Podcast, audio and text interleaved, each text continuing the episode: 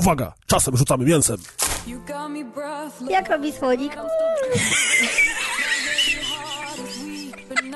To jest najlepsza część dzisiejszego odcinka, która nigdy nie ujrzy światła dziennego. Czy nigdy? Jezus, ale nuda. Maciek tego, broń Boże, nie wrzucaj nigdzie, bo widzę, że jeszcze nagrywasz. aha, ale aha. Ja, ja uważam, kulna, że takie rzeczy możemy mówić. No oczywiście, że możemy mówić. Ja, ja uważam, że wszystko możemy Czyli mówić. doleci do intra. Je. Niech spier... O, to leci. To są shots fired, Kuldan, dopiero. Brońcie, Panie Boże, Jezus Maria, takie rzeczy sobie poszły w eter, to koniec, kariera skończona. I Faceforce to puści na Twitterze. Jeżeli chcecie dowiedzieć się, o kim mówimy, więcej w środku odcinka. A Maciek to nagrywa. Maciek, nie, brońcie, Panie Boże, stary, nie. Dobra, będzie. Nazwiska wypikam. Nikt się nie... nie...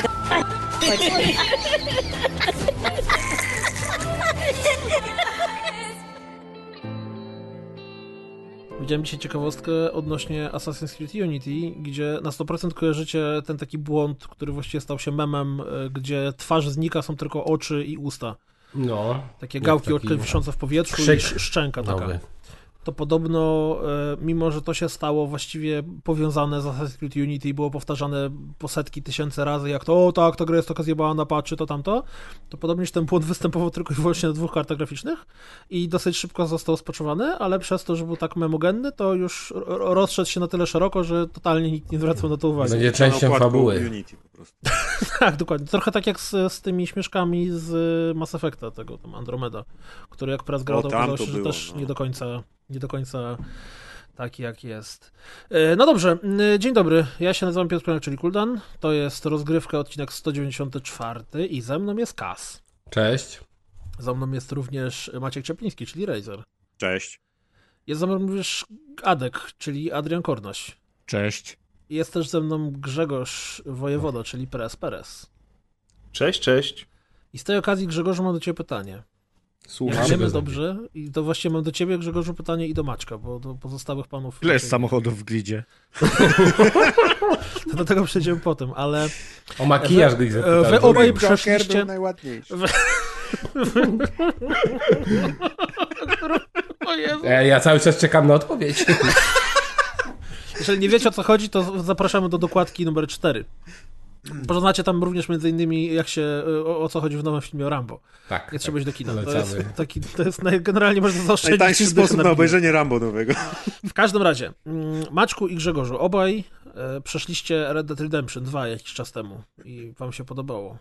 Tak lub nie, Tak. Czy, to, czy jeździcie na koniach i możecie porównać jazdę konną Czy- Red Dead Redemption? masz prawo Macie jazdy zamiar grać w Red Dead Redemption 2 na PC. Super glorious 4K, master efekty, awesome, wspaniałości i tak dalej. Można, ale po co? To To teraz znaczy, nie wiem, czy to Maciek, czy Kas, czy, czy... nieważne, ale ważne, że mądrze powiedział. Tak, dokładnie. Czyli my już z Maćkiem nie musimy odpowiadać, możemy przejść do dalszej części dzisiejszego odcinka. Nie, no odpowiedzcie sobie, no. To Dobro sobie Maćka dobro Dziękujemy. Kazie. Ja powiem tak, jak y, przechodziłem z PS3 na PS4 i miałem GTA 5 na PS3 i kupiłem od razu na PS4 kolejną kopię, bo różnica była diametralna, to rzeczywiście było po co.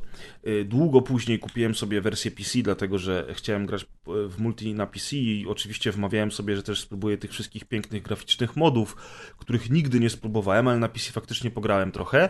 I tutaj już nie było takiej e, różnicy między wersją PS4 a wersją PC, chociaż oczywiście na PC dodatkowe efekty specjalne jakieś tam zauważalne były. Natomiast rok po premierze mm, e, w wersji Xbox One X e, wszystko wyglądało tak ładnie, że ja nie odczuwam potrzeby, żeby teraz grać jeszcze raz tylko po to, żeby e, mieć troszeczkę więcej bajerów graficznych na PC. No jak E, będziesz bo- miał na przykład mody, że będziesz mógł grać, nie wiem, e. Ciuchcią. albo No ciuchcią. nie, no słyszysz, co powiedziałem o GTA 5, że też chciałem sprawdzić mody i nigdy żadnego nie wgrałem. Ale No, mówiłeś o pięknych teraz. modach graficznych, akurat mi chodzi o A, no tak, no, wiesz, ani nie Po próbowałem. Spidermana w GTA 5, ani nie próbowałem Magneto, ani żadnego No innego bo po co? e, moda. No, taka E, prawda. I prawdę powiedziawszy, to w, też jakby w tej wersji PC o tyle było fajne to, że, e, że chciałem e, w GTA 5 pograć sobie z FPP, no bo klawiatura i myszka i rzeczywiście jest różnica, zwłaszcza w multi. Dużo przyjemniej się gra w ten sposób. E, Natomiast mm, nie wiem, czy to, bo to oczywiście też będzie bardzo ważne w Red Dead Redemption 2. Wszyscy wiemy, że strzelanie i celowanie w tej grze to jest słabizna.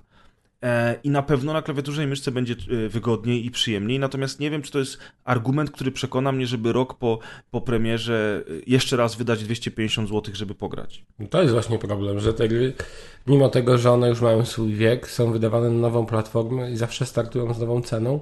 Halo to jest- Wiedźmin 3. To jest rok tylko czasu. Aha, no Wiedźmin 3 to trochę inaczej. Ja nie wiem, ile on kosztuje na Switchu, ale faktycznie... Z tego co czytałem, to pełna cena. To jest- coś, nie? To jest No paliwo, wiesz, gorzej- switchowców to wszyscy tak walą w rogi, że się w pale nie mieści i takie pieniądze biorą, a ludzie kupują. I tak długo jak ludzie będą kupować, to takie ceny będą. No to Ja- jest pół biedy. Mnie bardziej boli to, że gra może mieć na przykład 3 czy 4 lata i dalej trzyma mocno cenę, a inna gra równie dobra, z równie powiedzmy wysokimi ocenami i już po dwóch latach jest sporo przeceniona. To polecam, ostatnio był taki tekst na właśnie N4G, taki portal, gdzie tam mamy różne newsy gamingowe i znalazłem artykuł o tym, dlaczego ceny gier Nintendo tak długo się trzymają i warto to sobie przeczytać. Między innymi M4G ekskluzywność. Kas, przepraszam, muszę ci tu wejść, no bo. M4G to jest y, agregat, to nie jest Tak, tak, tak, sobie. wiadomo. No, Czyli to był nie pamiętam źródła gdzieś dokładnego. indziej, nie? Tak, dokładnie. Tylko, że akurat, no wiecie, jak byście kliknęli na tę stronę, to znajdziecie w końcu to, nie? A nie pamiętam, jaka, jakie, jakie to źródło było właściwe, ale ten artykuł był całkiem niezły i y, pokazywał, że właśnie między innymi gry na wyłączność, ta, ta wyłączność konsolowa ma duże znaczenie i tak samo, zresztą my to obserwujemy na PC-tach, prawda, gdzie te obniżki są największe i te gry bardzo szybko spadają. I to nie ma w sumie nic wspólnego z ich jakością, bo często świetne tytuły lecą po dwóch tygodniach, a na przykład u Nintendo też świetne tytuły nie lecą po pięciu latach. No. Właśnie ten okres 5 lat jest najdziwniejszy, bo rozumiem, że tam rok trzyma cenę, dwa lata, no ale jak widzę jakąś grę z tam z 2013 roku i ona dalej kosztuje, nie wiem, 120 zł, no to myślę, Jezu, no. No tak, tak. z No, drugiej strony, czemu ona, handlu, nie? czemu ona powinna stanieć? No w sensie, tak, co, co się znaczy- zmieniło, że powinna być tańsza? Zmienił się rynek, bo Zarobiła wszystkie na inne gry już tanieją, może nie? To jest i- taki... no tak, ona już jakby nie jest tak popularna, na pewno jej ludzie tak nie kupują, więc to siłą rzeczy ta cena jest regulowana przez Ja, ja popularność rozumiem tej tutaj gry. pytanie Atka, bo rzeczywiście bo no, ona ona nie jest- wciąż nie jest, tak gorsza, samo dobra. nie? Ty- tak, tak. ona nie jest gorsza. No No, jedyne co, tak, że jest tak. trochę brzydsza niż to, co wychodzi teraz, czyli standardy się zmieniły, ale ona wciąż jest dobra, więc z jednej strony tak, no ale z drugiej strony jednak rynek tak działa, że no po jakimś czasie te gry już są, mają mniejszą wartość. Nie, przecież teraz też klucze do wielu gier sprzed wielu lat można kupić gdzieś tam na bazarze łowców gier za 5 zł na przykład, co jest ceną No Mówię, to nie jest tak. Ale- że ona ale przecież- zarobiła na siebie po prostu Sekundka, ale tyle? odpowiadając, odpowiadając na pytanie, czemu ona ma być tańsza, jest y, bardzo prosty y, y, mechanizm ekonomiczny. Kwestia popytu i podaży. Im No tak. jest dalej od premiery, tym mniej osób jest chętnych, żeby kupić tą grę, więc zniżając cenę, zwiększamy ilość zainteresowanych, bo jest dużo No. ludzi. Ale okazuje się, że nie jest mniej chętnych. No, w przypadku niektórych gier, na przykład dlatego Dudi nigdy nie tanieje. Dudi tak naprawdę przez cały rok jest y, właściwie w premierowej cenie i dopiero po, po, po dłuższym czasie zaczynają się jakieś... to jest odpowiedź na pierwsze pytanie Maćka. multiplayerów. GTA też jako No multiplayer. tak, że nie niektóre gry z tego wynika nie muszą tanieć, dlatego że dalej jest na nie No tak, ale to chodzi o multiplayer, nie? To jest ten wyjątkowy typ gier, gdzie masz y, non-stop potrzebę w nie grania i człowiek, który grał to dwa lata temu, gra w to nadal, a singla tak nie ma. No, nikt nie, nie widziałem, nie słyszałem o gościu, który by zaczął dwa lata temu grę i cały czas w nią trzepał i na przykład na nowo zaczynał i jeszcze raz, tak? Nie, jak mówimy o cenach i o Switchu, to mnie zadziwiło to, że w pudełku z Overwatchem nie będzie karta, kartridża. Będzie tylko kodzik niczym na Steamie do przypisania sobie gry do eShopu. I okej, faktycznie Overwatch to jest gra multiplayer, więc teoretycznie biorąc to nie jest tak, że ktoś przejdzie single i będzie chciał ją sprzedać, ale kurde, na PS4 czy na Xbox One, jeżeli kupisz sobie Overwatcha, to możesz go potem sprzedać w pudełku. naprawdę? Po prostu O, płyta. A Switchowa wersja Overwatcha nie będzie miała kartridża, będzie tylko... No, Switch jest dobrą platformą, jak PC-ty. No właśnie. jest to, I znaczy, tak wiesz, samo wydajną śmiech- prawie. Przywiązany ale- do gry do końca życia już. Śmiech, ale jest to dosyć zaskakujące, że tak. Ale czy to znaczy- Nintendo miało na to wpływ? Bo to jest Ja pytanie. nie mam pojęcia, czemu tak jest. Ja tylko Wiesz co, ja że mam Nintendo pytanie też nie ma takie, pojęcia. jak dużo patrzy No, wyszło do tej pory, bo wiesz, e, Pukają się w ile głowy jeszcze te. wyjdzie patchy znowu i e, być może in- instalowanie tej gry z kartridża, a potem ściąganie patchy, to jest po prostu zawracanie głowy, Fakt, bo taka gra jak rację. Overwatch, No tak, że ale jeżeli non wiesz, stop, po miesiącu przerwy na przykład skasowałeś grę, wracasz do niej, chcesz ją zainstalować ponownie, to teraz wkładasz kartridż, instalujesz to z kartridża, po czym ściągasz patcha, no bez sensu, prawda? Robisz od razu z e-shopu Mhm. ściąganie i pobierać się w najnowszej możliwej Ale wersji. też, no Ale nie wszystkie inne gry tak no. robisz, wkładasz i pobiera ci patch, więc... Ale nie przesadzajmy to też, bo Ale na czy na Switchu innych wielkość gier gier tak jest wracasz mniejsza często? PS. Bo Większość gier na, na, na Switchu chyba nie jest takich stricte multiplayerowych, poza tym jak właśnie, te gry właśnie mają, Overwatch. żyją i często się zmieniają i ona po trzech miesiącach, ja, ja już na przykład w czołgi nie gram, ale cały czas mam instalator, jak czasem go odpalam, to on cały czas dociąga, o, nowe 5 giga, o, nowe 5 giga, nie? I jakby te, No właśnie, eventy, nie eventy. jak masz singlową grę albo taką multi, która nie jest żyjącą grą, tylko po prostu ma tryb multi, to ona tak się nie dociąga, a tu ten Overwatch z miesiąca na Splatoon miesiąc może być... Też był żyjącą grą, bo oni tam, kasty powinieneś wiedzieć, w Splatunie też były jakieś tam eventy, te tam kurde splapfesty, jakieś Mhm, specjalne tak, tak, mapy. dokładnie. Są I cały To czas było nawet. normalnie na kar kardiżu. Tak, mam to, więc... Ja mam, ja mam jedno Ale to logiczne jest. Nintendo, no. to- Kupowaliście tyle tych wszystkich gier pecetowych na Switchach, chcieliście być pecetowcami, to macie za swoje teraz. Maciek, czy ty powiedziałeś w końcu a propos Red Dead Redemption 2, czy byłbyś zainteresowany graniem na PC, czy nie? Ja y, ty, też mam podobnie jak ty, bo rozmawialiśmy o tym, mieliśmy podobne zdanie, że GTA trafił akurat na przejście między generacjami. Jak w GTA grałem na 360 i to była wizualnie diametralnie inna gra niż potem na, na, na nowe konsole i na pecety. Yy, a tutaj no, ten Red Dead, z tego co widać, wiele się nie będzie różnić. Trochę tam będzie miał jakichś bajerów, ale nawet nie wiem. Yy, Jak czytałem to o ray tracingu, na przykład nic się nie zająknęli, więc to będą po prostu no, le lepszej jakości efekty, czyli troszkę lepsze tam z, z medium na high podniesione, powiedzmy, jak to się mówi. Czy myślicie, że ta gra istniała na PC już od dawna? Czy Ale co, rok by, leżała, rok by leżała w zamrażarce po prostu i nic by przy Nie, ale ma, Adek ma rację, że oni już dawno temu wiedzieli, że to będzie wychodzić na PC, ty musieli być przygotowani, bo faktycznie mija tylko rok i Mhm. dostajemy nie dość, że pełną wersję tej gry, to jeszcze urozmaiconą dodatkowe e, bajery, które są tylko na PC. Ale z drugiej Ale strony, Ale te bajery no, właśnie są jakieś... Graficzne jakieś dodatki. Ale nie? z drugiej strony przecież jedynka nie wyszła na PC i też tak można by domniemywać, że wszystkie pozostałe wychodziły, to ona wyjdzie. Więc nie jestem tak przekonany, czy 100% oni mieli pewność, że to teraz pójdzie na PC. Ale myślisz, że rok to jest mały na zrobienie portu, No. Oczywiście, A plus dużo- pamiętajmy o tym, że online rozwijają w międzyczasie. a dużo jak na to jakby miało leżeć przez ten rok. I, Czy ja mam nadzieję, że oni w trzepią już nową grę i po prostu tyle. a Ten port jest niepotrzebny w takim układzie, więc lepiej faktycznie jak Adek na mówi, żeby to- już było gotowe. Mnóstwo ludzi na PC, którzy chętnie zagrają w to. No, A rok czekało, kupić żeby, też konsolę. rok czekało po to, żeby Maciek nie mógł wytrzymać i żeby kupił konsolę i zagrał. Gaz, ale ty mówisz Odnośnie- bardzo często, że nie zagrasz w jakąś grę, bo jest dostępna tylko na Gogu na przykład, a ty nie lubisz grać na PC, a teraz powiedziałeś graczom PC-towym, bo zawsze można kupić konsolę. No ale ja, No to ja wiesz, tak, no nie, no ja tak mówię. To działa w obie strony jakby, Wielce nie? się nie obrażam, no po prostu nie gram. Nie, nie, no, ale wiesz o co chodzi, no, że że jak No wiem, jest, jest Press. wybór, no to, to, to fajnie, nie? Bo nie wszyscy mają tak jak my, że mają PC-ta i na przykład jedną, dwie albo trzy konsole. No dobrze, ja mam na przykład PC, na którym w zasadzie nie gram, bo nawet nie mam możliwości odpalenia gier i się po prostu liczę z tym. I akurat ja no, jestem osobą, która te gry wyłączność sobie ceni, ale to jest tam zupełnie temat na inną dyskusję, więc może... A z gatunku zupełnie y, pytań i wróżenia z fusów, myślicie, że GTA 6 pojawi się bliżej premiery nowych konsol? Znaczy w sensie wiadomo, że już po, ale będzie to raczej bliżej okresu premierowego nowych konsol, czy długo, długo, długo jeszcze poczekamy? Mi się wydaje, że im się nie spieszy. Oni nie, nie zależy im, żeby trafić w to okienko takie, gdzie wychodzą, wiesz, kupują early adopterzy i potem nie ma gier, więc się kupuje wszystko, co jest i ten. Mi się wydaje, że Rockstarowi na tym nie w zależy. zasadzie Wyjdzie, ostatnio kiedy wyjdzie, Rockstar idzie na chyba trochę grę na tak było, generację nie? i tyle. Ja bym stawiał na GTA 5 z sieciowym trybem, jakimś bardziej rozbudowanym na, Aha, na re, remaster remastera tak jakby. Tak, tak, tak, tak. Tak? Oby, oby. Takiego kotleta by jeszcze raz odgrzewali? Już No. drugą generację by to, znaczy, Znaczy na to pokazuje, że grafika się zmienia niewiele, jeżeli by mi odgrzewać go kolejną generację, bo wyobraźcie Znaczy sobie... ja bardziej mówię, że po prostu, żeby kolejne eventy do, do, do, do tego Znaczy- online'owego trybu, jakieś tam heisty i tak No dalej. tak, ale to znaczy, że musi to jakoś to wy- wyglądać, więc na pewno by musieli, wiesz, no, popracować port też nad grafiką.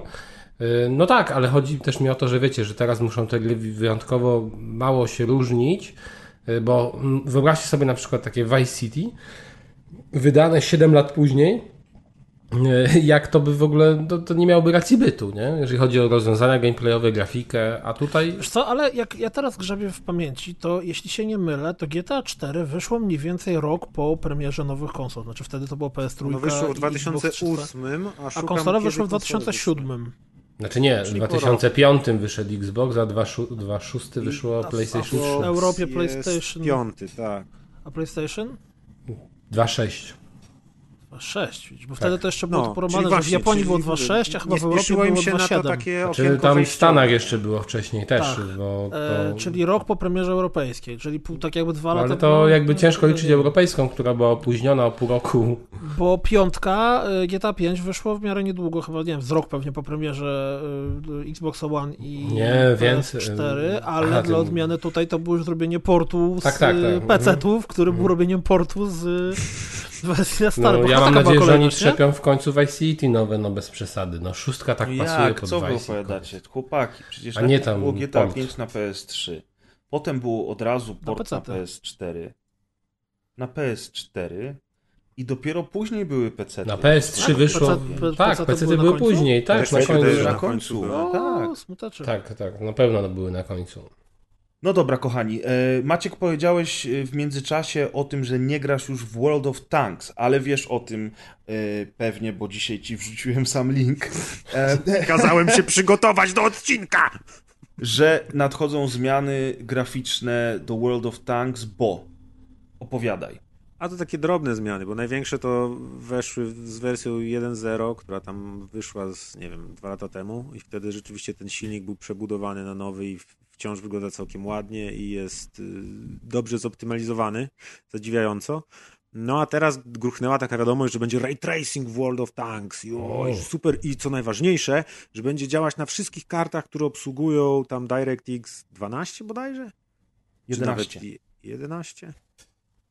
Yy, 11. No. Yy, No i, i, i tak, ale potem jak się właśnie człowiek y, doczyta, to wychodzi na to, że to nie wszystko będzie w ray tracingu liczone, tylko cienie. A, tfu, i no tak, yy, tylko cienie i, i w dodatku tylko cienie na czołgach, a nie na przykład cienie rzucane przez drzewa albo budynki i tak dalej, tak dalej. Czyli to jest takie jak 3D, tylko że takie te kolorowe, nie? Wiesz, Co się czerwone oblaki, i nie- niebieskie, Tak, nie? tak, zakłada. Czy, trzeba, trzeba cały czas pamiętać, że ray tracing y, jako ray tracing, czyli śledzenie promieni, jest jedną z technik tam tworzenia obrazu.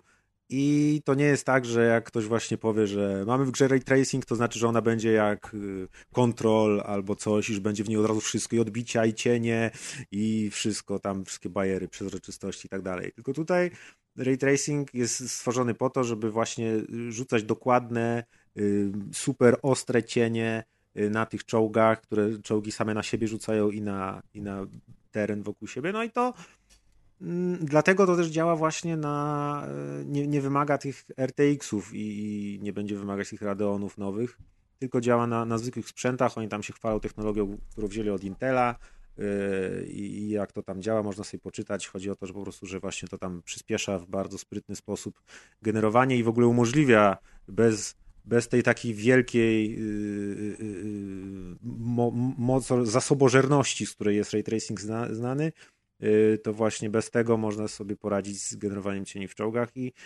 jest to fajny bajer, yy, ale też z drugiej strony, no ja wiem, akurat w czołgach nie jest to specjalnie potrzebne. Ta gra ma wiele. Śmie, śmiałem się z komentarzy, które czytałem pod artykułami, bo oni mówili, że o super, cienia, a kiedy matchmaking będzie poprawiony, a kiedy coś tam balans, a kiedy coś, więc jak każda żyjąca gra multi, ona ma wiele innych rzeczy, którymi mogliby się deweloperowie, deweloperzy zająć, no ale to dobrze brzmi, że wiesz, ray tracing, nowoczesna technologia to jest teraz na fali, więc jak World of Tanks jest wprowadzany, nawet jeśli to jest tylko, wiesz, potem się okaże, że ale to tylko cienie i tylko w czołgach i coś tam, Tak, coś tam. dzieciaki w wieku 10 lat powiedzą, wiem co to ray tracing, bo widziałem w czołgach. Mm. I o to chodzi właśnie, reklama działa.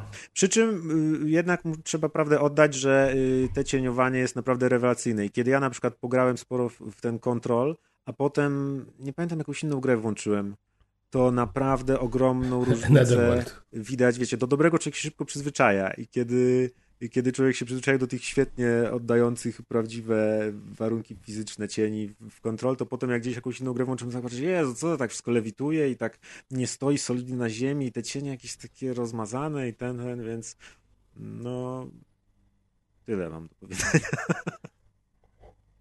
Czyli będziesz jeździł dalej, tak? Nie no, moje czołgi to już w garażu tyle zakurzone stoją. Nie wiem. To To, sprzedaj raczej nie przekona do powrotu stało? do gry. Prędzej jakieś, nie wiem, coś. Rzeczywiście, chyba już jestem też jednym z tych graczy, którzy czekają na jakąś fajną zmianę balansu, mety A nową i tak mapę. dalej. Na nową Tak, mapę. jak będzie jedna nowa mapa, to wracam. Będzie czarna dziura, wciągnie wszystkie stare mapy i będzie jedna nowa mapa i będzie Battle Royale. Fortnite, Fortnite, taki- wszyscy naraz. Właśnie, ale a propos Fortnite'a, to co myślicie w ogóle o tym, co się wydarzyło teraz niedawno? Dlatego, że Co się e, ja- wydarzyło niedawno? Nie widziałeś w codzienniku? Ja w codzienniku widziałem. Generalnie rzecz biorąc, Ja poprawiłem skończył się jakby bo pierwszy rozdział Fortnite. Ja oczywiście się Fortnite'em zbyt nie interesuję, ale to, co zobaczyłem w poniedziałek... Nie wcale, dlatego o tym mówisz tutaj na No bo podcaście. słuchaj, no bo bardzo mnie to zaskoczyło. Uważam, że to jest całkiem ciekawe Kas, nie uwierzysz, wydarzenie. jebnęło wszystko, nie ma Fortnite'a. Dlatego, że y, rozdział pierwszy Fortnite'a się skończył. To by dobry i, nie y, zbył. W pewnym momencie nastąpił koniec świata w Fortnite, co ludzie na Twitchu i nie tylko za, zarejestrowali. Tylko w, ale tylko w grze, nie tak ten... Czy, powiem lepiej, nie to, było, to, było, to było, wiesz kiedy? Kas to było w niedzielę wieczorem, więc to było tak, że Wybory, my to wszyscy śledzimy, jakie będą A w wyniki Fortnite? A w Fortnite pierdolnęło i fuj, po Taka metafora, dziura. wiesz.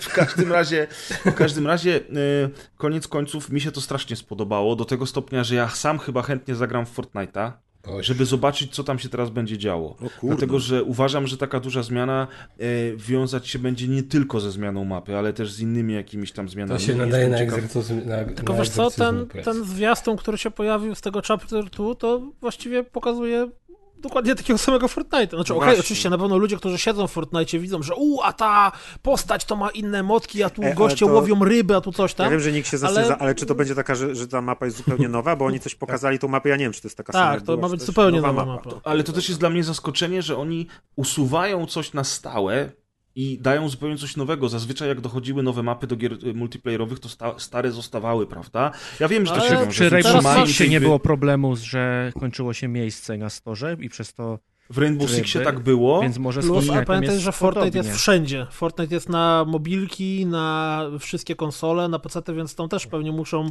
jakoś magicznie optymalizować to tak, żeby wszędzie było to samo, nie? Natomiast ten Technicy content z. Rainbow Sixa ostatecznie y, wróci do życia w postaci spin-offu, prawda? Wiemy, że wychodzi gra kooperacyjna dla trzech osób w świecie Rainbow Six, która będzie się opierać właśnie o to, co Rainbow Six miał w tym trybie zombie, który, który przez chwilę był dostępny. Natomiast jestem ciekaw, czy ta mapa z Fortnite'a na przykład będzie wracać jako event sezonowy, albo za parę lat pojawi się Fortnite Classic, jak wiecie, No ale Classic. teraz dokładnie to samo, o czym mówisz, stało się w Apexie. To znaczy, zanim przejdziesz do trzeci Apexa, sezon. tylko chciałem e, skończyć z Fortnite'em, bo to też miało negat- negatyw, negatywny skutek. Już nawet twórcy przez- skończyli z Fortnite. Przez to, że był koniec świata i dzieciaki się logowały i miały tam czarny ekran i, i tą, tą, tą jakąś tam super postać, tą, tą, tą, bo tam cała jest fabuła w tle, o której nie miałem pojęcia, ale nie mogli grać i się okazało, że masa dzieciaków zaczynała wariować, że, że oni odpalają, oni się bali, że stracili wszystko. Aż tak hardkorowo raczej nie, ale zaczynali płakać. Xanax zaczęli Naprawdę dziwne rzeczy się działy. Takie niepokojące. Wiesz- Ja płaczę, że ludzie grają w Wiecie co, ja pamiętam jak do Diablo 2 ludzie kupowali, jak ludzie na Diablo 2 kupowali postaci y, na Allegro.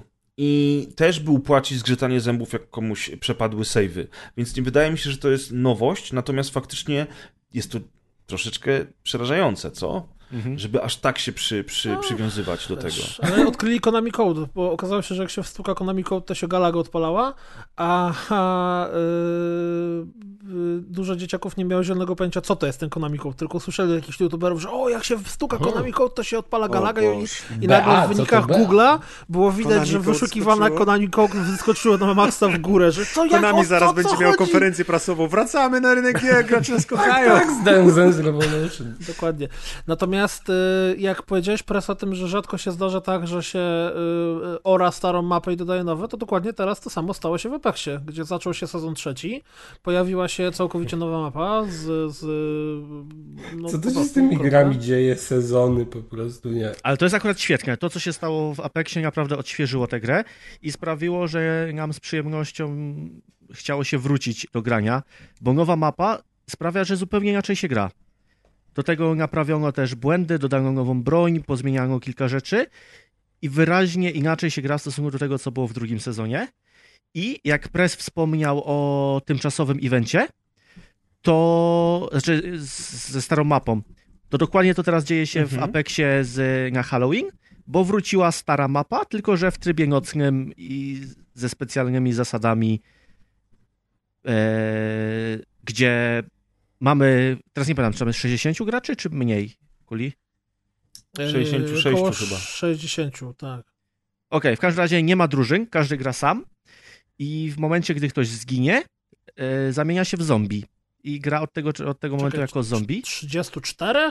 Chyba właśnie tam było 34 mniej, chyba. chyba 34, tak, tak, tak. To ja przepraszam, że skłamałem. Mhm. I gra ja jako zombie. oczywiście. Jako zombie nie da się umrzeć. W sensie umieramy, ale za chwilę się respawnujemy. W momencie, jak zostaje 10 graczy, nagle oni muszą zacząć współpracować ze sobą i uciec z mapy, tam dojść do, do, do samolotu. Więc Czyli w to już w ogóle wszyscy gracze współpracują ze sobą, tak? Znaczy, to Na tak, początku że nie, na początku na normalnie początku się masz zabijają. normalnie tam 30 kilku graczy, którzy muszą siebie pozabijać i w momencie, w którym zabijesz kogoś, to wtedy on wraca na mapę jako zombiak i też może zabijać innych graczy. W momencie, w którym przeżyje 10, czyli tam tych 24 będzie zombiakami mniej więcej, to wtedy tych 10 już zaczyna być jako drużyna, widzą siebie na mapie, widzą gdzie są i tak dalej i muszą przeżyć do momentu, jak przelatuje statek i im uciec. A to ciekawe. A powiedzcie mi, ten tryb będzie trwał tylko 30 dni, prawda? On tam gdzieś w listopadzie się ma skończyć. Tak, chyba I 3 ta tygodnie mapa wtedy nawet. przepada? Tak. Tak, tak, no to jest event, event sezonowy, Czyli zosta- wszystkie- zostanie tylko mapa z sezonu trzeciego, zupełnie I nowa zanim mapa. ten event Tak. się zaczął, bo sezon trzeci wystartował chyba dwa tygodnie przed tym, jak wystartował, bo ten event zaczął się dosłownie teraz na dniach, Mhm. 15 października, a sezon trzeci zaczął się z dwa tygodnie temu, czy trzy. 1 października. 1 października, tak. To od 1 października była tylko nowa mapa. Nie było starej w żadnej formie. No to jest właśnie Games as Service, podobnie było z Blackoutem w Black Ops 4, bo pamiętam, że pojawił się jakiś tryb, tam co chwilę się pojawiały nowe tryby w ciągu roku e, i pojawił się jakiś tryb, w który nie zdążyłem za dużo pograć i on się skończył e, i nie mogłem już do niego wrócić. A, to był tryb hardcore w Blackoutie, który był całkiem specyficzny, natomiast nie pograłem w niego zbyt długo, bo nie miałem czasu, a potem jak chcieliśmy z Deuszem sobie zagrać, to okazało się, że tryb już jest wyłączony. Podobna sytuacja, e, miałem obawy, że stanie się z tą mapką Alcatraz, która zupełnie zmieniała zasady Battle Royale'a w Blackoutie, ale ta mapka zdobyła taką popularność, że została tam na stałe. Natomiast dużo trybów się pojawia, znika, pojawia, znika i teraz z tego, co wszyscy tutaj mówimy, okazuje się, że coraz więcej gier multi e, wprowadza takie systemy. Jestem ciekaw, czy to jest po to, żeby przyciągać starych graczy, na przykład Regularnie ja, jak- się logować. Dokładnie, nie? Bo ja na przykład jako osoba, która od miesięcy nie grała w Apexa, na pewno zainstaluję i zagram w ten tryb y, halloweenowy, bo z tego, co mówicie, jest na maksa interesujący.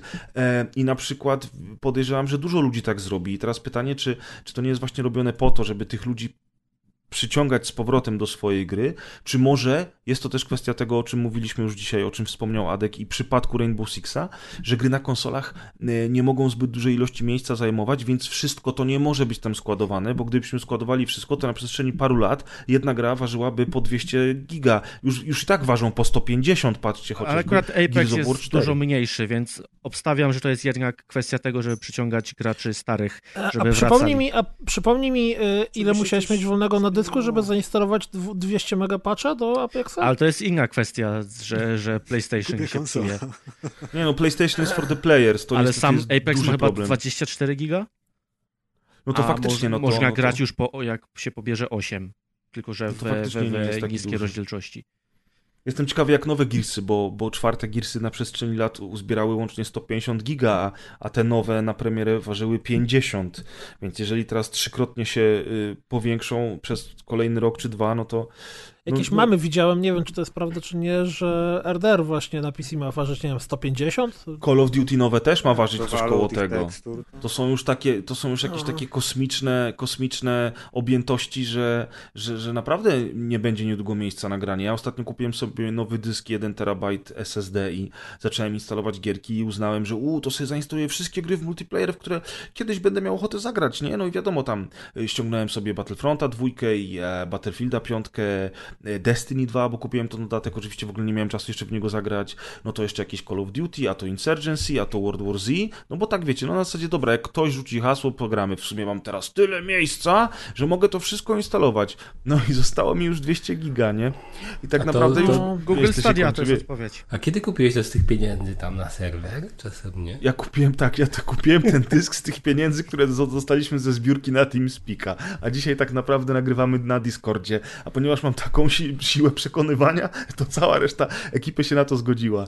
Jeszcze jak Tak jesteśmy było. przy e, Apexie, chciałem wspomnieć, że Apex zrobił coś odwrotnego do Blizzarda, to znaczy wydał wersję pudełkową gry i można za 80 zł kupić płytkę, na którym jest Apex i do tego dostaje się tam zestaw skórek, zestaw monetek i, i całkiem fajny zestaw z tego wychodzi. Widziałem, to jest całkiem spoko, bo chyba jest. to się bardziej opłaca niż wydać y, pieniądze na cyfrowe dodatki bezpośrednio w grze, co? W sensie, tak, że muszą znaczy być wydać wychodzi więcej niż Znaczy, 7 dych. Ty, tych, tych dodatków w ogóle nie kupisz. To jest A, inna- one są tylko nie da, się, nie da się ich kupić osobno, ale nie wychodzą jakoś drogo, bo płacisz 80 zł, przy czym dostajesz monetek już za 40 zł, więc wszystkie dodatki, jakie masz, kosztują cię de facto 40 zł. Czyli to jest cwania, cwaniackie, bo nawet jeżeli grasz w grę od premiery i będziesz chciał mieć te skórki, które są w pudełku, Tak. to będziesz musiał to Musisz- pudełko tak. kupić. Witamy Okej. w gamingu 2019. Znaczy, ale tylko jeżeli chcesz mieć te skórki, nie? Nie no, oczywiście. No, no, no, ale to wiadomo, nie wiesz jak to działa, działa, nie? że To tak strasznie jak dużo ludzi, którzy grają. No. y, Grzegorz chce mieć jakąś skórkę, więc musi nabić 742 grindować. godziny, nie? I oczywiście co zrobił Grzegorz trzy tygodnie po premierze, żeby nie grindować? Kupił pierwszą ekskluzywną skórkę, która poja- pojawiła się w sklepie za pieniądze. Uznałem Ale nie oczywiście, musiał, że skoro... nie? Nie musiał, oczywiście, ale uznałem, że skoro zapłaciłem za Game Passa 8 zł, no to mówię, dobra, to zapłacę te 45 za skórkę. No oczywiście nie będę co miesiąc kupował nowej skórki i nadal uważam, że system grindowania w Gears 5 jest 45 do zł za jedną skórkę to jest taki absurd. No ale wiesz, przy grze za Może 8 jest zł to wysokiej jednak... rozdzielczości ta skórka. Znaczy, wiesz, pa- pamiętaj, że, Ray że tracing. okej, ty za 8 zł grasz w tą grę, ale to nie jest tak, że ta gra kosztuje 8 zł. Ta gra kosztuje normalnie w pudełku 200 tam 30 czy 229. Nie, no jasne, czy, że to tak. Oszukałeś system. Tak, tak, bo jak nagle 8 zł się skończy, to wtedy tej gry nie będziesz miał, nie będziesz mógł Swoją ją drogą- myślą, że Skórka też zniknie. Wydrukuj sobie tą skórkę wcześniej, zanim Swoją przegrasz. drogą- Żeby nie było wątpliwości, ja Game Pass y, całym sobą polecam i uważam, że to jest świetna usługa, ale dalej trzeba pamiętać o tym, że to jest tylko i wyłącznie wypożyczalnia, nie? Oczywiście, że tak, ale swoją drogą a propos, to ostatnio zastanawialiśmy się właśnie nad tym, e, na czym te Gearsy 5 mają zarabiać, skoro wychodzą na premierę w Game Passie w wersji e, Deluxe. No i już wiemy, na czym mają zarabiać. Sam Prez, Pre, Perez, znany również jako Grzegorz Wojewoda, pierwszy co zrobił, to wybulił 45 zł na skrzynkę, a ja w to prawie nie gram już teraz. Niestety, przez to, że ten Green Ej, tak swoją zniechęcił. drogą- Zakładam więc, że strasznie dużo ludzi, którzy będą grali to na co dzień, wrzuci tym hajsem w monitor prędzej czy później. Tak, tak, to działa. Ale swoją drogą ja się bardzo zawiodłem, jak się dowiedziałem, że te gry właśnie do tych abonamentów trafiają i znikają.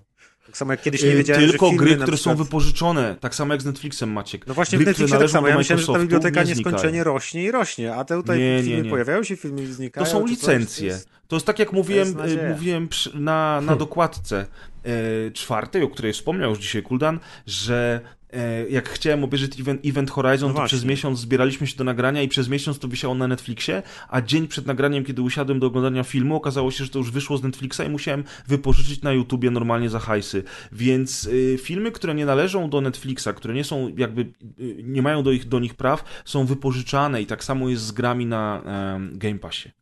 Właśnie jak jesteśmy przy Game Passie, to jakiś czas temu w IGN-ie, mm, bo oni mają taki, taką serię wywiadów, rozmów, podcastów, jakie zwał, takie zwał, mm, i był tam pan z e, mój Boże, Night Game Studios, ludzie od Oxenfree i teraz od e, zbliżającego się After Party. Ja zawsze ich myślę z Night Dive, ale Night Dive to są ci, co remasterują stare, Stare gry. FPS-y. Night School. Night School Studio, okej, Night School Studio. I mm, wypowiadał się tam o wielu rzeczach, natomiast jed- jedna rzecz, która mi wpadła w ucho, to to, że e, bo oni, e, Oxenfree jest w Game Passie.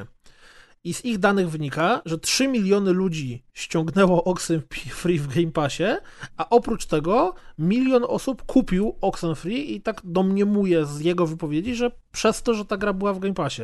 I to jest znowu nawiązanie do tego, o czym kiedyś też już rozmawialiśmy i mówił Ta facet, gra o który- motorach chyba Ta gra o była, motorach, czy, tam, czy ta, o rowerach właśnie, bo to Downhill coś tam było, która przez to, że była w Game Passie na, mm, do ściągnięcia, to ludzie ją kupowali, bo ona się wyświetlała jako reklama.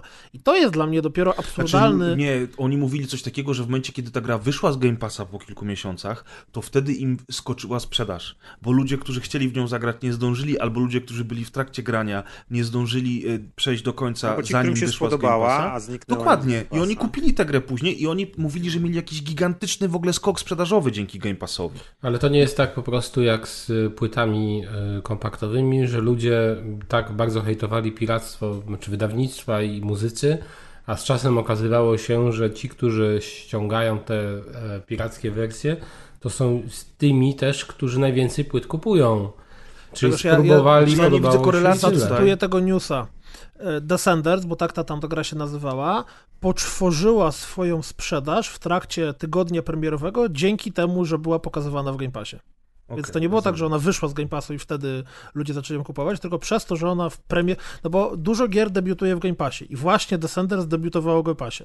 Xbox w momencie, w którym jakaś gra na day one wchodzi do Game Passa, to napierdzielają tą grą wszędzie. Włączasz konsolę, o, a Czyli, teraz w Game Passie ludzie, Descenders. którzy nie grają na Xboxie kupowali ją, bo po prostu się nią zainteresowali. Też, tak, Dobrze też, też, tak. Zarówno ludzie na Xboxie ją kupowali, jak i ludzie po prostu ją kupowali, bo nagle w bardzo wielu miejscach tą grę widzieli. Czyli dla indie studia bycie w Game Passie daje tak duże publicity na wielu kanałach i na konsoli, i na y, kanałach y, socialowych Microsoft i tak dalej, że to im bardzo mocno boostuje sprzedaż. Jasne, ale to już o, o, o tym już rozmawialiśmy jakiś czas temu. Natomiast wracając Kaz do twojego pytania odnośnie korelacji między piractwem a ludźmi, którzy kupują kolekcjonerki i tam potem wydają kupę hajsu na zbieranie płyt, pudełek i tak dalej, to nie wiem, czy to tak działa E, i nie wiem, czy ludzie, którzy na przykład grają w Game Passie albo słuchają sobie muzyki na Spotify, no bo przecież Spotify działa w ten sam sposób, że płacisz abonament co miesiąc, żeby mieć dostęp do tej muzyki. W momencie, w którym Ale go nie dostęp płacisz... do muzyki jest ograniczony z tego względu, że na przykład dzisiaj odtwarzaczy płyt praktycznie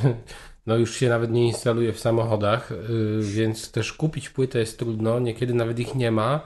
A w przypadku gier te gry jeszcze są, czy jako kody, czy w inny sposób, ale, Ale nie są do zgodzę się z kupienia. tobą, że jest trudno kupić płyty. Możesz kup- zamówić płyty w Empiku na Amazonie, masz płyty używane na Allegro, jest kupa miejsc, gdzie możesz kupić płyty.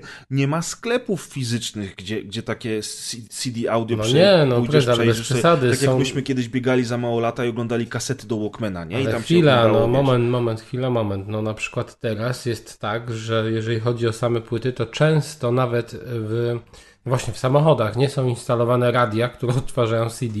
To wszystko zanika, że często ludzie nawet nie mają na czym odtworzyć tej muzyki tym Ale ci, formacie. którzy chcą, mają na czym odtworzyć. No Jest ci co chcą, ludzi, no tak, tak, zbiera, ale nie? jeżeli chodzi o gry, to każdy ma na czym odtworzyć, więc zakup tego, te, tej gry w formie fizycznej jest jak najbardziej możliwy, chociaż tutaj pewnie chodzi też o formę taką ym, no cyfrową, nie? Bo nie, nie, nie ma mowy o tym, co Kuldan mówił, że tam Ja ktoś podejrzewam, wersji tak, fizycznej.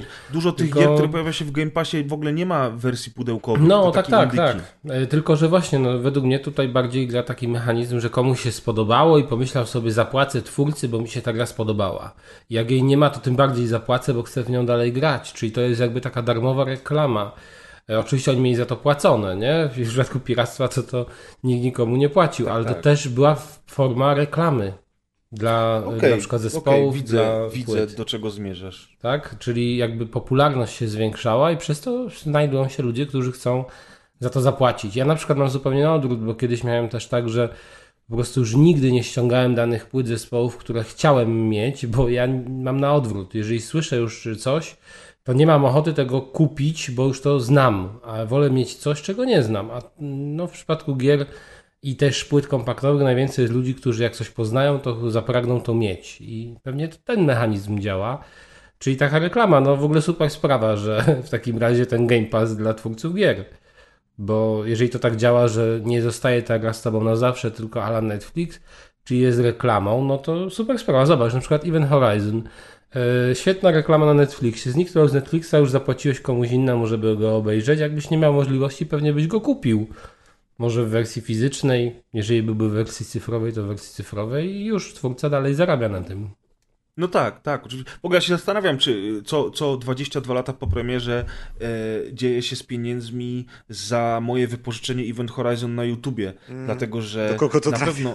Właśnie do kogo to trafia. E, na pewno są jakieś tam tantiemy, ma które prawa, dostaje nie? reżyser, ale pra- czy tam nawet nie reżyser, tylko prawdopodobnie wytwórnia e, albo dystrybutor tak naprawdę. Który- Może Michael Jackson zdołał wykupić prawa, bo tam do Beatlesów, nie? Chyba taka była głośna sprawa, że Michael No, on Jackson kupił wykupił prawa do Beatlesów, i do czegoś Beatlesów. tam jeszcze. On chyba chciał też prawa do Queen kupić. Więc może do Event Horizon też zdążył wykupić.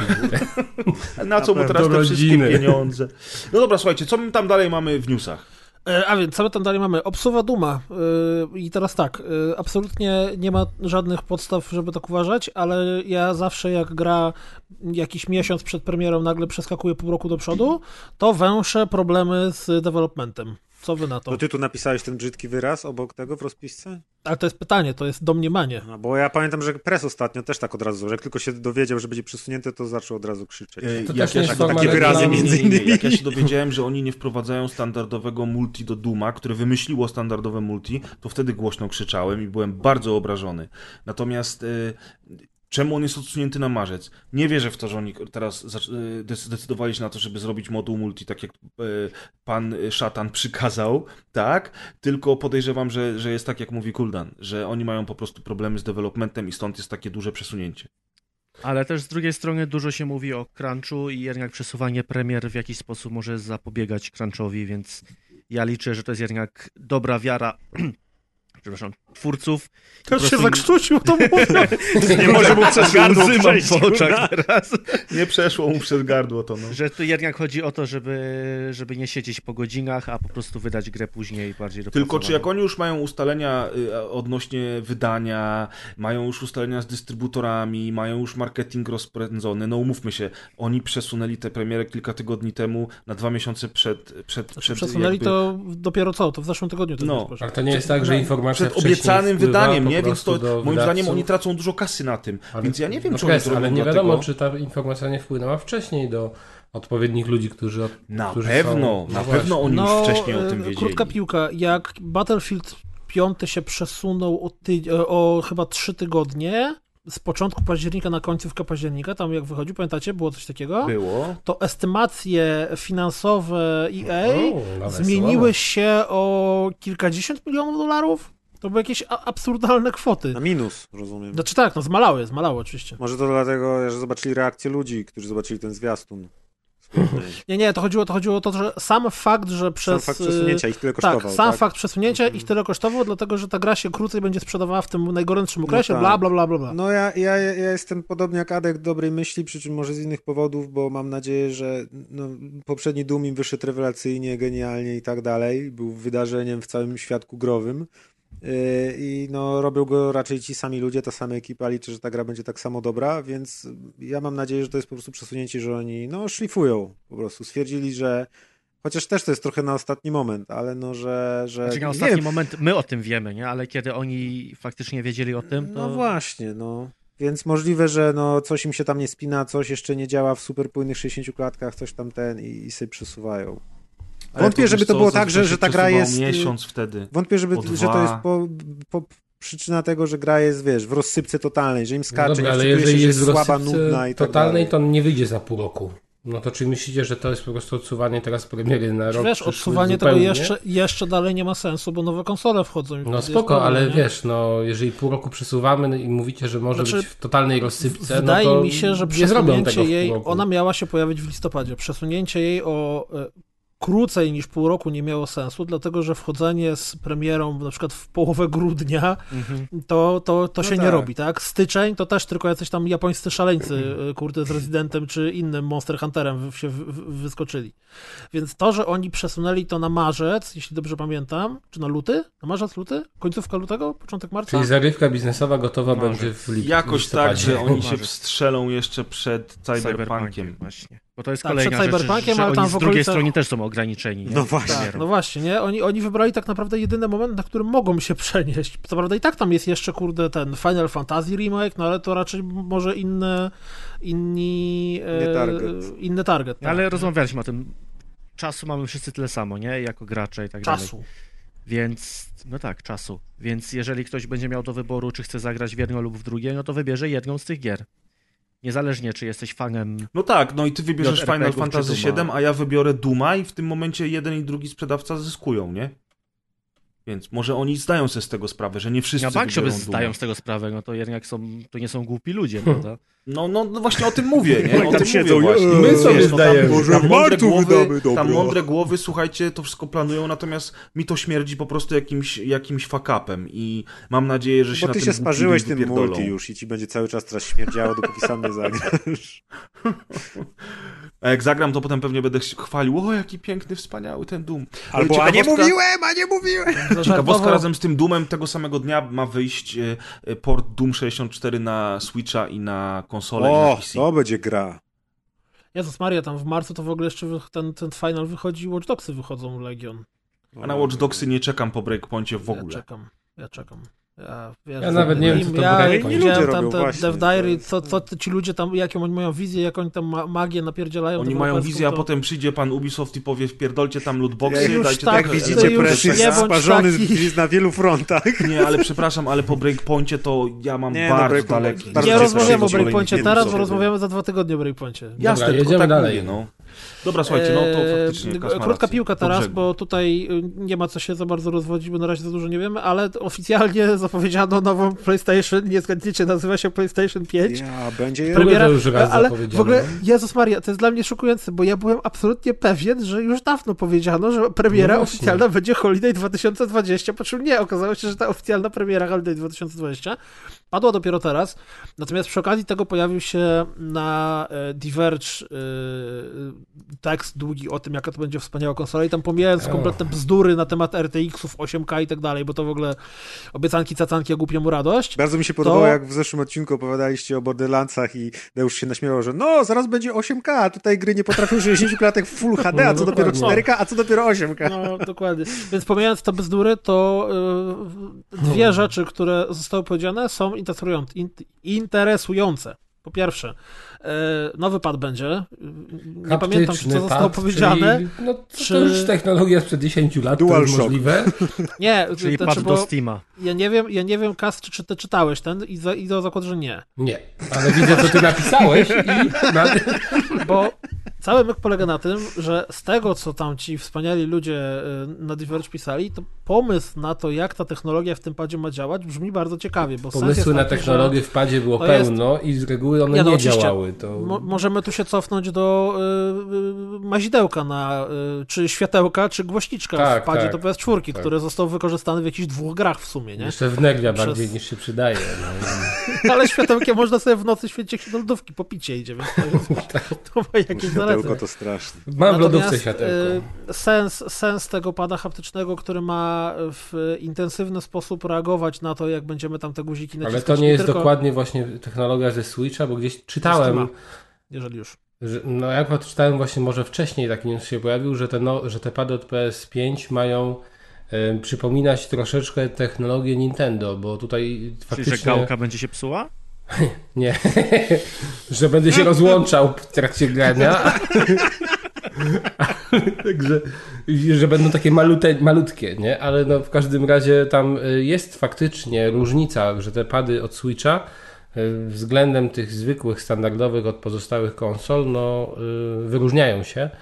I to jest spoko technologia. Czym się wyróżnią? Powiem ci, grałem na Switchu i nie zauważyłem No to weź sobie, wystarczy tą najprostszą grę One to Switch i to pudełeczko Czyli chodzi o ten Rumble które- HD, tak? Czyli o te super... Aha, w tym sensie, okej. wstrząsy, super dokładne. Tak, Tak, że jakby to wyczuwasz w różnych miejscach inne drgania i to faktycznie ma sens i To jest, jest dobre, ciekawe, ale no Ale ja nie wiem, tak co oni tam mogą zmieni? innego wymyślić. Nie, Tak To, samo co ja- wszelkiego to, co ja zrozumiałem z tych smyranki, to, to też tak średnio się sprawdza. Nie, nie zrobię, ja, ja miałem tylko przez sekundę w rękach tego pada Google'owego, ale y, takie same haptyczne jakby tarcze, które można smyrać są w kontrolerach do Vive'a.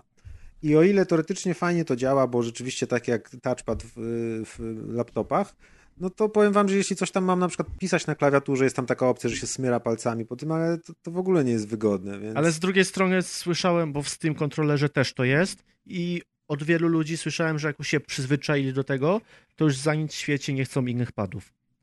że to jest tak wygodne, że wszystkie pady powinny tak działać. Mhm.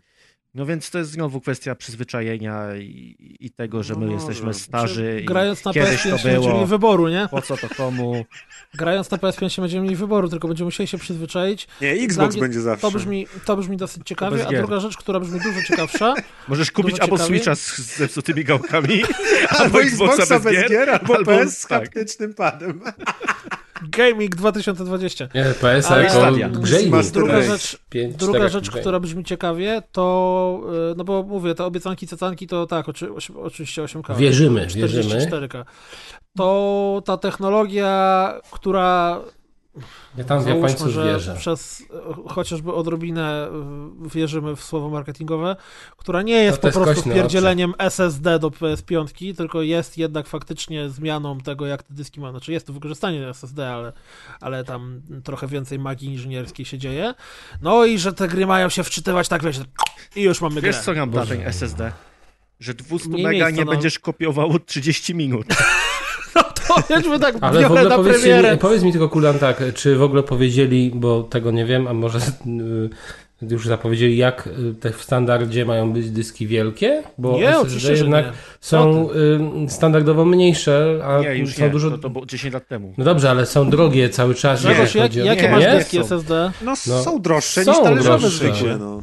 Są Grzegorz, droższe, ale nie są no. drogie. Jako, przypomnij, mówiłeś to dzisiaj już. No, to już pod względem kart graficznych to nie są, ale generalnie to ta technologia... 450 zł za 1 tera. No to to Zobaczcie sobie tak, Tak, no spójrzcie teraz sobie jak. Ja mam, A ja ile mam konsola będzie 250, kosztować? nie, ja mam tyle. 110 giga na systemowym, mam y, jeszcze 500 giga drugi dysk do gier i, trz- i trzeci dysk mam 1 tera. Trzy no, dyski masz mam, tylko? No... Ja dzisiaj wrzucałem jeden, już mam sześć dysków twardych w komputerze. O, ładnie. Mam trzy dyski, tak, no i generalnie rzecz biorąc tam mam ile tego? No 2 tera jakoś tak. Natomiast cenowo to jest tak jak mówi Adek, ja za swojego nowego 1 terabajta dałem 500 zł niecałe, co w tej chwili jest jedna już trzecia ceny atrakcyjną ceną, ceną bo jeszcze rok temu ponad kosztowałoby to 1000 A jeszcze zł. ray tracing. Ale nie, ale no dobra, ale zobaczcie sobie jedną SSD rzecz. są drogie i Weźcie sobie jeszcze i oni wszystko wsadzą do konsoli, to, Prze- to będzie droga zabawa. Przerwę ci na moment, zobaczcie sobie też to, jak na przykład dyski, jak kosztują oficjalne dyski y, do konsol, że one są, y, przeliczając na przykład, bo dawniej były, nie wiem czy teraz w PS4 nadal to jest, że można kupić z takim albo z większym dyskiem. Zawsze ludzie mówili, że no, że te jakby z tym większym dyskiem się nie opłaca kupować, bo lepiej ten dysk wymienić, można dużo taniej kupić jakiś osobny zewnętrzny, więc oni sobie policzą za to jeszcze więcej niż to faktycznie kosztuje. A więc ja jestem ciekaw naprawdę, jak duże będą to dyski, chociaż też Ja słyszałem, że będzie 1 tera. chociaż też, no to mało, chociaż też słyszałem, że właśnie te Prosiak gry mają mniej, Xbox One X mało. też ma mniej jednego tera. zajmować, mniej zajmować, ale to ile w tym prawdy to... No ale gry rosną, jak sami mówiliście. Gearsy Jeden tera ile to jest mało, Adrian. tam. Oczywiście, że to jest Je, mało. je, no. jedna, jeden ma Moim dwie zdaniem gry na dysku, mało. a inny chce mieć pięć. bo- Chyba, że bo się to- jest Nintendo, bo, bo gry Nintendo potrafią zajmować po 2 giga albo po 1 giga. Mi się wydaje, że nie wiem dokładnie, czy tam to ma być jakaś hybryda, czy to ma być oddzielny dysk SSD, czy coś, ale y, nawet dobrą opcją będzie, jeśli tam będzie jakiś SSD, nie wiem, mały, powiedzmy 120 giga czy coś, gratis. Ale będziesz miał możliwość, żeby w bibliotece na przykład sobie w grze włączyć opcję, powiedzmy turbo, nie? Tak ją nazwijmy. I wybierasz sobie na przykład Gearsy i tam Spidermana, chce mieć turbo i on wtedy przerzuci część tych plików na tego SSD-ka, nie? Niedługo będziemy mieli dokładnie ustawione jak na miał komputerze, jakby- wiesz. Będziesz miał taki wybór, którą z gier chcesz na SSD-ku zainstalować i zmieści ci się jedna albo dwie, ale za to będą szybkie, nie? I wtedy sobie tam wrzucisz Apexa, bo wgrasz w niego codziennie, albo GTA, bo się bardzo długo ładuje i cię to denerwuje. Tak mi się wydaje, że to będzie rozwiązane, no bo inaczej to no, no cena, cena ich zabije, to jest, one tanieją SSD-ki, ale wciąż są nieporównywalnie droższe co do talerzowych, szczególnie w konsolach, które nie mogą kosztować na wejściu czterech klocków, nie? No, to się okaże, czy nie mogą. To się Nie okaże. mogą. No. Takie były gadki przy tej Zobaczymy. generacji. Ja myślę, że PlayStation będzie chciało zrobić to samo, co zrobiło w tej generacji i wypuszczą jakiegoś gniota, żeby się więcej kopii sprzedało. E, nie, mów, nie mówię, że Xbox I tak najlepiej miał na- lepszą nabili w konsolę, balona bo tych, nie co prosiaka kupili i tam grzeje. Nie, no wiesz, no, no, no, wygrali właśnie tym, że sprzedawali tanie konsole, plus mieli te swoje dobre, bardzo dobre No eksy. i pierwszy Xbox myślę, się nie nadaje do niczego teraz więcej robić, teraz słyszałem już do tego Nintendo jest najlepsze, no. Jest też tak, też tak może być, że że, co? że O ile pad działa. O ile pad działa, tak, tak. Zawsze można jakieś holi kupić. jak Czy ja nie jak tak słucham, to właściwie odpowiedź jest prosta, na- jakby zebrać wszystko to, co mówicie, że tylko PC. Nie, to tylko tak. gry. A Tak, Już działa. zaktualizujesz sterowniki i, nie dostaniesz blue screena. Jak na Ten, no znowu wracamy do mitów Atka, mity i bajki. Adek PC jest świetny, ale wciąż nie no chwila, ostatnio miałem możliwość później. na PC właśnie u znajomego odpalić, to oczywiście aktualizacja, sterowniki, aktualizacja się okazywało, w ogóle nie wiem, czy słyszeliście o takim problemie PC-towym, ale jest i to mnie zdziwiło, że on Bogolstwo. że, Słucham co? Mugolstwo nie. Że on, że mugolstwo. Z Harry'ego Pottera. Jestem, jestem PC-towcem, mam problem, jestem bogaty. Nie, ale Tak? słuchajcie, bo Program ten problem mnie zaskoczył totalnie i ja nie wiem z czego on wynika, znaczy mogę się domyślać tylko, ale dlaczego on występuje to jest też zaskakujące, bo on ma tam y, akurat AMD chyba, ym, znaczy nie, Radeona chyba ma kartę graficzną, No, No i to jest właśnie że problem. ale słuchajcie, to nie wiem czy słyszeliście o takim problemie, mówię, ja nie słyszałem, ale też nie siedzę ręku, więc może jest y, No do sedna, do konkretny. sedna, no. Do sedna, że gry starsze, nawet niekoniecznie generacje starsze, ale troszeczkę starsze, tam pięcioletnie, sześcioletnie, mają problem z odtwarzaniem y, płynnym, czyli lagują, dlatego że za dużo klatek na sekundę jest podanych. Nie, mój I na drogi, przykład to jest jakaś 500 bajeczka. klat, no nie, no wyświetla mu się 500 klatek Jest i lagują możliwe, gry. żeby gra Ale Więc- nie gry sprzed pięciu lat. Starusieńkie gry mia, mają No takie nie, problemy no to nie jest- to no. też rzadko. A widzisz, czyli mają, no i teraz mówisz mi, że Ale to jest mówimy o starusieńkich grach i tak jak No chwila, też rzadko. myśmy grali Nie, w jak- jakąś gierkę Ale typu Kas, ty sam 5 wspomniałeś o tej grze. No, Kapitan Pazur właśnie dokładnie to miał, że przez Aha, klatki... to właśnie, tak? przez no. klatki Że kapitan Pazur miał ile lat, moi drodzy, no. Ale on tak samo, to było w czasie premiery, więc A, no nie, tak, nie mówimy dobra. o czasach. Tak, wiesz. faktycznie, masz rację, były takie motywy. Przecież nawet był problem z Need for Speed Rivals, dlatego y, był y, blok na 30 FPS-ów na PC, o co się ludzie Nie, wkurzali. no ja tylko mówię o tym, okazało, że takie jak coś występuje. 30 FPS-ów to jest problem. Nie? Trzeba Kas uważać, to jest, ale to jest, słuchaj, to jest znikome, no. to jest naprawdę znikome, tym bardziej, że na PC możesz sobie nawet przecież wymusić ilość klatek, którą ma. Tak, to jest, a, propos, no, ku- a propos pytania Kudana, rzeczywiście PC-ty są najlepszym wyjściem, tylko ja do dzisiaj nie wiem, jak na przykład God of War'a nowego uruchomić, albo RDR-a też mi się nie udało, no więc to musiałem... prosta sprawa.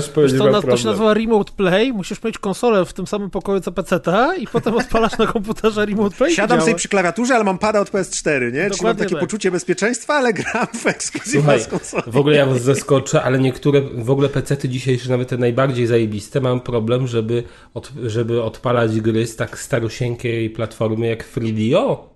Pana ty Sonika. powiesz? Proszę, jaką technologię zrobili. Nie, to Emulatory mają cały rynek totalny komputerów. problem. Koniec, oddajemy pecety. No dobra, y, czy oddajemy też newsy już na dzisiaj? Czy, Nie, no jak, coś Nie, lecimy do końca. Grzegorz, chciałeś też powiedzieć o Uncharted, Unch- chyba Grzegorz. Ja chciałem, ja chciałem. Ty chciałeś, a, tak, no to dam. A na Ja nie mam żadnych newsów na dzisiaj, No także ja was z przyjemnością słucham tylko. E, Pojawił się trailer gry Enchanted Portals, która wygląda jakby była kopią Cupheada. To znaczy jest dokładnie ten sam sposób narysowania, dokładnie ten sam gameplay, muzyka. Wygląda Przy jak czym- skórka po prostu Ja cię, na faktycznie. tego. Przy czym wszystkie te asety są zrobione przez inną firmę. I w internecie pojawiła się wielka dyskusja, czy to jest plagiat, czy ci ludzie poszli za daleko, czy to jest dalej inspiracja i, i wszystko jest ok. I moje zdanie w tym temacie jest takie, że dopóki twórcy w żaden sposób nie naruszają praw autorskich, to znaczy zrobione są faktycznie te asety przez nich, nie jest nic ukradzione, to możemy mówić tylko o właśnie inspiracji. I problem pojawia się natury etycznej, a nie prawnej. To znaczy w żaden sposób nie można pozwać tych twórców, że skopiowali No tak, bo to jest tylko styl graficzny, to tak jakbyś fotorealizm chciał opatentować. Tak, znaczy No tutaj nie, też jest- gameplay i muzyka, więc to jest trochę więcej tych... tych, No ale gameplay to jest co? Kontra, nie? Kontra też nie jest opatentowana, powiedzmy. Dobra, ale wygląda to jak po prostu no, skórka na Cuphead Cupheada. 2, nie? Znaczy właśnie, bo No, tutaj no, nawet y, skala y, postaci, którymi kierujemy jest identyczna jak tam. Y, cały ten styl graficzny y, jest To wygląda tak, jak mod. uderz- tak tak, jest tak uderzająco podobny, że to wygląda jak mod. Kiedyś dawno temu mieliśmy 198 gier w jednym na, na Pegasusa i tam były takie Chińczycy z Mario. A tutaj to naprawdę wygląda jak zynka z Cupheada i myśmy rozmawiali o tym przed nagraniem z Adrianem między innymi i ja rozumiem wszystko to, e, o czym mówi Adrian i jakby z perspektywy prawnej prawdopodobnie nie ma do czego się przyczepić, natomiast e, po prostu dla mnie patrząc na obie te gry, to jest to jest taki e, jawny skok na kasę, jak w przypadku tej rosyjskiej gry, która była kopią e, The Banner Sagi. Ale co gracz Znaczy, traci na tym, że wychodzi gra taka sama jak Cuphead? W sensie, strasznie, powinien się ucieszyć gracz. mocne słowo, że to jest y, skok na kasę, bo to jest tak, że w ogóle ja potem sobie poczytałem jeszcze trochę tą grę, chcą zrobić, bo tak naprawdę ten trailer, który zobaczyliśmy, to po prostu na 100% to nie jest żaden trailer gry, tylko to jest po prostu ktoś narysował animację slice taki, udającą, powiedzmy. tak, udającą grę i tej gry nie istnieje, nie ma engine'u, nie ma niczego Swoją innego.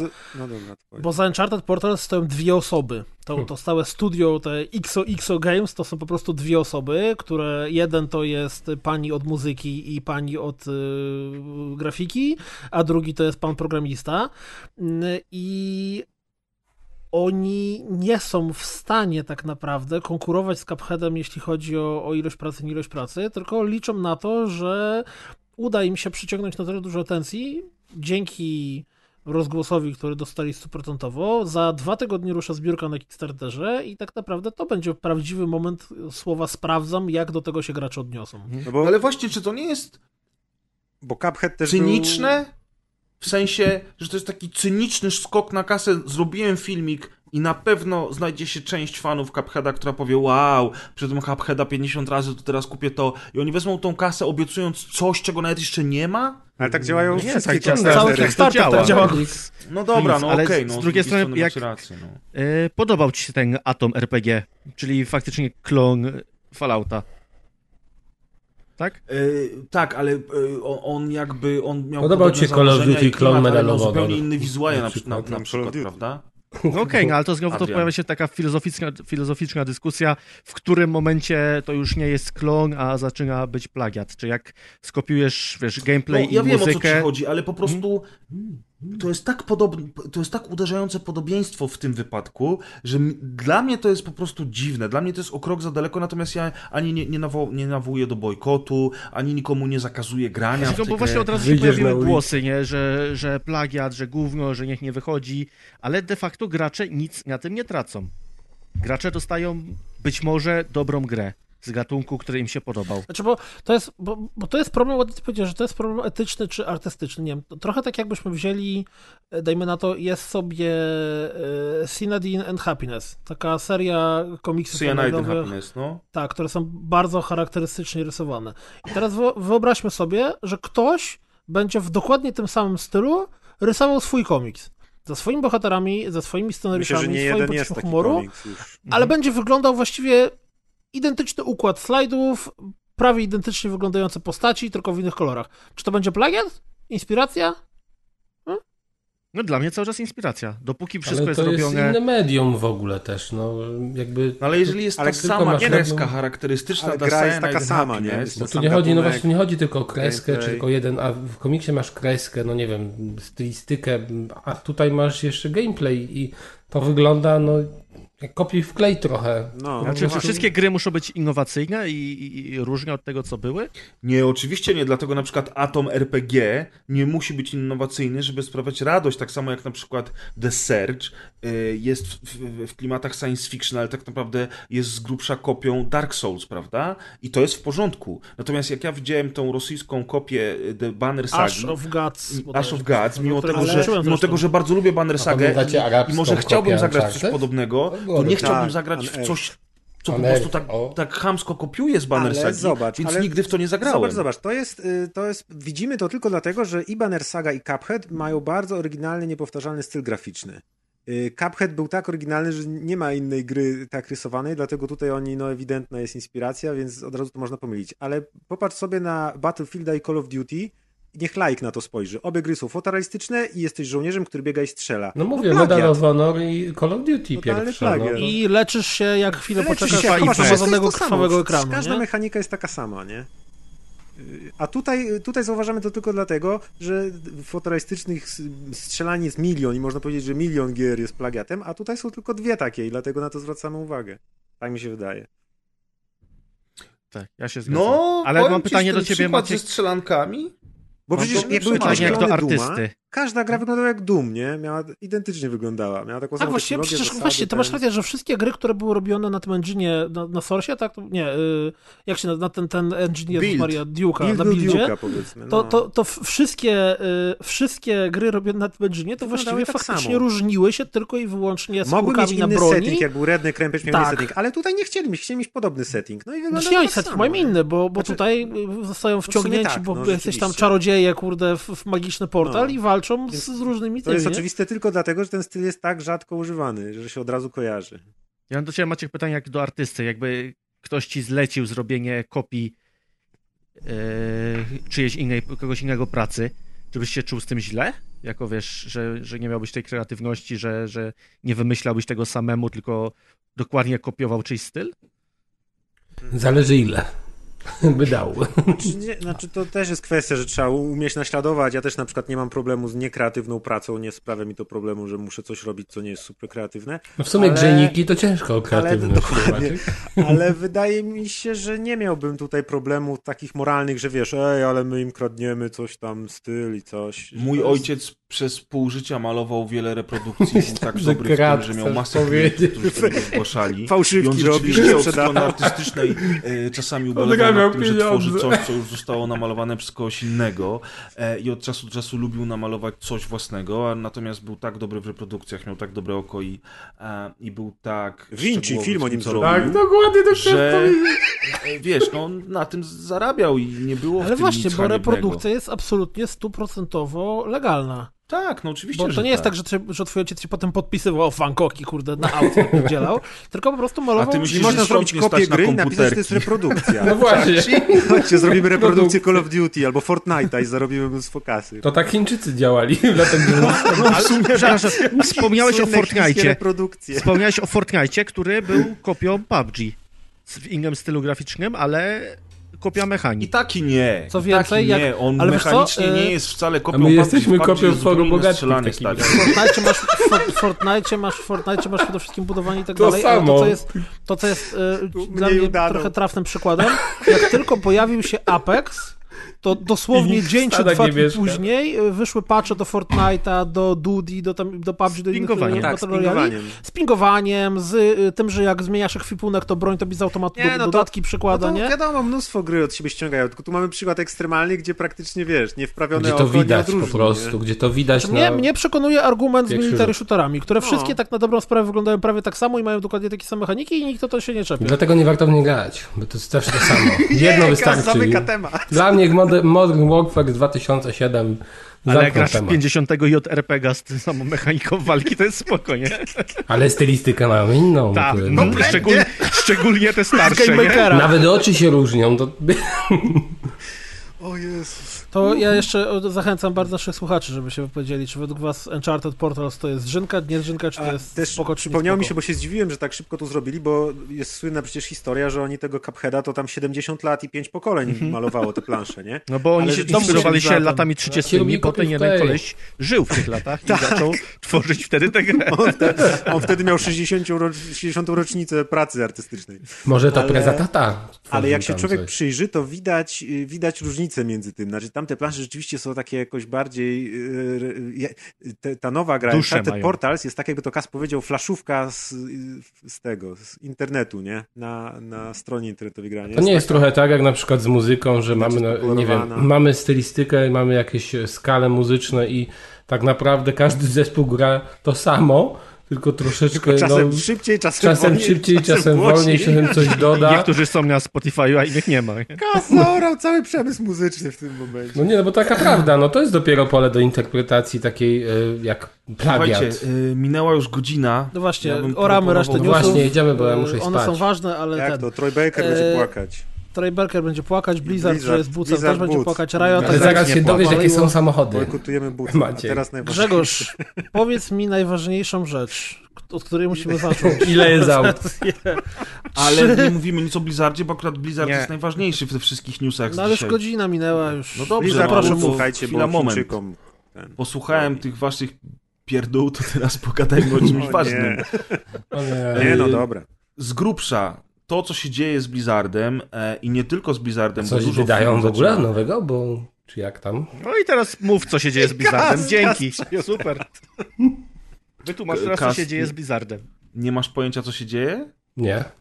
A, to, to musiałeś być Kasu mocno wyszedł z zapracowany jaskini, kojarzycie tego mema, taki No potwór, to, który to teraz wychodzi się dowiesz idealnie. kiedy, kiedy Moja ostatnia gra Blizzarda to jest, o ile się nie mylę, StarCraft pierwszy. No to posłuchaj teraz, bo jako zdaniem. historyk możesz zrobić Dziewięć, sobie osiem. głupca, jeżeli coś jeszcze powiesz. 21 lat. teraz, W tej chwili, bo wyobraź sobie, drogi Kazie, że e, chińskie firmy, które ekonomicznie podbijają rynek zachodni od dawna, mm, mają coraz większy wpływ na to, e, jak, co i gdzie się produkuje, a firma Tencent, która ma udziały w bardzo, ale to bardzo wielu firmach europejskich i amerykańskich, w ogólnie tam powiedzmy, że zachodnich, w dużym Sparła uproszczeniu, Hongkong ostatnio.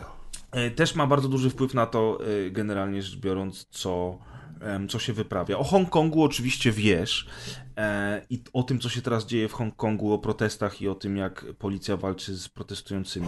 To jest żenada. Tak, jest- później wam powiem ciekawostkę jeszcze na ten temat. No to powiedz od razu, skoro o Dawaj. No to powiem od razu, że jeden z takich, jeden z głównych menadżerów, nie wiem dokładnie za co jest odpowiedzialny w NBA, stwierdził, jakby wyraził swoje poparcie na Twitterze dla, dla Hongkongu w tej całej O, aferze, widzisz, która teraz się o tym znajduje. Samym, mój drogi. Tak, i okazało Tak. się, że, że teraz jest wielki spór na tle NBA Hongkong, bo to jest jeden z największych rynków zbytu dla koszykówki właśnie. E, I na przykład zakazali sprzedaży e, gadżetów Houston Rockets, a Houston Rockets to jest najbardziej popularny klub w Chinach, bo tam ten koszykarz chiński Yao Ming grał. I oto jest gruba afera i najzabawniejsze jest to, że włodarze NBA zaczęli jakby się wycofywać z tego, co jeden z nich powiedział i na zasadzie, że no, my tego nie popieramy, to nie jest stanowi- stanowisko oficjalne NBA i wiecie, nie, takie przymizgiwanie się. Dokładnie, bo stamtąd są straszne, pieniądze. To samo, straszne. to samo zrobili twórcy South Park, wyobraźcie sobie, którzy po odcinku, który rzekomo obraził Chińczyków, wystosowali oficjalne przeprosiny. One oczywiście były Ale napisane z jajem. Polaków te wszyscy prze- No, obrażają. oczywiście, że były z jajem napisane, ale jednak wystosowali te przeprosiny. No i Blizzard, Kuldan, może przybliżysz nam sprawę Blizzarda. A więc e, chodziło o to, że były sobie zawody w e, Hearthstone'a i po tych zawodach jeden z osób, który wygrał w tego, że Hearthstone'a był z nim wywiad i on w trakcie tego wywiadu mm, powiedział, nawiązał właśnie do tego, że tam revolution to the people i że Hongkong popiera i tak dalej. No i w związku z tym, że tak się stało, to e, zaczęło to się od tego, że Blizzard e, po pierwsze od razu został ten wywiad przerwany, po drugie Blizzard zafasował mu rocznego bana na grę w e, Hearthstone'a, po trzecie zabrali mu tą nagrodę, e, którą wygrał w tym i tam go jeszcze chcieli jakkolwiek ukarać. No i od tego się zaczęła, zaczęła się seria e, wydarzeń, którą można by e, podsumować trochę naszym ulubionym i klasycznym tekstem. E, Najczęściej się uśmiecham, jak e, Blizzard się wypierdoli, ten sobie swój głupi ryj rozwijali, bo dokładnie to się stało, dlatego że w związku z tym ich zachowaniem, które można by nazwać e, kulturową cenzurą, e, Ludzie troszkę się oburzyli, że to jest chyba nie halo, że amerykańska firma ze względu na to, że jakiś tam gracz wypowiedział się w, z poparciem dla, mm, Dla tego, co się dzieje w Hongkongu, y, zostaje zbanowany, jeszcze odebrana mu zostaje nagroda w konkursie, który wygrał. Tam e, po, po czasie zmniejszyli mu tego bana z roku chyba na 6 miesięcy i w końcu mu dali te pieniądze. Ale to poszło dalej, Ale- tam poszły jakieś dodatkowe Ale drużenia jeszcze tak, zablokowane. poszły i generalnie teraz, teraz to się cały czas buzuje, dlatego że dzi- dzisiaj był news, że mm, y, Blizzard zbanował całą drużynę y, studencką, która w trakcie też właśnie livestreama y, trzymała karteczki z Free Hong Kong Boycott Blizzard. Poszło to jeszcze szerzej o tyle, że w którymś momencie, tylko to już są newsy, które ja widziałem w internecie, ich nie sprawdzałem, więc może to były tylko i wyłącznie ktoś tak sobie na Reddicie, ale podobno mm, Blizzard w którymś momencie wyłączył możliwość usuwania kont, dlatego że ludzie po tej Tak, akcji bo z ludzie w ramach y, protestu chcieli Blitzchongiem zaczęli y, masowo usuwać konta, więc oni wyłączyli y, automatyczne maile, które przychodzą w momencie, w którym chcesz usunąć konto. Były sytuacje, gdzie ludzie Ja zaczęli z pracy odchodzić i, i wrzucali właśnie w, w, w ramach protestu, że okej, to jak tak się dzieje, to ja dziękuję bardzo i nie będę będę pracował w tej firmie, więc... Blizzard do y, tego stopnia się wkopał, że właśnie odwołali oficjalną premierę Premierę Overwatcha Overwatcha, tak, w Nowym Jorku, która miała być Tak, dużym tak. wydarzeniem I w która Japonii została też. nagle wycofana. W Japonii też. Japonii też. Są spekulacje, że być może nie, odbie- nie odbędzie się z tego powodu BlizzCon, bo wpadli w niezłe bagno na własne życzenie. Ja osobiście uważam, że bardzo dobre, bardzo dobrze, bo są pewne granice, które zostały przekroczone. E, I na przykład w kwestii tej wypowiadał się e, właściciel Epika, któ- którego zapytano o to, że Tencent również ma duże udziały w ich firmie. Natomiast on powiedział, że Tencent ma 40%, większość mają oni i że on nigdy e, w życiu nie pozwoli na to, żeby w jego firmie coś takiego miało miejsce. Jeżeli na przykład Tencent e, zacząłby wycofywać swoje udziały, to on ma to absolutnie w dupie. Znaczy, wiesz, E, oczywiście to, to jest, wiesz, to jest on- wypowiedź teoretyczna, nie? Ja nie Znaczy, mówię, że on ja mówi prawdę, widzę, bo... Ja tu widzę, nie, nie, on na pewno mówi prawdę, bo on powiedział, cytując, że tak długo, jak długo ja będę szefem tej firmy, to nigdy w życiu nie będziemy cenzurować czyichś prywatnych wypowiedzi. Tak długo, jak to on jest nie właśnie- będzie miał takiej sytuacji, wiesz, bo to, to, jest też właśnie, jest znaczy nie, ja tu, ja tu bardziej widzę co innego, ja tu bardziej widzę sytuację, w której Tencent przychodzi do e, Epika i mówi, no dobra, czyli e, pan już przestaje być prezesem. Ale jak to? No tak to, po prostu, proszę. To Zarząd, jest nara. tam, tak. Nie raz, nie dwa i nie trzydzieści razy takie historie były w, w świecie biznesu, nie tylko, gdzie wiesz, gdzie, gdzie ktoś, kto uważa, że jest właścicielem, tak naprawdę jest tylko i wyłącznie jednym z Tak, udziałowców. tylko że on właśnie mówił coś na zasadzie takiej, że on i jakby jego ekipa ma, ma większość udziałów i to jakby gwarantuje im bezpieczeństwo i No i prawo teraz do pytanie, czy decydowania jego o firmie. ekipa w momencie, w którym będzie mowa o ogromnych pieniądzach, bo tutaj to wszystko 40%. rozbija się o gigantycznych Oczywiście, pieniądzach, oczywiście wiem o co nagle uzna, że jednak, no wiesz, no bo Dlatego Blizzard powiedziałem, tak naprawdę nie dlatego powiedziałem, że jego wypowiedź jest teoretyczna, a gdyby No, jemu, no. gdyby on miał podjąć taką decyzję naprawdę, to już nie wiemy jak się zachowa. Znaczy nie, ja Niestety- wierzę, ja wierzę, że on tak się zachowa, znaczy on po prostu wtedy by odszedł z firmy. Ja wierzę, że to by się na tym skończyło, że faktycznie to, co on powiedział, to jest prawda, że jego moralność, czy etyka, czy cokolwiek nie pozwoliłoby na takie zachowanie, ale skończyłoby się tym, że Epic po prostu byłby już bez niego. Jasne, ale w szerszej perspektywie to nie jest dobra przyszłość, jeżeli część firm będzie y, uginać kolana, cytując grę o Tron, a część y, ludzi, którzy się będą temu sprzeciwiać, będą odchodzić, a na ich miejsce będą wchodzić ludzie, którzy będą Chinom przychylni, nie? No a z Bo drugiej strony to ostatecznie masz skończy się i tak na ich dominacji. Gdzie to się dzieje od lat. Ale co, jeszcze Naprawdę. raz? No, y, dominacja czy wpływy chińskie na świat filmu systematycznie dzieje się od lat. Oczywiście na wszystko, na wszystko. No tak, no. Dlatego no mówię, to jest inwazja ekonomiczna. Czemu w Top Gun nie ma na placach... No ale e, dobra, już Hollywood w to nie mieszajmy, bo Czemu w Top Gun nowym musieli na mieszać plecach inwazję Toma innego narodu. koszulki nie To- będzie Tajwanu? Flagi. To jest tak naprawdę, tak naprawdę to jest dokładnie ten sam temat. Tak, oczywiście, to jest cenzura w filmie, To. e, a e, w- taka, tego typu cenzura. Czy oburzenie. Ogólnie Natomiast- jest to duży problem po prostu, no.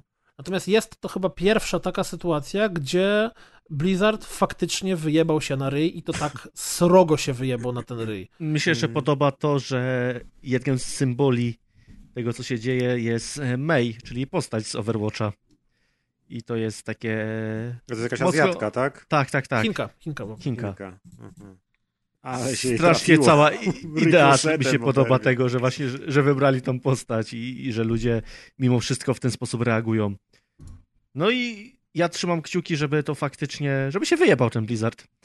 Tak, No, oczywiście, ja też. Premiera, tak naprawdę, tak naprawdę premiera Overwatcha, która dzieje się teraz, yy, to będzie to, czy faktycznie gracze skupili się na pisaniu yy, tego, że bojkot Blizzard i tego, że yy, robienie memów z May jest najważniejsze, czy przełoży to się na to, że Overwatcha na Switcha nie kupi prawie nikt. Mhm. Bo jeżeli faktycznie ludzie by masowo nie kupili Switch, y, Overwatcha na Switcha, to wtedy y, okazałoby się, że finansowe problemy są z dwóch stron. Albo nasi klienci nie kupują naszych gier, jesteśmy w dupie, albo denerwujemy głównego inwestora, jesteśmy w dupie. Pytanie brzmi, kiedy jesteśmy bardziej w dupie. No trochę ciekawe, bo to jest inny powód niż zazwyczaj. Zazwyczaj te bojkoty były tylko robione przez hardkorowców, którzy mieli jakieś uwagi do gry jako takiej zazwyczaj, nie? A teraz jest to problem światopoglądowy, w którym może rzeczywiście być trochę większa ilość ludzi zainteresowana, chociaż też wątpię, że nagle, wiesz, się okaże, że na premierę zeszło 10% tego, co się spodziewali. Myślę, że, że, że jednak tutaj znowu jest ten syndrom krzyczącej mniejszości głośnej, ale wydaje mi się, że może ta mniejszość będzie większa niż zazwyczaj, bo temat jest szerszy, a nie tylko, wiesz, jakiś tam... Yy, że to nie chodzi już o jakieś głupie giereczki, a chodzi tak naprawdę o, o, o światopogląd. No właśnie, nie? no, no, no, że to jest szerszy problem, a nie tylko tam typowy taki w giereczkowie, że bojkot gry, bo coś tam. Dlatego chciałem, żebyśmy chwilę o tym porozmawiali, bo to jest rzeczywiście ważna rzecz i to się dzieje na naszych oczach. Miejmy nadzieję, że to nie zostanie pod dywan y, zamiecione, i, ale też z drugiej Zostanie. strony, że to nie będzie, Razem z że to nie będzie powtarzający problem, nie? Że to nie będzie powtarzający się problem, bo tak naprawdę w tym wszystkim najbardziej chodzi o ludzi, e, a zwłaszcza tych ludzi, którzy cierpią i to już nawet nie jest kwestia Hongkongu, ale też innych krajów świata, natomiast to nie jest temat na rozgrywkę. Wiesz, ale w ogóle z tym, co, z tym, co się dzieje w. Hongkongie i z technologią i z całą resztą, to jest y, dużo rzeczy, bo na przykład Apple ostatnio się też Apple- wywalił na ryj, bo mm, była sobie aplikacja, której używali protestujący w Hongkongu do tego, żeby w bezpieczny sposób omijać policję i tak dalej. No i Apple ją wywalił z App Store'a. I tam ona potem wróciła, ale znowu ją wywalili i jednym z komentarzy było to, że no dobrze, może i ta aplikacja może służyć do lepszych celów, ale mogą z niej korzystać gangsterzy, więc nie mamy zamiaru, żeby taka Tak aplikacja samo jak z była. telefonii komórkowej GSM gangsterzy i z SMS-ów mogą korzystać. O kurwa. Fuck!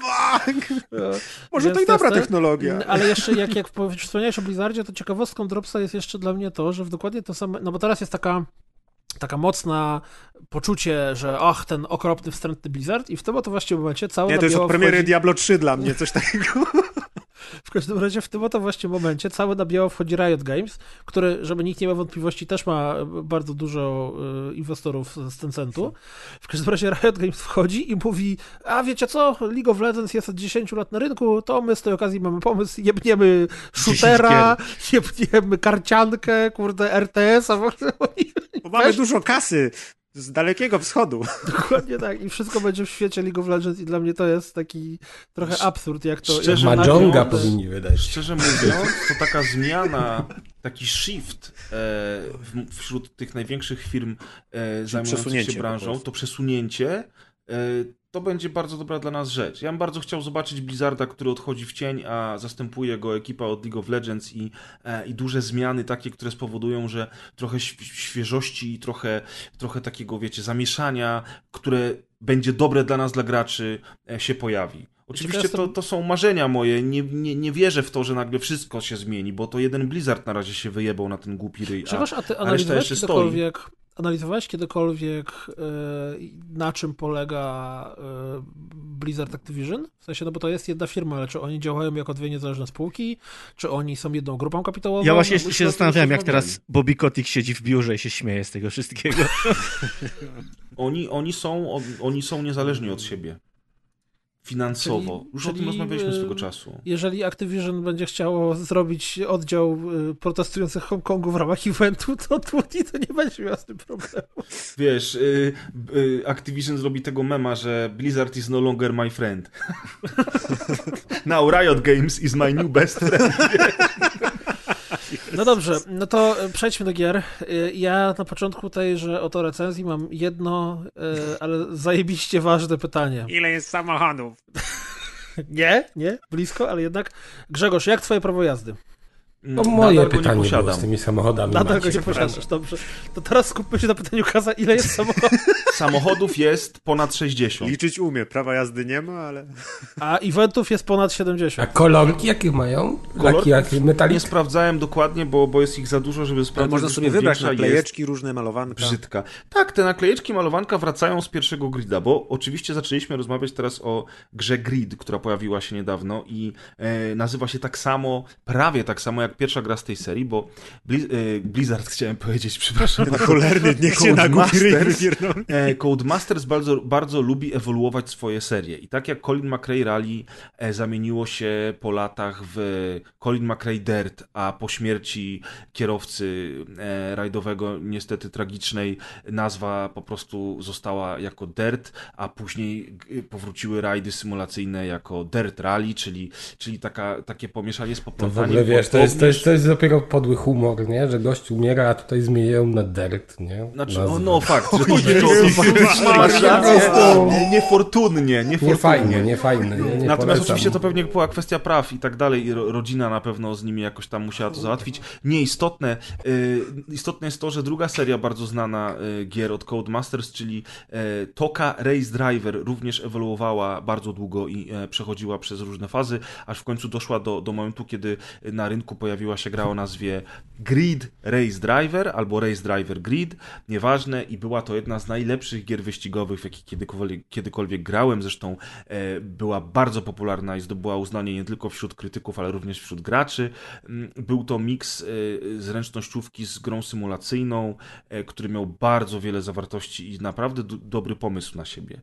E, I bardzo szybko po sukcesie Grida firma Codemasters wjebała się na swój głupi ryj, ponieważ robiąc Grid 2 doszli do wniosku, że e, nie będą robili e, w ogóle kamer z, kamer z kokpitu, bo przecież nikt nie gra w, w widoku ze środka i że tak naprawdę to ten aspekt symulacyjny jest trochę niepotrzebny, więc, więc pójdziemy bardziej w zręcznościówkę i to był bardzo duży błąd. Ludzie się wściekli, ja osobiście też się zdenerwowałem. W Grid 2 nie grałem wcale. Właśnie przez to, że nie było tej kamery ze środka. E, I gra tam sobie żyła, nie żyła, szybko świat o niej zapomniał. Po Jak jakimś czasie pojawiło się... E, co, co mówisz, Kuldan? Ja nie, ja słucham. To Adek coś mówił. Kuldan, jak możesz? Żyła, nie żyła. To Adek coś powiedział. Nie słyszałem niestety. Żyła, nie żyła jak koń. Żyła, nie żyła jak Jak Colin. Colin, no mogłem się spodziewać tego żartu. Ale będzie na Kuldana, ładnie to, ładnie. Trochę, trochę. Wiecie Maciek, co? ty zmontujesz dobry jest ten żart, to nie będę udawał, że jest zły, bo jest dobry. Nie, kaza, kaza, żart z dertem jest lepszy. No i w każdym razie, słuchajcie, żeby, żeby do brzegu, bo też dzisiaj strasznie rozwlekamy wszystko, jest spoko, ale, ale może bez przesady. No i e, generalnie, żeby ja teraz wrzucam drugi bieg. A to w ogóle ja ci przeszkodzę jeszcze, silnika. bo ja nie wiedziałem nawet, że to jest stoki ewolucja gridy, bo, gridów, bo ja Tak, w, to jest w liceum, stoki. kiedy ja się zagrałem w Need for Speed, miałem super kumpla, który grał w te toki, on lubił te symulacje i nikt tego nie rozumiał, bo przecież w tokę się nie dało grać, bo to żadna frajda była. A potem wiele lat później na studiach w grida sam grałem i byłem zachwycony. Tak, tak, to była ewolucja Jezu, stoki. zdziwiłem się, e, że to jest ta Jedna z sama ostatnich, jeżeli nie ostatnia seria. część Toka Race Driver wprowadziła system e, tego rywala, który był i w pierwszym gridzie, jest w tym najnowszym, o którym zaraz opowiemy z Kuldanem. Więc to jest tak, e, taka, taka dosyć Mm. wieloletnia ewolucja. W każdym razie pojawił się trzeci grid, grid Autosport i tam z kolei e, uznano, że będą kamery ze środka, ale chyba twórcy byli tak wściekli na ten bojkot braku kamer z dwójki, że powiedzieli, chcecie, chcecie y, wy, żebyśmy wymo wymodelowali wam 60 kokpitów? Okej, zrobimy to, ale to będą najgorsze kokpity, jakie kiedykolwiek widzieliście w jakiejkolwiek grze. I, I faktycznie widok z kokpitu był fatalny, y, ale generalnie rzecz biorąc gra poszła z kolei w trochę bardziej w stronę symulacji, y, próbowała być bardziej na poważnie, e, wprowadziła też system e, komunikacji radiowej z, z szefem twojej drużyny, czy tam z szefem mechaników oraz e, próbę strategii z twoim e, kompanem z drużyny, bo tam jeździło się we dwóch e, i, i wygrywało się wyścigi nie tylko zajmując pierwsze miejsca, ale również zdobywając punkty do spółki z kolegą z drużyny. Nie mówię znowuż o tym bez, bez powodu, dlatego że Grid najnowszy, który nazywa się po prostu Grid, e, przenosi bardzo wiele zamieszanie z nazwami jest so hot right now. Tak, zamieszania z nazwami zawsze w modzie. E, I teraz wraca Grid w, w glorii i chwale. Gridfall.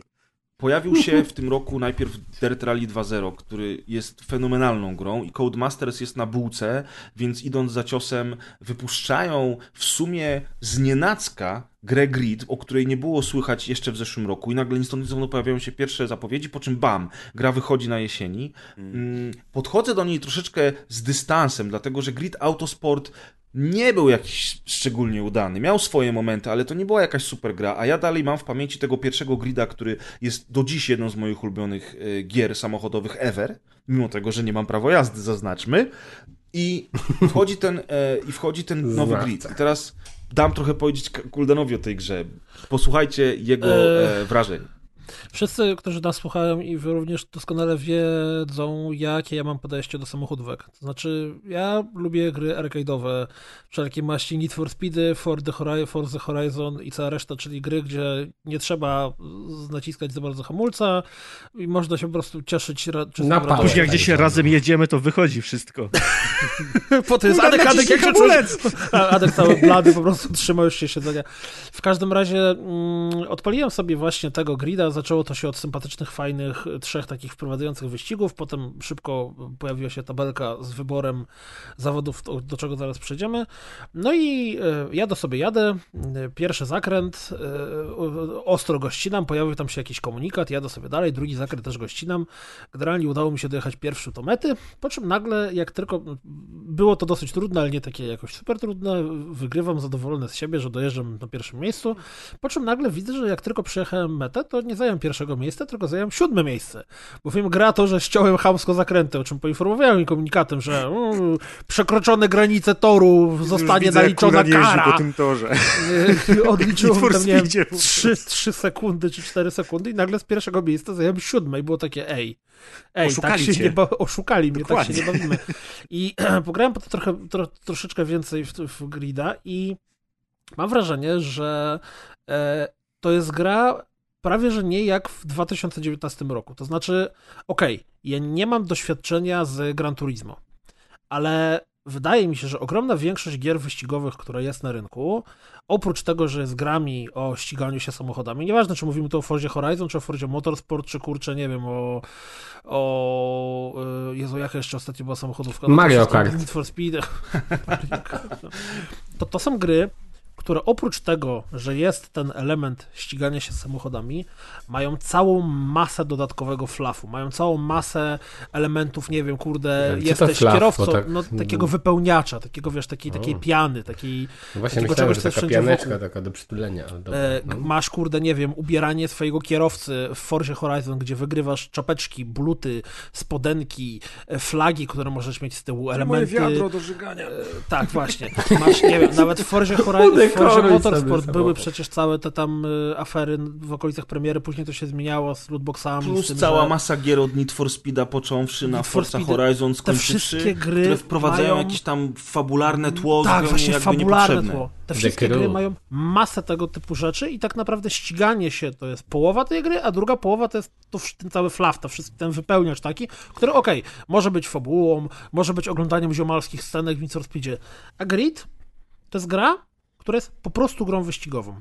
Włączamy grę, dostajemy na ryj e, chyba sześć kategorii, w której z każdej z tych kategorii mamy 13 zawodów. Te zawody to może być na przykład jeden długi wyścig, to mogą być dwa wyścigi następujące po sobie, później to mogą być cztery wyścigi, czyli jeżeli mamy 6 razy 13, to jest tam kurde zdecydowanie ponad 70 y, tych, tych, tych zawodów. Jeszcze są później dodatkowe eventy, które musimy, żeby do nich dostać się, to w ogóle musimy przejść wcześniejsze eventy.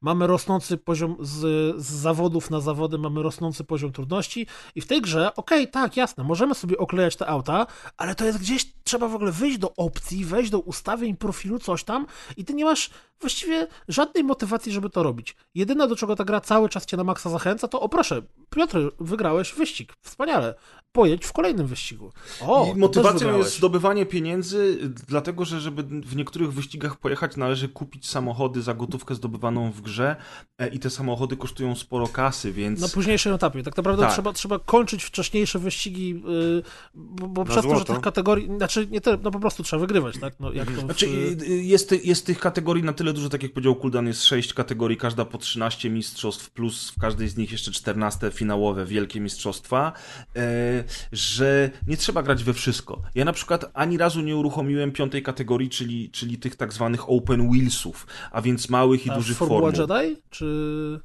Czekaj, to, to mówisz o tej formule? Tych, tych Po takich formule, małych... tak. W ogóle A tego ona nie strasznie fajnie się tym jeździ. To Ani więcej, razu nie jest pojechałem tak, nawet ale nie zauważyłem, wiesz, Tam w dlatego, że to jest, z, z, tam z jest tych tyle kategorii, to tam kurde, nie wiem, na przykład w którymś momencie są wyścigi ciężarówek. No właśnie, bo to są różne kategorie, diametralnie różne. Tak, w sensie jest tam jednych NASCAR. Minimorisem, w Wiesz innych jeździsz Formułą 3. z tymi podziałami na kategorie, to z mojej perspektywy jest to trochę dziwne, bo ja myślałem, że to będzie właśnie ekstremalnie wyraźny podział, który będzie polegał na tym, że na przykład tu będziesz miał tylko i wyłącznie samochody w cudzysłowie turystyczne, tak? To będą samochody, które możesz spotykać na, wiesz, podział Na na, klasy samochodów.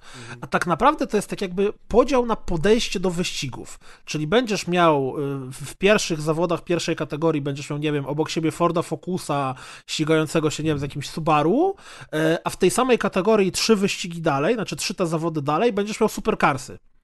A dla odmiany w innej kategorii, w jednym będziesz miał wyścigi Formuły 1, a w innym będziesz miał właśnie wyścigi, kurde, ciężarówek. Czyli te Jest to trochę poplątane z, po, z pomieszanym, One są rzeczywiście- według jakiegoś konkretnego klucza podzielone, ale dla mnie ten klucz nie jest do końca jasny.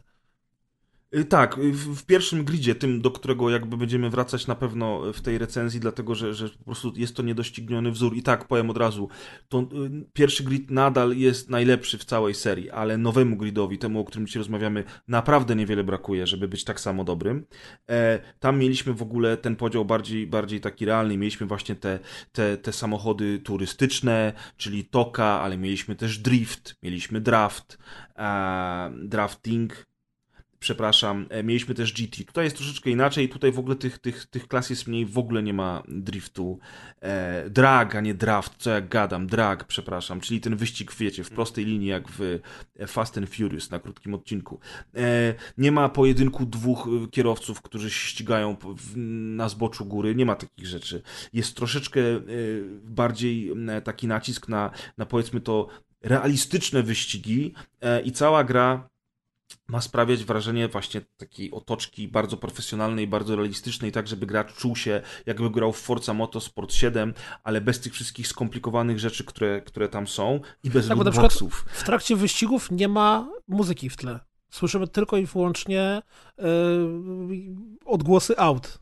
Nie ma, można też przed wyścigiem pojechać hot lap, żeby zobaczyć na której linii, na którym miejscu startowym będziemy rozpoczynali wyścig, ale w ogóle można taki- to olać. Udział w profesjonalnych zawodach, nie jakieś tam jo, ziomalskie czy coś, tylko jesteśmy Tak, zawodnikiem, tak, tak, tak, bardzo dużo tras, bardzo dużo tras, chociażby Brands Hatch to są prawdziwe trasy odwzorowane z rzeczywistości, plus są też trasy wymyślone miejskie, które powracają jeszcze z pierwszego grida, chociażby San Francisco, które już w pierwszym gridzie było, jest jeszcze Hawana, jest jeszcze, są jeszcze y, ulubione wszystkich graczy obecnie Chiny, a, a w szczególności I- Szanghaj dokładnie, żeby, E, żeby taka- tutaj ja- nie, może nie ty- szczegółowej mówić. Może ty jakoś to inaczej będziesz w stanie opisać. Ja to powiem ze swojego e, amatorskiego mistrza jazdy w arcade'ówkach.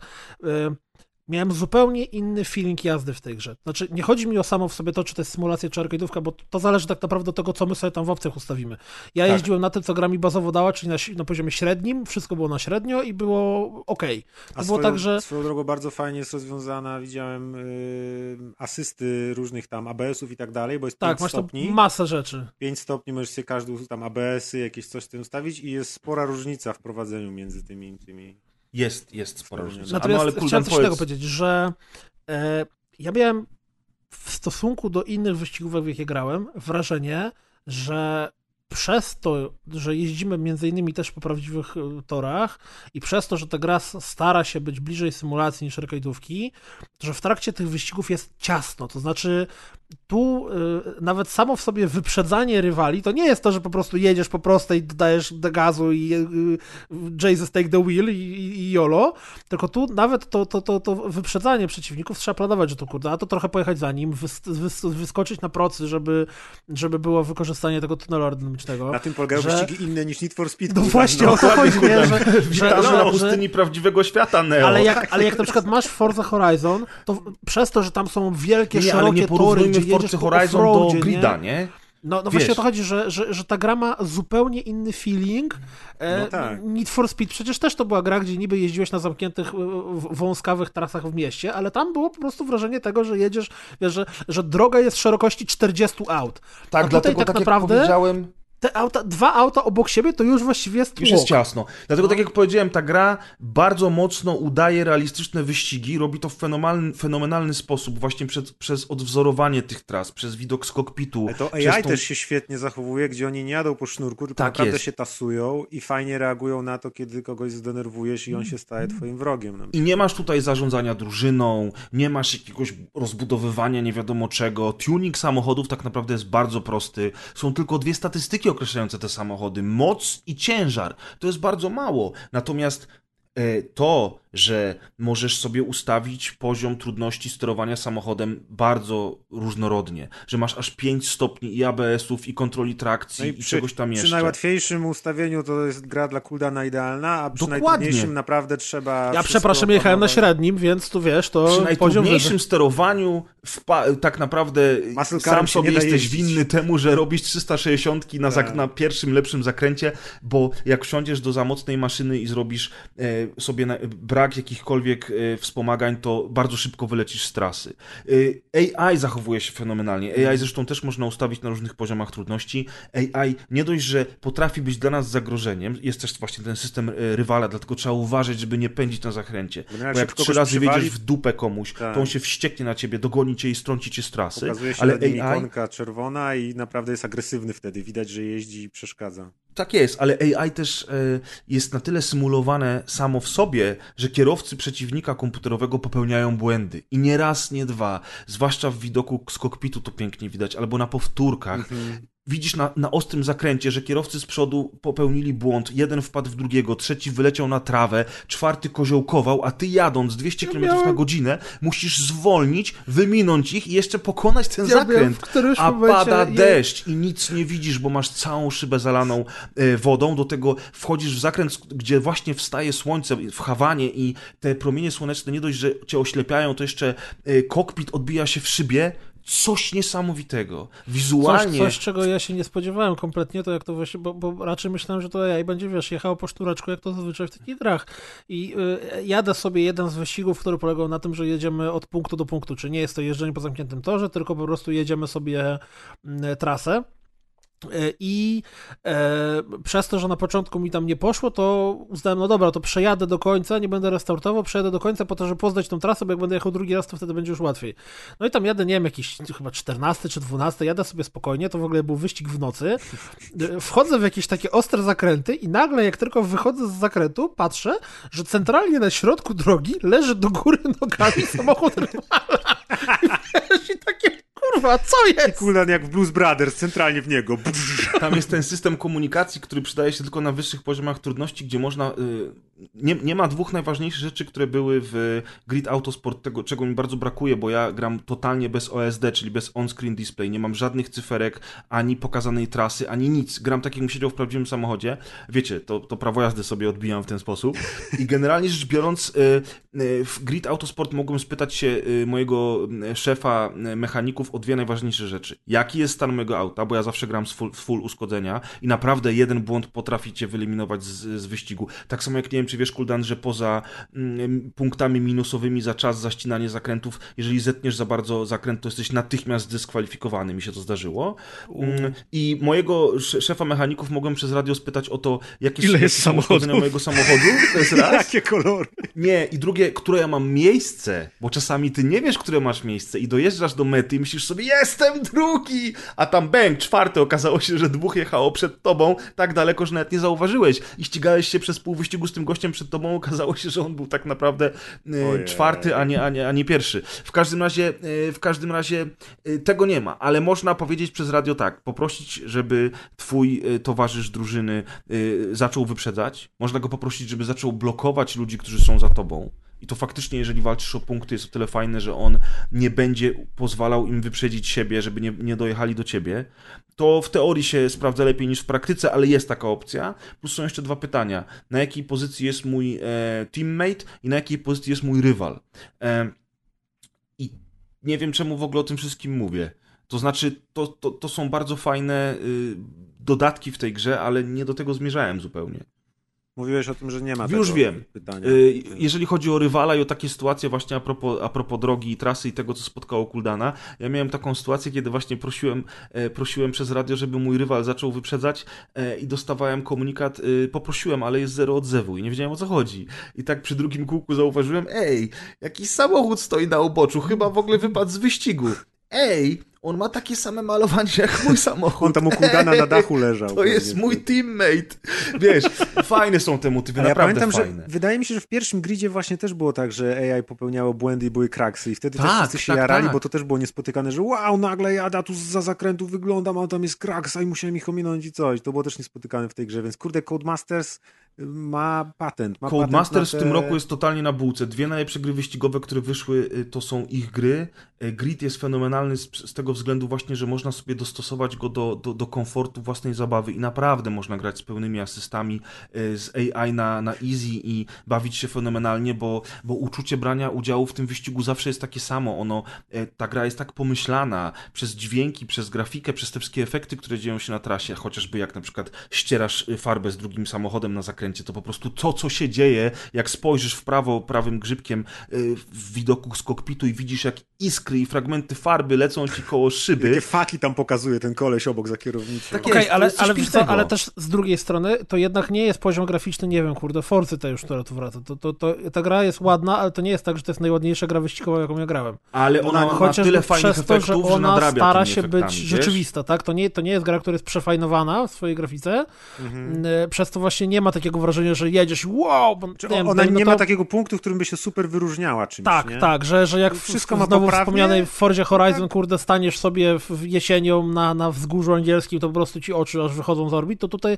i na przykład jak, jak się dojeżdża do mety, jest ten efekt wybuchających fajerwerków czy latającego konfetti, to to wygląda tak sobie tak naprawdę.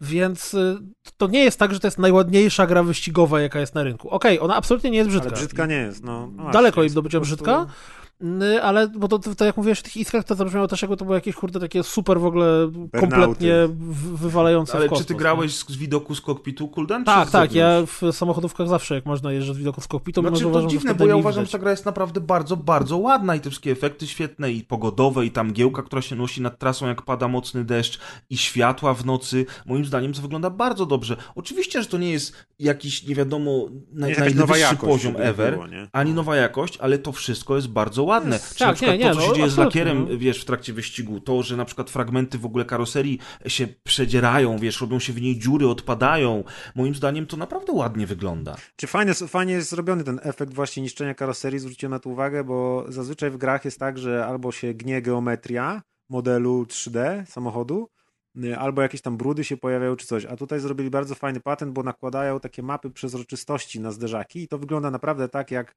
y, wiadomo jak jest zderzak tam z plastiku zrobiony i powiedzmy jakby ktoś w taki zderzak pięścią przywalił, to zrobi w nim po prostu dziurę.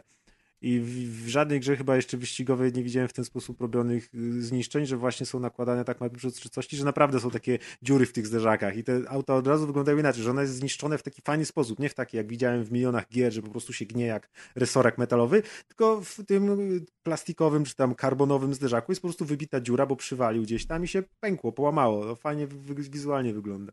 Tak jest. Reasumując, żeby, żeby już nie przedłużać, bo, bo tak naprawdę du- dużo więcej nam do, do powiedzenia nie zostało. Ja specjalnie dla, dla próby zainstalowałem Forza Motorsport 7 i po, pograłem sobie na wszystkich wyłączonych y, wspomagaczach tam. E, Rzeczywiście Forza Motorsport 7 jest e, jednak dużo lepszym symulatorem. E, No i to nie jest poziom Forcy ani, Motor, ani Project Cars 2, mm, ale A po to jest taki simcade, nie? Wiesz co, po wyłączeniu tych wszystkich wspomagaczy jest cholernie trudno. No tak. Czuć dużo bardziej różnicę między samochodami, ale tutaj jest jeszcze coś innego w tej grze. To jest to, co powiedział Kuldan na początku tej recenzji, że wraz z postępem mistrzostw w każdej kategorii, nawet jak grasz na easy i masz y, przeciwników AI na easy, to i tak robi się trudniej, dlatego że są mocniejsze samochody i przeciwnicy zaczynają lepiej jeździć. To jest zrobione specjalnie, dlatego że jeżeli będzie ci za łatwo, możesz sobie podnieść poziom trudności, jeżeli będzie ci za trudno, możesz sobie go zmniejszyć. I to jest fenomenalne, bo nic na tym nie tracisz. Poziom trudności nie ma wpływu na to, ile zarabiasz kasy. Przynajmniej nie jest to w żaden sposób wytłumaczone ani pokazane, więc wydaje mi się, że to nie ma żadnego wpływu. W trakcie każdego wyścigu, każdych mistrzostw i w każdej chwili możesz sobie wszystkie ustawienia zmieniać do woli, dzięki czemu tą grą można się po prostu bawić. I tak jak powiedział Kuldan, bez żadnych pianek, dodatków, pierdół, to to jest czysta adrenalina wyścigowa, która jest tak dostosowana, że zarówno laik, jak i osoba, która lubi troszkę bardziej symulacyjne wyścigi, będą się w tej grze świetnie bawić. Tak, bo, bo, bo ja bym powiedział, że to jest gra o jeżdżeniu, o, o, o, o wyścigach samochodowych. Tylko gra o wyścigach samochodowych i aż gra o wyścigach samochodowych. Jeżeli, bo ja nie wiem, w Need for Speedzie mieliśmy kurde fabułę ziomeczków i tam całe, całe te dodatki. I można było grać w Need for Speeda chociażby dlatego. Dla, w tego w, w Paybacka przecież faktycznie nawet te mm, aranżowane, y, szybko wściekłe y, misje fabularne były spoko i to też mogłoby jakaś motywacja. Tutaj tego w ogóle nie ma. Tu, jeżeli chcemy grać w grida, to tylko i wyłącznie po to, że lubimy y, grać w gry wyścigowe. Mm. Znaczy, Mi się ta- oczywiście, wiesz, ale ludzie, którzy grają w Project Cars, albo w Forza Motorsport 7, albo kiedyś grali w Tak, Project absolutnie Gotham Racing, super trafione oni doskonale to są dokładnie to są tak, wiesz. tak, tak, tak, tak, tak, Y, tak. Natomiast jeżeli ktoś ma dosyć Need for Speeda albo uważa, że chciałby troszeczkę więcej wyzwania, to śmiało może po grida sięgnąć, bo grid na odpowiednich ustawieniach naprawdę będzie prosty. I tutaj jest największa zaleta tej produkcji, że ona jest tak taka, uniwersalna. Tak, no, no ja jestem najlepszym dowodem, bo ja, ja gram w arcade'ówki, a z gridem się e, dobrze, spokojnie bawiłem. Tak? tak. Znaczy, powtarzałem wyścigi, przegrywałem, grając na tym średnim poziomie, ale i tak to nie było tak, że frustrowałem się, że kurde, e, ruszam i od razu ląduję na ścianie. Ta filozofia tej gry mi się bardzo z Wreckfestem kojarzy. Wreckfest też był takim, ani to symulacja, ani arcade'ówka. Można tam było, nie wiem jak po tych paczach niesławnych, ale też można było suwaczkiem sobie ustawiać, czy chcesz bardziej mieć kontrolę nad samochodem, czy chcesz łatwiej, czy trudniej. Y, Też był taki model jazdy bardzo fajny, gdzie czuć było ciężar samochodu i tak dalej. I też ta gra była skupiona na tym, że jeździmy, a nie, że tam właśnie wszystko poza jazdą. Bardzo dobre porównanie. Ja też zainstalowałem Requesta właśnie y, przy okazji recenzowania Grida, żeby sobie porównać, żeby zobaczyć tego niesławnego patcha. Faktycznie to jest podobny rodzaj kariery, podobny rodzaj zabawy, chociaż Request trochę bardziej wymusza na tobie maksowanie i zdobywanie pierwszego miejsca, żeby dostawać punkciki, bo za punkciki odblokowujesz kolejne wyścigi. W Gridzie tak nie ma. Natomiast w Requestie zauważyłem, że samochody jednak troszeczkę lepiej się zachowują, jeżeli chodzi o przeciwników, chociażby dlatego, że jeżdżą agresywnie lub nie, w zależności od tego, jaki to jest kierowca, i oni nie tylko będą się e, zachowywać agresywnie, jeżeli staniesz się ich rywalem, bo ich potrąciłeś. Chociaż oczywiście w gridzie też tak się zdarza, że po prostu kierowca będzie chciał cię wyprzedzić i zrobi coś, e, coś takiego, że cię wkurzy albo zepchnie z trasy. Z trasy. Natomiast ci, ci, ci rajdowcy w Requestie są bardziej organiczni, jeszcze bardziej niż w gridzie, co jest oczywiście mega zaletą i to jest spoko. Niestety, rzeczywiście, ten patch zmienił cały model jazdy na, do tego stopnia, że ja grając ze wszystkimi wyłączonymi wspomaganiami we Requestie, czuję, że jest dużo prościej, samochód dużo inaczej reaguje na nawierzchnię e, i faktycznie gra została e, w jakiś sposób znerfiona, żeby było łatwiej. Uproszczona. Mam nadzieję, że oni jednak wrócą do starego modelu, bo to jest po prostu niefajne. Po prostu jest to niefajne. Natomiast w międzyczasie, zanim Requesta naprawią, grajcie w Grida, bo to naprawdę dobre wyścigi są. A my przechodzimy do A to Indivisible, czyli gry, która, gdzie kas została z, zabrana na nią kasa? Mm, Nie wiem, nawet nie śledziłem na Kickstarterze. Witamy! Wracamy! pewnie w Mało mnie to na interesuje, tak Indiegogo, jeśli się naprawdę. nie mylę. I oni zebrali tam w sumie e, bodajże 4 miliony dolarów, niecałe 4 miliony dolarów. I to było tak, że ta gra została wsparta bardzo dawno i tam był jakiś Mhm. problem z jej e, developmentem, bo bardzo długo to powstawało i kilka razy w ogóle przesuwali premiery i tak dalej. I e, dla mnie niesamowite jest to, że ja ją kojarzę z robienia codzienników, widziałem jakieś materiały o niej, ale tak naprawdę ja nie wiem, jaki to jest gatunek. Tak naprawdę to chciałem jeszcze jedno powiedzieć, że... Też nie wie. Nie też grał. wiem. Chciał wywalić to z rozpiski. E, Jest, chciałem tylko dopowiedzieć do tego pięknego wstępu, że kompozytor tej gry to Hiroki Kikuta, więc to bardzo takie ładnie brzmiąco polskie nazwisko. E, Ale to jest znany twórca akurat na przykład Secret of Mana. E, Natomiast co to jest za tytuł? To jest ym, miks delikatnego RPG z bijatyką i z Metroidvanią e, 2D. E, Tak to No, można określić. Duży miks. Tak, i w ogóle bardzo specyficzny, bo y, ta gierka mm, jest, to jest naprawdę wysokiej jakości gra. To jest produkcja, która będzie zdobywać i pewnie zdobywa oceny rzędu, nie wiem, 7-9, coś w tych kategoriach, y, bo ta gra naprawdę wygląda ładnie. Chociaż ten styl graficzny, gdzieś słyszałem takie porównanie i wydaje mi się on, ono dosyć dobrze trafione, że Przypomina trochę kreskówki z lat 90., ale nie japońskie, mimo tego, że postacie mają duże oczy i w sumie faktycznie taką inspirację w tym widzę. Wygląda to bardzo fajnie. Jest dużo szczegółów, jeżeli chodzi mm, o tła. E, Same animacje postaci też wyglądają świetnie, ale masz niestety takie poczucie, nie umiem tego do końca określić, że trochę mi to zalatuje flaszówką, nie? że mimo wszystko, że to wygląda pięknie, to mam takie dziwne wrażenie, że trochę tym flaszem zalatuje. E, Także nie jestem tak w pełni zupełnie przekonany do tej e, stylistyki, e, chociaż sądzę, że większości osób ona bardzo, bardzo przypadnie do gustu. Właśnie ze względu chociażby o jakość tełu, bo one są świetne. Natomiast tak, o muzyce powiedzieliśmy, kompozytor sam w sobie jest już znany i nie ma się do czego przyczepić. Grafika jest y, bardzo dobra. Mm, Jeżeli chodzi o gameplay, jest on bardzo specyficzny. Wygląda to mniej więcej tak, że biegamy jak w platformówce. Zresztą tutaj mm, parę elementów platformowych jest.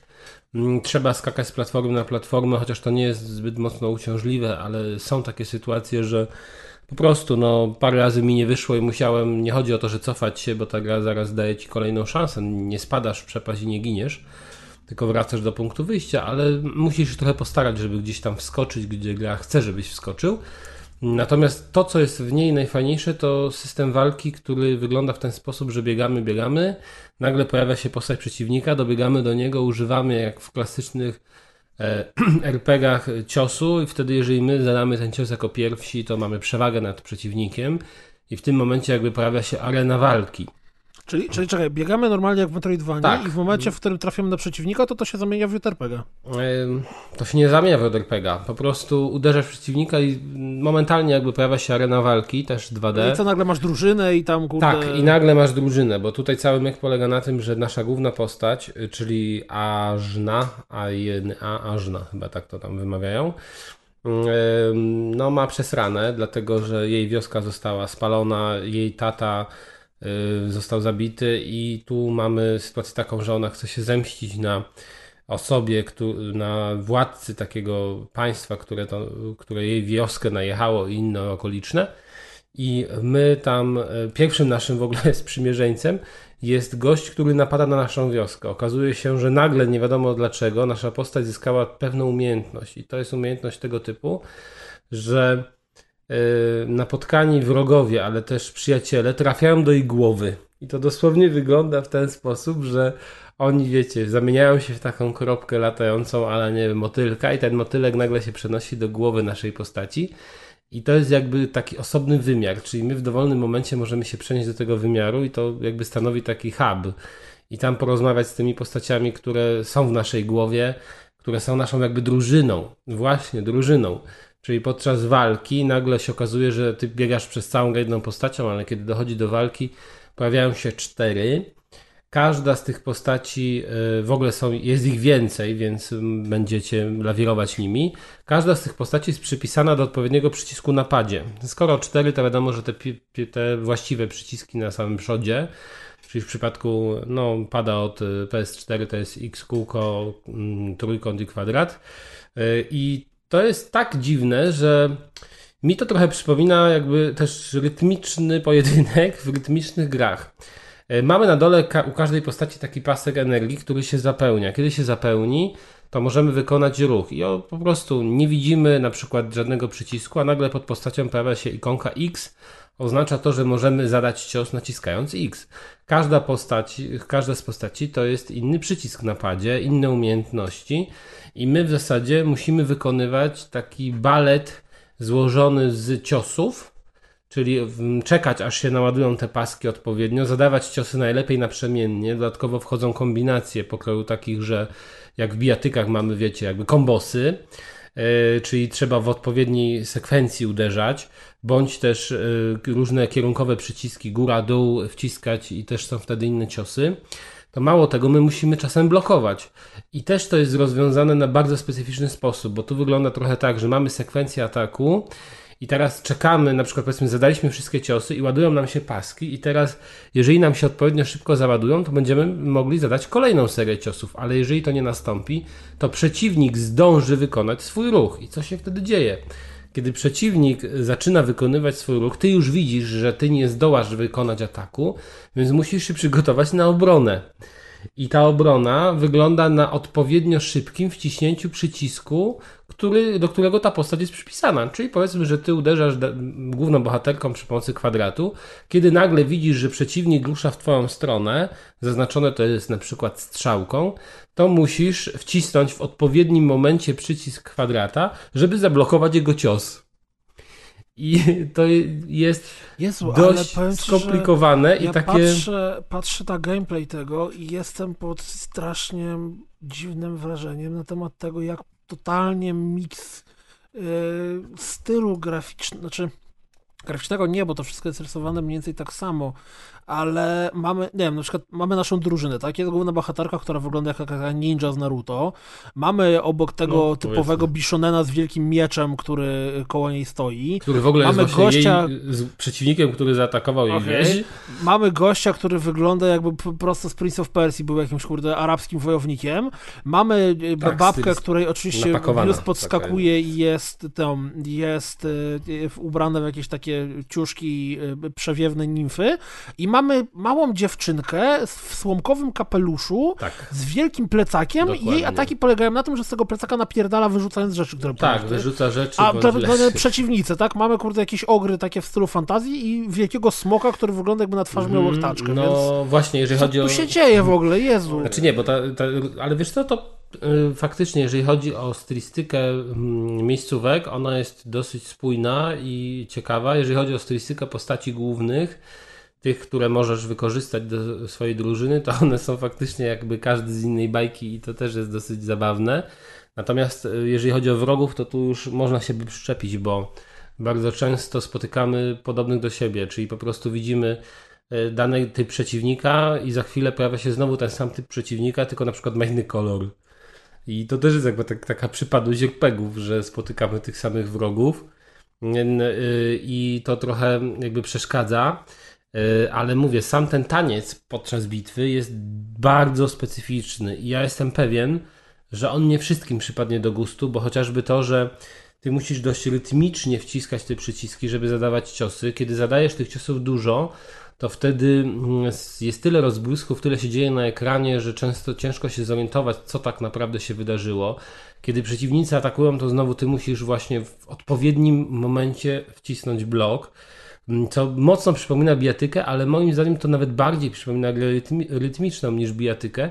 I ja czasami miałem taką sytuację, że na przykład w ogóle się nie wpatrywałem w to, co się dzieje na ekranie, tylko jakby patrzyłem na ładowanie ciosów moich postaci, kiedy, kiedy mogę, mogę zadać cios e, i patrzyłem tylko na strzałki, które wyświetlają się, kiedy przeciwnicy atakują. W ogóle nie patrzyłem na resztę wydarzeń, bo jakby to, dzięki temu wygrałem starcie.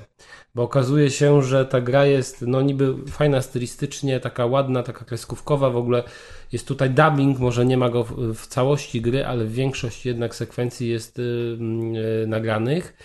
Y, I to taką ma stylistykę bardzo kreskówkową, zabawną, dosyć dialogi są całkiem fajne, y, ale ten poziom trudności jest nierówny i y, podczas na przykład walk z bossami bardzo często zdarza się ginąć i właśnie mówię, mój patent na to, żeby nie ginąć, żeby sobie radzić w tych starciach jest w ogóle nie skupianie się na tym, co robią postaci, jak one uderzają i tak dalej, tylko patrzenie na te przyciski i liczenie, kiedy mogę wcisnąć przycisk, a kiedy powinienem ten przycisk wcisnąć, y, żeby zablokować rywala. Także mi to mocno przypominało grę rytmiczną, y, a więc taki miks bijatyki ry- gry rytmicznej i RPGa i Metroidvanii.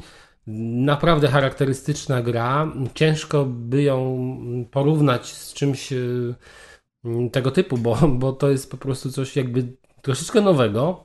A więc y, fajnie, że można wymyślić y, niby w skostniałej branży coś innego.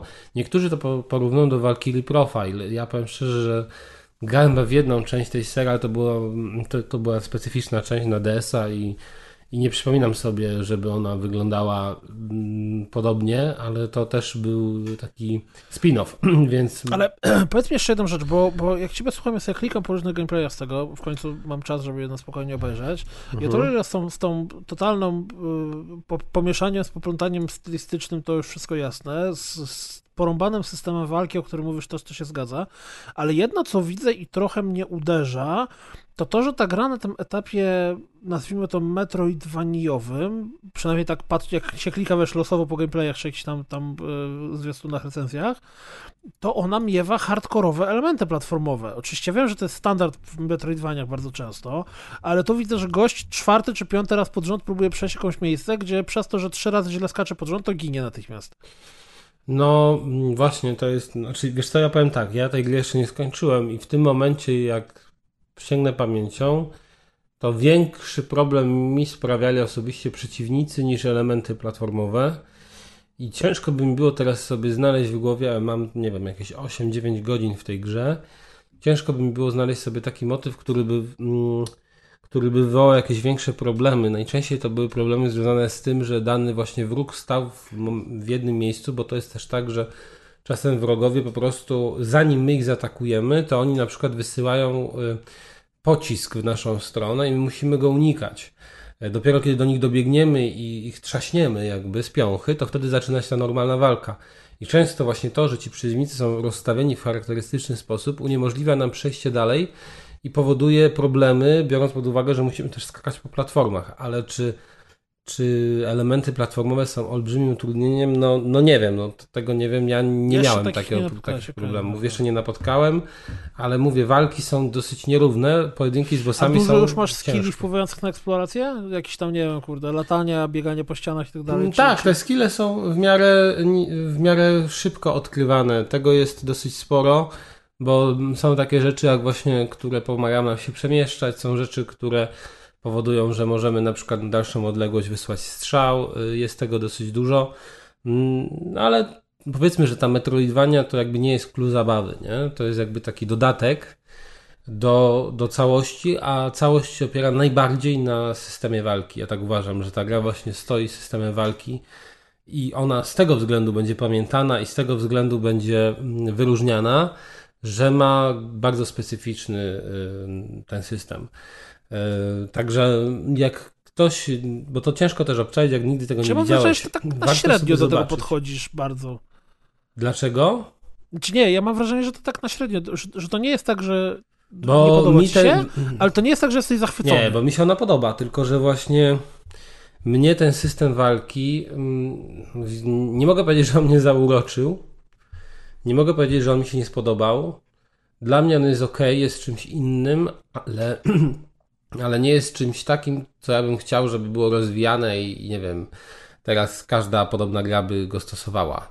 On jest na tyle specyficzny, że nie, tra- nie wszystkim przypadnie tak, nie, nie wszyscy go pokochają. Ja go nie pokochałem. On jest ok, ale ja się często męczyłem. Mnie na przykład właśnie męczyło to, że nie mogę podziwiać jakby co się dzieje na ekranie, tylko muszę się skupiać na wciskaniu tych przycisków i bardziej patrzeć w ikonki, które się pojawiają pod postaciami, niż na same postacie i na wydarzenia na ekranie. Bo po prostu to u mnie y, zdawało egzamin. Kiedy patrzyłem dokładnie, patrzę, o dobra, teraz się wyświetla ikonka, to wciskam, a teraz u drugiego się wyświetla, to wciskam. Nie? To trochę tak jak gry muzyczne, że w grach muzycznych często nie obserwujesz w ogóle tego, co się dzieje w tle, jest jakiś teledysk albo jakieś super grafiki, tylko patrzysz na strzałeczki, które wchodzą i w które musisz w odpowiednim miejscu wcisnąć. E, Także jakby ta grafika i to, co się dzieje na ekranie, schodzi na dalszy plan, to tło, a pierwsza rzecz to są te przyciski, które wciskasz. Dokładnie dla mnie jest tutaj to też e, tak zachowane, tak zrobione. E, I przez to właśnie mam z tą grą problem, bo ona mi się podoba, jest na pewno fajna i na pewno warta sprawdzenia. Jeżeli macie możliwość, to odpalcie sobie na YouTube filmik i sprawdźcie, jak to wygląda, ale ona też nie trafi do wszystkich. No jest na tyle specyficzna, charakterystyczna, inna, że nie trafi do wszystkich. Na pewno e, znajdą się fanatycy, którzy stwierdzą, że to jest w ogóle jedna z najbardziej zajebistych gier tego roku, jeżeli chodzi o takie, nie wiem, gry 2D, czy, czy, je, czy coś zupełnie, wiecie, odkrywczego. Yy, No, ale mówię, to zawsze jest tak, nie? że jak jest coś nowego, yy, innego, yy, charakterystycznego, to, to nie wszyscy to kupują w 100%. Niektórzy tego, niektórzy to pokochają, niektórzy znienawidzą. Ja jestem tak między młotem a kowadłem, mi się to podoba, ale to też nie na tyle, żebym jakieś peany tutaj nad tą górą wytaczał. Yy, Fajny tytuł, warto sobie zobaczyć. Nie wiem, czy na Switcha jest, chyba jeszcze nie ma, ale na PlayStation 4 i bodajże na Xboxie i chyba na PC-tach już, już się pojawił. Yy, Zobaczymy jak ze Switchem, bo to jest idealna gra na Switcha, no nie ukrywajmy. Ja też wolałbym ją ogrywać na Switchu. Czyli wziąć sobie czasem, yy, nie wiem, do łóżka i część, od, kawałek odpalić i, i wyłączyć, niż przed tym telewizorem siedzieć. Aha, jeszcze jedna rzecz. To ma Są tutaj savey to- niestety, nie ma To save, nie jest wiecie, full price. no tak, tak. Są tutaj savey takie mm, jak właśnie w Metroidvaniach, nie? Czyli mamy punkty save'u. One są częste i mówię, jak się nawet ginie w walce, to zaraz cię cofa do najbliższego momentu, także to nie jest to problem, ale nie rozumiem dlaczego oni zastosowali na przykład, że po przejściu tam jakiegoś fragmentu on automatycznie save'uje, tylko my musimy save'ować za każdym razem przy specjalnych takich posążkach.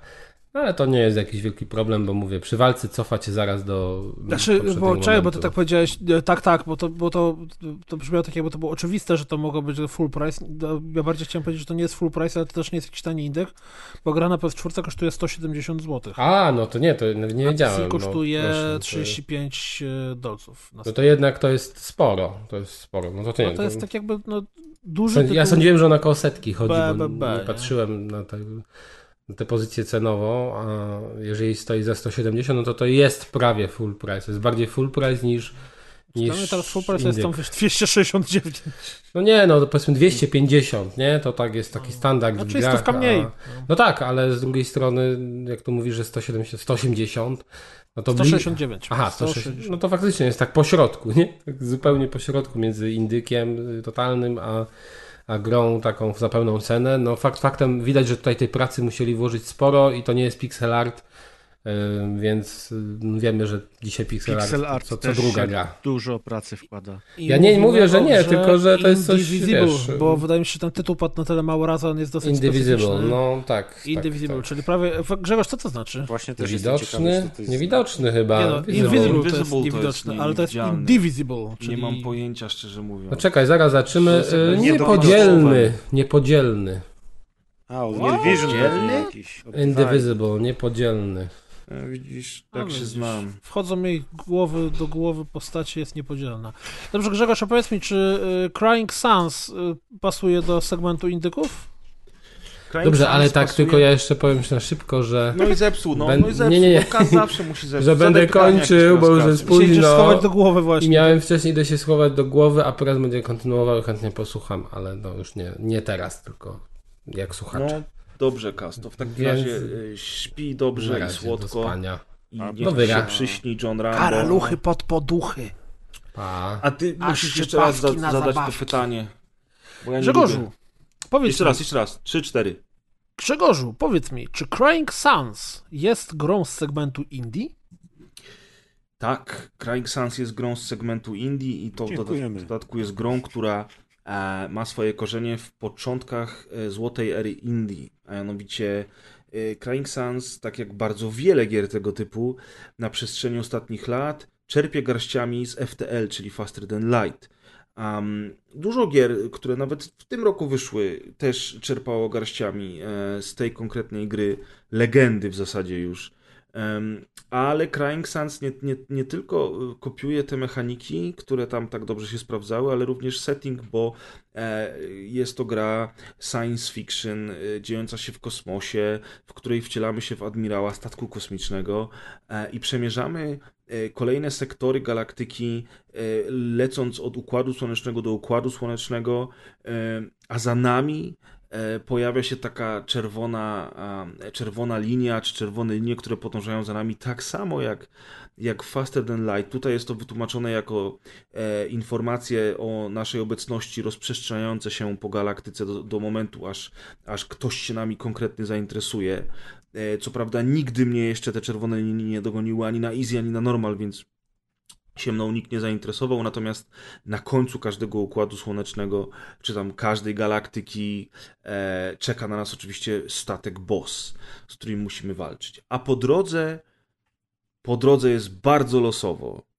Całość jest, e, całość jest e, grą z gatunku roguelite, e, ponieważ niektóre nasze postępy przechodzą z rozgrywki do rozgrywki. Ginąć będziemy często i gęsto, w ten sposób ucząc się gry. Niestety ta losowość tutaj jest, jest troszeczkę zbyt rzucająca się w oczy, ale powoli.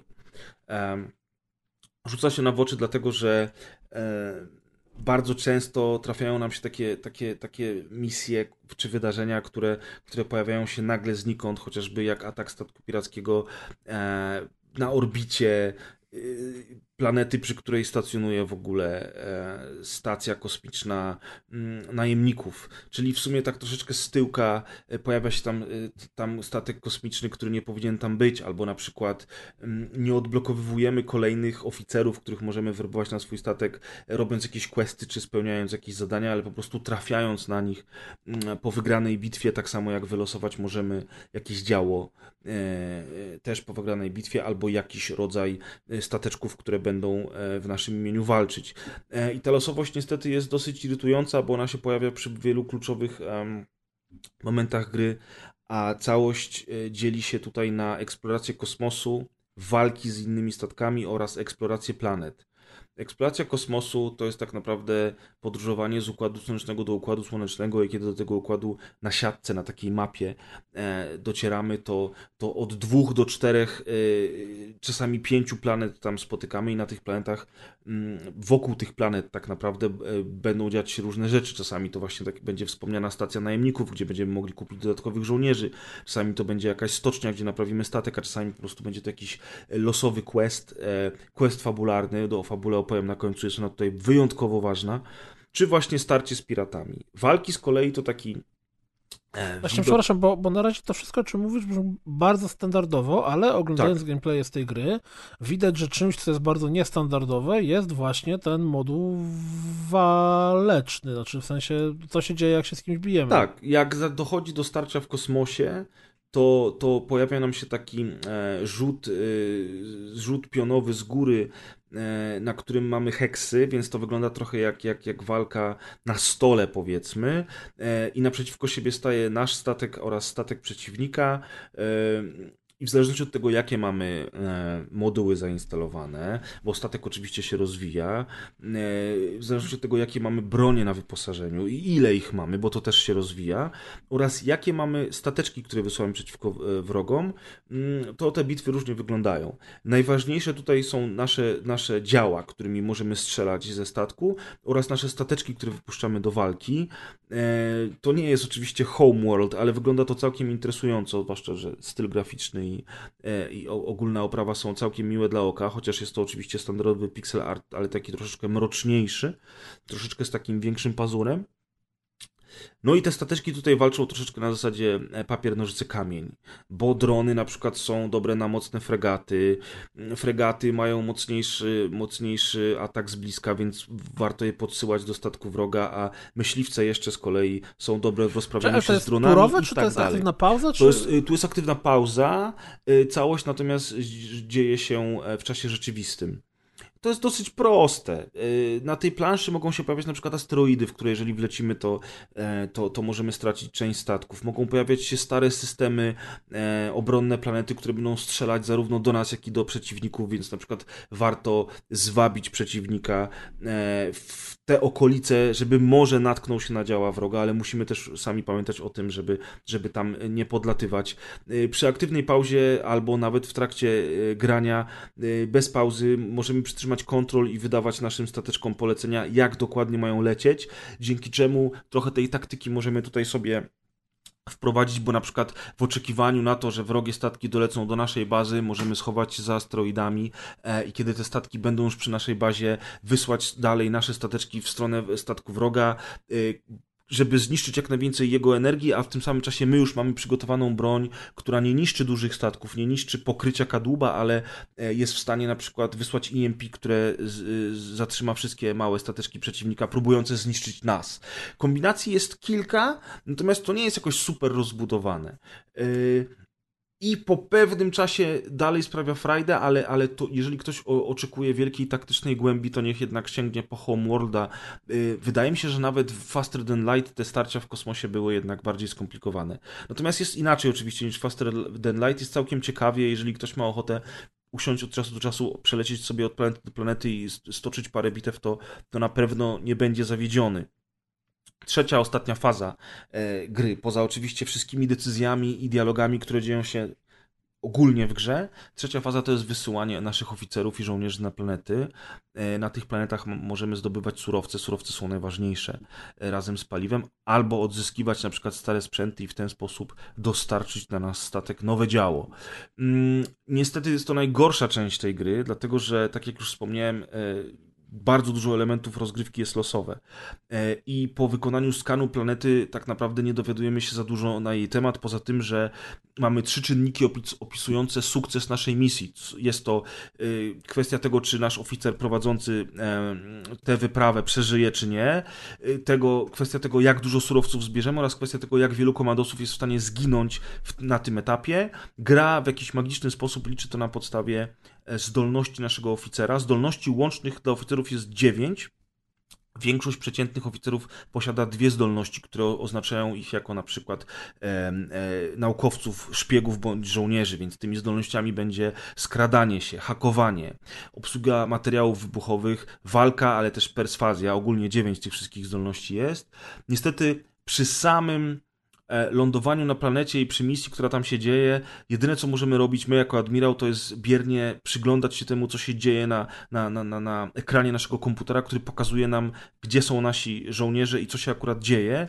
I tutaj już jest taki najbardziej y, dla mnie niezrozumiały element gry, bo bardzo często obserwujemy różne wydarzenia, które się pojawiają. Duża część z nich to są wydarzenia, które są związane ze zdolnościami naszego, y, naszego dowódcy, czy tego, tej wyprawy, więc jeżeli nasz dowódca, oficer jest szpiegiem, to to on będzie na przykład miał dobre skradanie i perswazję i połowę tych wszystkich y, spotkań, które się zadzieją w trakcie tej wyprawy na planetę, on zaliczy na zielono, czyli nic się nie stanie, unikniemy walki albo wręcz y, zdobędziemy jakieś tam surowce. Natomiast bardzo często to po prostu jest takie zielone, czerwone, bum, bach, zielone, czerwone, o nie, nóż, czyli, czyli walka, on tego nie umie, o, tutaj za chwilę jest rozmowa, on tego też nie umie, znowu czerwone, więc pach, pach, jest strzelanina, widzimy, że połowa naszych żołnierzy jest ranna, albo że ktoś zginął, albo że trochę życia stracił nasz oficer.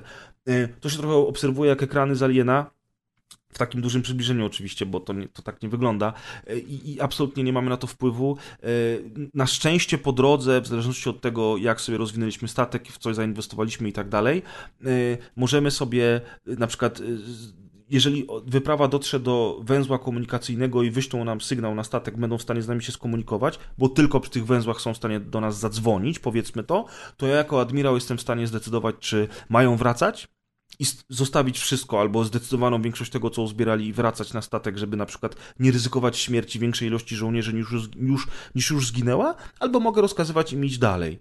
Mm, aż do końca całej wyprawy, gdzie oczywiście też wracają, jeżeli przeżyją, jeżeli dotrą, to, to wracają do nas na statek.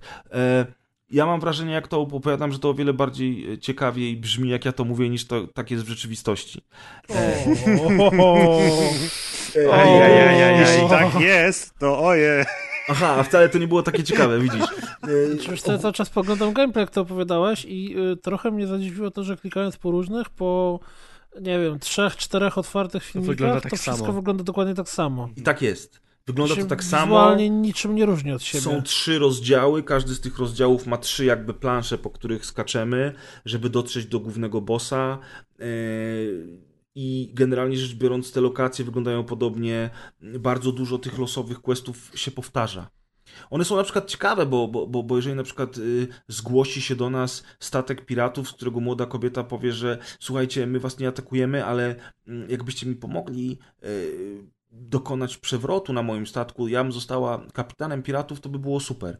I na przykład możemy pomóc, możemy zaatakować, możemy ich olać, ale jeżeli na naszym statku jest szpieg, to będziemy w stanie mieć nową opcję i powiedzieć temu szpiegowi, słuchaj, jak oni tam na tym statku między sobą walczą, to weź ty się zakradnij i zwiń im jak najwięcej surowców tylko się da. I ten szpieg faktycznie tam leci i mówi, no cholera, wykryli mnie na statku, idą po mnie, ale mam tutaj trzy drzwi i nie wiem, które wybrać. I teraz ty możesz wybrać, wybierz drzwi jeden, dwa lub trzy. Możesz na coś trafić albo nie musisz na nic trafić. A tam Ząg i Zygmunt Heiser. Turu, turu. Ale jeżeli, jeżeli masz na swoim statku inżyniera, to pojawi ci się nowa opcja w trakcie tego questu, żebyś e, poprosił inżyniera o pomoc. I ten inżynier na przykład mm, mówi, słuchaj, wiesz co, ja wiem jak są zbudowane statki piratów. Za żadnymi drzwiami nie ma skarbu. Skarb jest pod deskami w podłodze. Oczywiście deski na statku kosmicznym to już jest taka troszeczkę fantazja, ale tak jest. I, on, I wtedy ten twój szpieg mówi, faktycznie cholera, już mam całe złoto i wracam. I wtedy wraca do ciebie z surowcami e, i misja jest udana. Więc te questy są całkiem interesujące. Tak samo jak na przykład możesz poprosić e, jakiegoś innego swojego oficera, żeby e, wziął udział w dyplomatycznej dyskusji i kogoś, z kim właśnie rozmawiasz, przekonał do czegoś, do czego ty nie jesteś w stanie go przekonać. Natomiast to wszystko znowuż jest losowe, co zależy od tego, jakich oficerów weźmiesz na ten swój statek. Możesz ich mieć łącznie czterech albo pięciu, albo przy ale przy każdym starcie wybierasz różnych. Niektórych właśnie zdobywasz przez questy, czy tam losowe tak naprawdę znajdźki i oni są na stałe przypisani już do twojego roostera. Oni są dużo lepsi niż ci podstawowi, bo na przykład mają trzy zdolności specjalne z dziewięciu zamiast dwóch, albo mają jakieś e, lepsze elementy wpływające na obsługę statku, bo właśnie, czemu ci oficerowie w ogóle na statku są? Jeżeli przy, przydzielimy oficera odpowiedzialnego za stateczki do statku, to on może mieć na przykład e, plus 5% szybsze e, naprawianie stateczków, a jeżeli przydzielimy oficera, który jest dobry w obsłudze dział, do działa, to on może spowodować, że coś tam będzie się szybciej chłodziło i tak dalej, więc oni też po to służą. Mm, ale tam znowu mówiąc, losowość, losowość, losowość, bronie, e, oficerów, wszystko zdobywasz w taki dziwny, losowy sposób. Plus właśnie to, że dużo questów się powtarza często.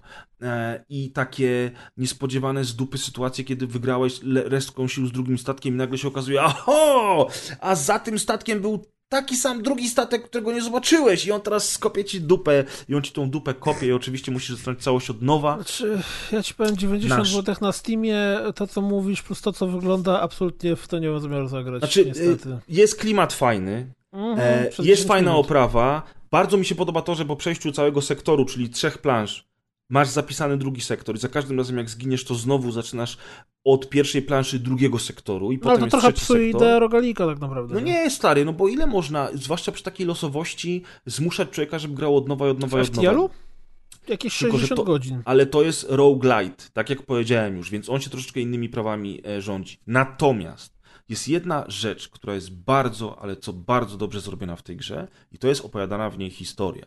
Tutaj fabuła jest bardzo ważna i od samego początku rozgrywki dowiadujemy się bardzo wielu rzeczy, które potem się pojawiają w trakcie grania i pojawiają się takie, takie sytuacje i takie questy, podczas których pchamy tę fabułę do przodu. To jest w odpowiedni sposób wyjaśnione. Może nie do końca wszystko trzyma się kupy w kwestii tego, że giniemy i się odradzamy, natomiast Natomiast ogólnie ta fabuła jest czymś, co pchacie do przodu. Dlatego, że y, sami twórcy się chwalą między innymi, że inspirowali się Duną i to rzeczywiście czuć. Tutaj jest całkiem ciekawa intryga, e, tajemnica do odkrycia, postaci, które spotykamy, które jakby ujawniają przed nami kolejne fragmenty układanki. I ten element zabawy jest dla mnie czymś nowym w roguelite'ach, bo zazwyczaj jednak te gry nie skupiają się tak bardzo na fabule, a tutaj widać, że, że fabuła jest bardzo, ale to bardzo ważna i nie dość, że ona jest ważna, to ona jest na tyle ciekawie napisana, że z przyjemnością się te wszystkie dialogi czyta. No bo one są oczywiście czytane, jest to gra indie, nie ma voice actingu.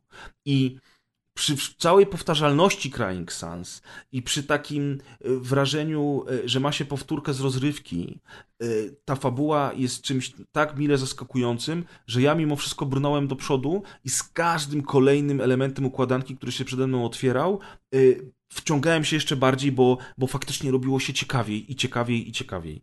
I ja wiem, że z grubsza nie jesteście zainteresowani, ale ten jeden element naprawdę cholernie miło mnie zaskoczył. Także Crying No, Sans jest dostępny na Gogu. fartucha generalnie. I, Nie, znaczy, bo to jest kolejna gra jakich dziesiątki. Ja ostatnio mam dosyć tych ciągle powtarzalnych, takich samych gier, które się tak naprawdę po gruncie rzeczy niczym nie wyróżniają. Okej, to, że ona ma fabułę, to fajnie, ale domyślam się, że jeżeli byś porównywał to z jakąkolwiek interesującą książką SF, to pewnie nie ma o czym mówić, nie? nie książki. znaczy wiesz, no okej, Mało raz, która gra się może waży- porównać do, do No książek. właśnie. Nie, no, Ale wiesz, ale z znaczy- drugiej strony ta gra, ta gra ma na, naprawdę na tyle ciekawą fabułę, że chce się, chce się, chce się ją odkrywać. Natomiast e, tak jak Znaczy, mówisz, cieszę się, że raz, dobrze że- się bawiłeś, to absolutnie. Bawiłem się dobrze, bawiłem się dobrze, natomiast nie bawiłem się jakoś wybitnie i też miałem wrażenie, że już mam chyba dosyć e, tego typu gier. Mam wrażenie, że w ogóle Faster Than Light był nie tylko e, zbawieniem e, gier indie, ale też, ale też klątwą dla gier indie. Znaczy, E, przy, prostym przykładem, prostą odpowiedzią na to, czym był Faster Than Light jest to, że o Faster Than Light wszyscy dalej pamiętamy i go wspominamy, a o drugiej grze twórców Faster Than Light już nawet Jezus, Into the Bridge jakoś ciszej.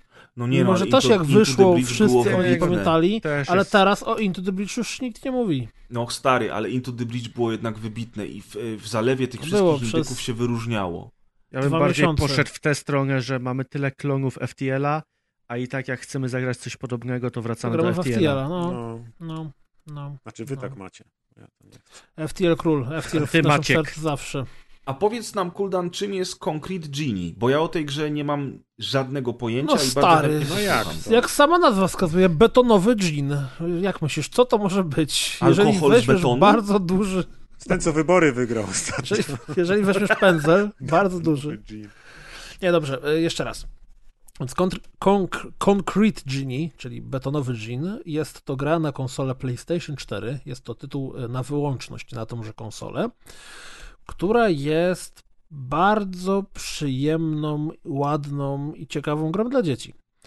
Od początku. Concrete Genie zaczyna się od tego, że nasz bohater, który siedzi sobie w jakiejś takiej opuszczonej dzielnicy e, rybackiej swojego miasteczka, smaruje sobie e, ołówkiem i farbkami po swoim notatniku, rysuje różne fantazyjne stwory i wymyśla sobie, jak to w ogóle mm, można by było jakieś ciekawe rzeczy namalować.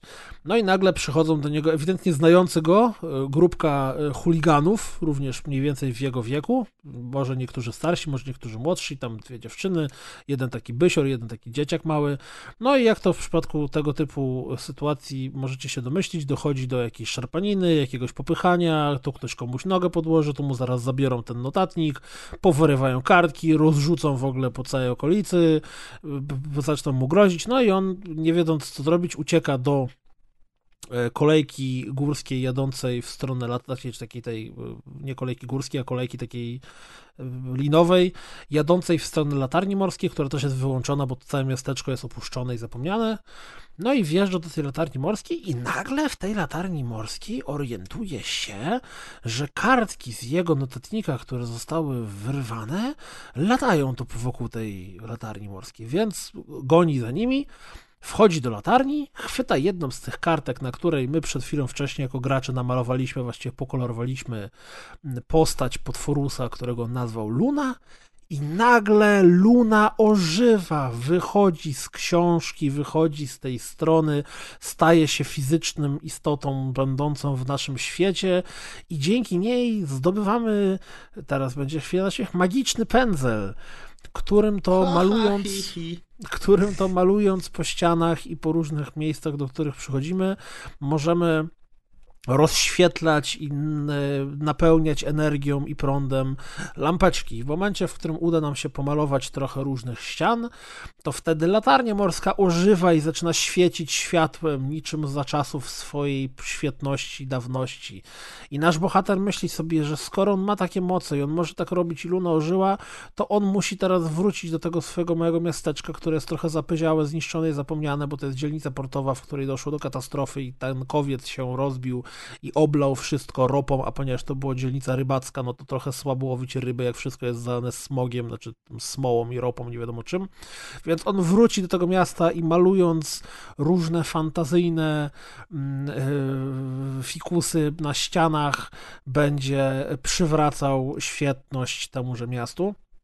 No i tak, gra jest połączeniem takiego absolutnie klasycznego platformera, gdzie sobie biegamy tym chłopkiem, chodzimy, wspinamy się na ścianki, z właśnie masą malowania po ścianach. Malowanie wygląda w ten sposób, że e, jest wykorzystana funkcja ruchowa pada, to znaczy jak, jak nim wiecie, tak jak niczym we Flower, że po prostu wychylając go w określone strony, to w tą stronę poruszamy pędzlem, a element, który malujemy, po prostu wybieramy z mm, oddzielnego menu, czyli dajmy na to, jeżeli chcemy chcemy namalować e, łunę, znaczy nie łunę, tą zorzę polarną, to wybieramy sobie zorzę polarną i potem robiąc takie maźnięcie padem po ekranie, po prostu on tworzy się w kształcie tego naszego maźnięcia zorza polarna. A jak na przykład chcemy namalować kwiatka, to wybieramy sobie kwiatka i w jednym punkcie naciskamy guziczek, ciągniemy do góry i w taki sposób powstaje ten kwiatek.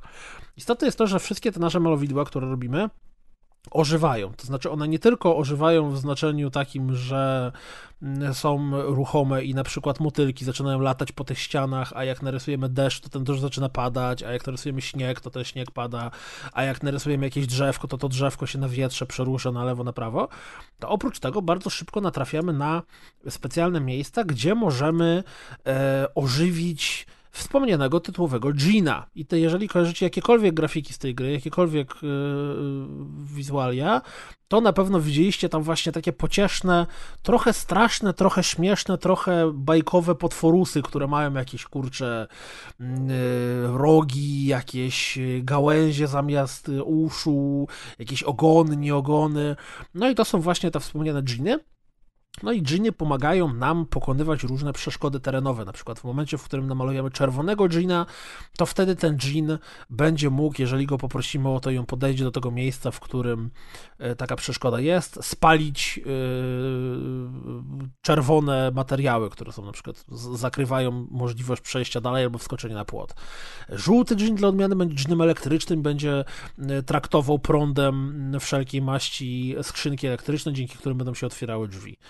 E, to nie jest tak, że my natrafiamy na zagadkę logiczną i musimy tam wezwać tego dżina, tylko to jest tak, że mamy określone miejsca, gdzie wzywamy dżinów i oni po prostu sobie potem chodzą po planszy i możemy ich przywołać do miejsca, gdzie potrzebujemy ich pomocy, bowiem, tak jak wspomniałem, jest to gra dla dzieci. I jakiekolwiek wyzwanie, które ona stawia, to jest wyzwanie dla 10-12-latka, latki. Nie jest to absolutnie wyzwanie dla 20, 30, 40-latka i mm, to nie jest tak, że będziecie się głowili, jak te drzwi otworzyć, co ja to muszę... Nie, dla was to będzie absolutny samograj, po prostu i, i jeśli chodzi o te aspekty zręcznościowe, to też dla każdego dorosłego człowieka, to chyba, że na przykład pójdziemy w drugą stronę, czyli weźmiemy kogoś, kto nigdy w życiu pada nie trzymał w ręku, to wtedy faktycznie to może być wyzwanie, ale dla ludzi, którzy grają y, absolutnie mm, y, nic, co ta gra serwuje, nie sprawi żadnego wyzwania, ale to nie ma żadnego znaczenia, bo mm, ona w taki absolutnie płynny sposób wciąga nas do tego świata. Ja jestem kompletnym, absolutnym antytalenciem graficznym. Jedyne, co umiem narysować w życiu, to umiem narysować komara i to jest mój wyczyn absolutnie i kłębek kurzu. To są dwa moje popisowe rysunki, to tyle. Nie mam żadnych, ale jak narysuję psa, to generalnie myślę, że nadawałby się do gry Czarnobyl, o której Grzegorz będzie mówił i to też niekoniecznie może być za straszne, gdybym go narysował. Więc przy moim absolutnie braku e, artystycznych umiejętności, to ten system mazania sobie z gotowych e, takich template'ów, takich wiecie, sampli jakby, z których tworzymy jakieś krajobrazy, jakieś ożywające obrazki, sprawia mi naprawdę dużo przyjemności, bo ta gra jest cholernie wizualnie ładna. Tam wszystko do siebie pasuje. Na przykład postaci z jednej strony wyglądają jak z jakiegoś dowolnego filmu Pixara, są takie, wiecie, nawet może nie teraz film Pixara, ja, ja miałem skojarzenie z e, komiksem europejskim. To jest taka charakterystyczna, charakterystyczny ich wygląd, a jeżeli zwrócicie uwagę na to, jak oni się wyglądają ruszając, konkretnie chodzi o mimikę postaci, to ona jest rysowana. To znaczy, oczy i e, usta nie są obiektem 3D, który jest animowany, tylko jest tak jakby płaskim, rysowanym na. Tekstura jest animowana. Tak, sama. tekstura jest animowana, tak.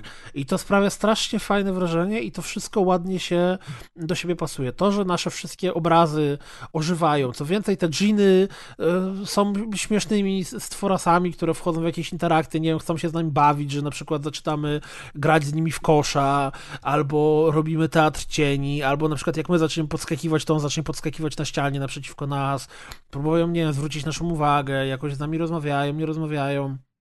To wszystko jest takie, takie, w ogóle musicie zobaczyć, jak ta gra w ruchu wygląda, bo, bo, bo, bo przez ten y, połączenie miasta, które jest takim zapuszczonym w brązowo-brunatnych barwach, z e, takim maksymalnie neonowym stylem tych naszych rysunków, bo to wszystko się świeci, ma kurczę wyraźne kolory, tam się jakieś rzeczy ruszają, nie ruszają, słoneczka malujemy, to, to naprawdę wygląda bardzo ładnie. Mm, e, też mi przypomina e, Infamous, z jego e, szalonymi neonami, które e, pasowały e, bardzo do siebie i też sprawiały takie ładne wrażenie. Więc ta gra wizualnie też jest bardzo ładna. Jest samograjem, idziemy sobie przez tę historię z, z przyjemnością. Nie mamy jakichś zbyt dużych problemów natury giereczkowej. Mm, w momencie, w którym no bo my y, zostaliśmy wypędzeni przez tych naszych ziemaczków z, z, tego miasta, ale potem wracamy i malujemy ściany, i, więc choć pomaluj mój świat na żółto i na niebiesko, dosłownie. Mm, y, ale ci nasi koleżkowie, nie koleżkowie, chuligani tam krążą po tym mieście. I jeden aspekt kolejny, który teoretycznie stanowi dla nas wyzwanie, to to, że musimy ich unikać. Czyli na przykład stajemy na jednej, na, na dachu jednego budynku, mówimy, ej, tu jestem, spróbujcie mnie złapać. W tym momencie oni mówią, no, aż zaraz ci wpierdzielimy. W tym momencie przychodzisz, schodzisz z drugiej strony i już y, możesz zrobić to, co chciałeś zrobić, więc znowu dla mnie, czy dla was nie sprawiłoby to zbyt dużego problemu, ani jakichś specjalnych y, To jest taki Kłopotów. duchowy następca Buliego. Tak, Tylko bez przemocy. On, Natomiast on przemoc jest, jak wygląda. najbardziej, absolutnie jest przemoc, bo to są chuligani, którzy naszego, naszego, jeżeli na przykład nas złapią, to wtedy na, po pierwsze nam zabierają pędzel, po drugie y, biją nas i wrzucają nas do kosza na śmieci. My wychodzimy z kosza na śmieci i musimy Klas. znaleźć nasz pędzel, nie? Więc klasyk.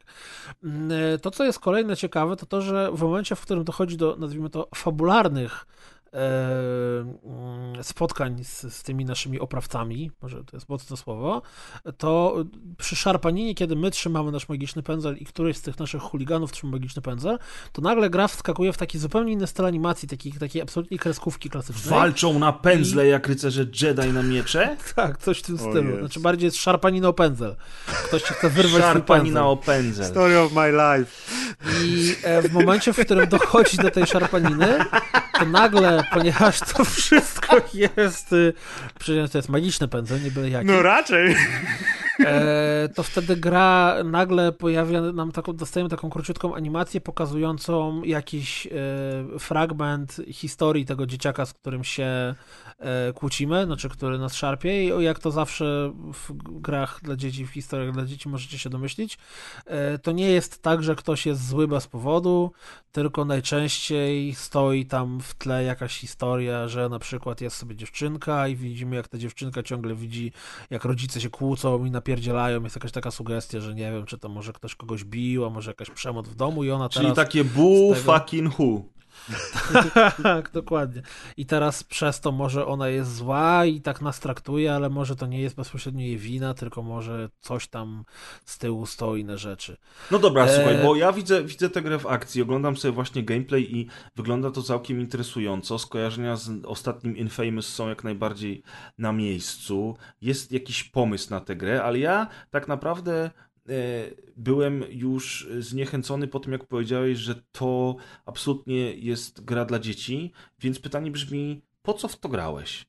Dlatego, że to jest śliczna, miła, przyjemna gra z, z sympatyczną powieścią, y, którą skończyłem w jakieś, nie wiem, 3,5-4 godziny, więc ona nie zdążyła mi się w żaden sposób znudzić, bo, bo grając w nią jest krótka i to jest tak, że jak w nią grasz, to ona cały czas daje tobie coś nowego. A to wejdziesz do nowej miejscówki, a to dostaniesz nowe y, template'y do malowania, a to nagle fabularnie coś tam się stanie, co cię zainteresuje, więc nie ma, nie ma takiego momentu, że jesteś w stanie się znudzić w jakikolwiek sposób i przez to, że to trwa te, nie wiem, 3,5-4 godziny, to w ogóle nie jesteś w stanie się znudzić, tylko po prostu cały czas lecisz przed siebie i, i czerpiesz, i ułykasz wszystko, co ta gra ci oferuje. Mm, Zwłaszcza, że mniej więcej w trzech czwartych dochodzi do kompletnego wywrócenia wszystkiego do góry nogami. I zamiast takiej właśnie wychillowanej atmosferki, biegania sobie po mieście i malowania po ścianach, nagle gówno wpiada w wiatrak, my tam zaczynamy, kurde, mieć w ogóle pasek życia i pojawiają się walki z przeciwnikami, czego ja się Jak na miecze też... świetne. Tak, jak to oczywiście, wiadomo, wiadomo, miecze świetne król, nie? E, I i wtedy ta gra też, wiesz, już, już wydaje się tobie, że już wszystko widziałeś, po czym nagle gra dostaje, daje tobie coś zupełnie innego, więc idziesz z ciekawością, czym, czym to się skończy mm, i o co tam chodzi, więc y, jak najbardziej ja nie było powodu, żebym nie chciał grać w tę grę. Zwłaszcza, że naprawdę ona wygląda absolutnie prześlicznie. I też byłem ciekawy, jakie są historie tych dzieciaków, czemu one stali się bullies i, w ogóle, nie? Więc y, jest to kolejny wyjątkowy tytuł z y, PlayStation, którego ciężko szukać y, po drugiej stronie, albo generalnie wśród multiplatform. PlayStation ma gry po prostu. Dobrze, dobrze, No. już proszę tę mowę nienawiści, nienawiści zaniechać. Nie, biescy. I też Proszę ona jest. trzymać y, zwieracze. Też ona jest y, niedroga tak naprawdę, bo ona A ile kosztuje kosztuje? około 120 zł bodajże. No to jak na Znaczy- 4 godziny, to akurat. No, jak Wiecie, jakie jest sobie- moje zdanie na ten temat. Ja się wypowiadać nie będę. E, Czekaj, natomiast... dokładnie, żeby nie było.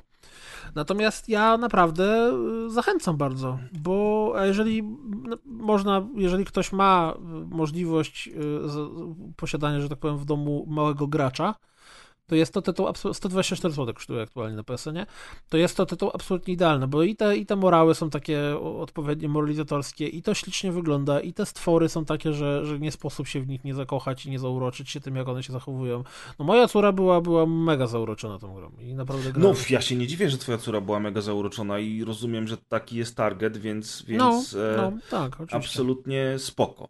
Natomiast widzę teraz, właśnie patrząc na sklep, że tutaj mamy PEGI 12, no bo jednak jest ten temat tej przemocy yy, między dziećmi i tak dalej, więc mówię, to, moje celowanie 10-12 lat to tak idealnie.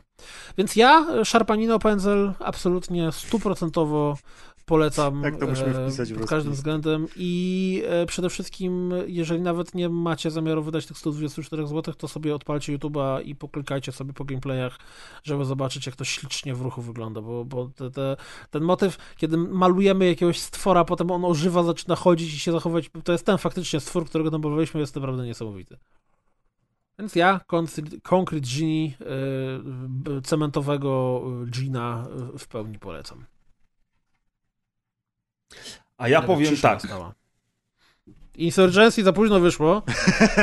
Dawno tego nie było. Y, ja powiem jeszcze inaczej. Y, Overland niepotrzebnie wyszło, bo ta gra jest zjebana. Jest tak zjebana, że to się w głowie nie mieści i nie mam żadnych wyrzutów sumienia używając takiego słownictwa. To jest naprawdę nieporozumienie i idealnie się e, wpasowywuje w naszą rozmowę przy okazji The Crying Suns na temat klonów Faster Than Light oraz y, rogalików i indyków wszelakich. Cholera, Wpisałem Overland 2019 i jakiś samochód mi wyskoczył. Overland ma y, bardzo ciekawy styl graficzny e, i pomysł na siebie i tym przykuwa na pewno uwagę. Wszystko odbywa się na takich małych planszach, które wyglądają jak takie miniaturowe makiety To- w bardzo ładnej oprawie wygląda. graficznej. E, tylko, że co z tego, skoro jest totalnie zjebane? Jak? I, i, przykro mi bardzo, ale ta gra mi napsuła tyle krwi, że, e, że nie jestem w stanie powiedzieć o niej zbyt dużo dobrego, poza tym, że ładnie wygląda. Zresztą podzieliła ona mm, recenzentów niczym The Last Jedi podzielił fanów, bo, bo część ludzi stawia oceny na wysokości 7 na 10 i mówi, że całkiem spoko, e, a druga, druga grupa ludzi po prostu, tak jak ja, jest totalnie wkurzona na tę grę, bo o co tak w ogóle tutaj chodzi? E, mamy jakąś tam apokalipsę e, i jakiś tam ludzi, którzy tę apokalipsę przeżyli. Apokalipsa? Totalna apokalipsa to jest w gameplayu tej gry, do tego przejdziemy. Natomiast w samej, O, w samej fabule, w samej fabule y, generalnie, jak mówiłem, że gra jest zjebana i gówno, to nie było nie shots było. fired, ale teraz kurde, o, shots fired! Watch out! Oj tam. W każdym razie, e, w każdym razie tak, y, po kolei Adrian i- i resztą ekipy oraz drodzy słuchacze, y, jest sobie jakaś apokalipsa, są jakieś dziwne stwory, które wychodzą z podziemi, są one oczywiście śmiertelnie niebezpieczne i my musimy uciekać, uciekamy więc po, po różnych częściach Stanów Zjednoczonych, bo ze wschodniego wybrzeża jedziemy na zachodnie wybrzeże e, i każdy ten fragment, każda sekcja to jest taka mała mapa, e, na której mamy kilka przystanków, które po, po kolei pokonujemy e, i tylko od nas zależy, czy przeżyjemy te, te historie, ale to od nas zależy tylko w teorii, bo w praktyce wszystko zależy od zjebanego gameplayu, zjebanego Overlanda, który jest totalnie nieprzemyślany i z dupy. I chciałbym bardzo, naprawdę chciałbym się Na wypowiadać. tym zakończyć recenzję. Naprawdę, chcia... Naprawdę chciałbym się wypowiadać sensownie na temat tej gry, ale nie mogę. Ale już spieszę z wytłumaczeniem. Otóż zaczynamy jako losowo wybrana postać, e, która próbuje uciec z miasta e, i już w pierwszej, w pierwszej planszy trafiamy zazwyczaj na kogoś, ko, komu możemy pomóc lub też nie. E, na przykład odsuwając śmietnik, za którym ta osoba jest e, ukryta, bo przecież nikt nie umie przechodzić przez śmietniki, ale okej, to jest turówka, więc ja kupuję tę koncepcję. I, I generalnie rzecz biorąc, albo pieskowi możemy na przykład pomóc. E, mamy takiego małego trabancika i w ogóle do tego trabancika wchodzi tylko jedna rzecz do bagażnika, jedna, a my możemy nosić tylko dwie rzeczy w rękach, bo jesteśmy kurwa wszyscy upośledzeni. Widziałeś kiedyś bagażnik w Tico na przykład? Ziom, ale to jest, to jest tak głupie w tej grze, że masz samochód czteroosobowy i nie możesz do niego nic wsadzić. Twoja postać nie może więcej niż dwóch rzeczy nosić, dopóki nie znajdzie plecaczka. Oczywiście do samochodu można potem też znaleźć jakiś tam e, bagażnik taki montowany na dach, ale ogólnie rzecz biorąc, gra specjalnie i przesadnie jest utrudniona do tego stopnia, żebyś każdy ruch przemyślał i e, wszystkie, po wszystkie rzeczy chodził dwukrotnie, a potworusy w tym czasie zbliżają się do ciebie bardzo szybko, plus e, jeżeli zabijesz jakiegokolwiek potwora, to najczęściej, nie zawsze, ale najczęściej w jego miejscu pojawia się co najmniej drugi taki sam. Więc gra jakby, oczywiście nie ma żadnego tutoriala, nic ci niczego nie tłumaczy, wszystkiego uczysz się sam. Do tego interfejs jest totalnie skopany, niewygodny, przez co bardzo często się popełnia błędy. Nie wiem, jest tyle gier strategicznych, turowych, w których te interfejsy były sensem przemyślane, podnoszenie przedmiotów z ziemi było przemyślane, interakcja z przedmiotami była przemyślana, ale nie w Overland! zgadnijcie. I to wszystko powoduje, że każdy z tych elementów gry, z czego większość to jest po prostu źle przemyślane, przemyślana mechanika, powoduje, że ta gra jest niepotrzebnie trudna od samego początka, od samego początku, bo to, że mamy się domyślać rzeczy, to, że musimy kombinować jest spoko, ale nie jest spoko to, że już w pierwszej, jednej z pierwszych planż trafiasz od razu na, na masę przeciwników, którzy zachodzą ci z każdej strony. Yy, każda z postaci ginie od dwóch ciosów. Samochód wybucha po dwóch ciosach w samochód, z czego jak tylko samochód dostanie raz, natychmiast zaczyna płonąć i ty masz w trakcie tej tury masz czas, żeby z tego samochodu wy, wy, yy, wysiadać, bo jak tylko zacznie się tura z przeciwnika, masz jak w banku, że ten samochód natychmiast wybuchnie.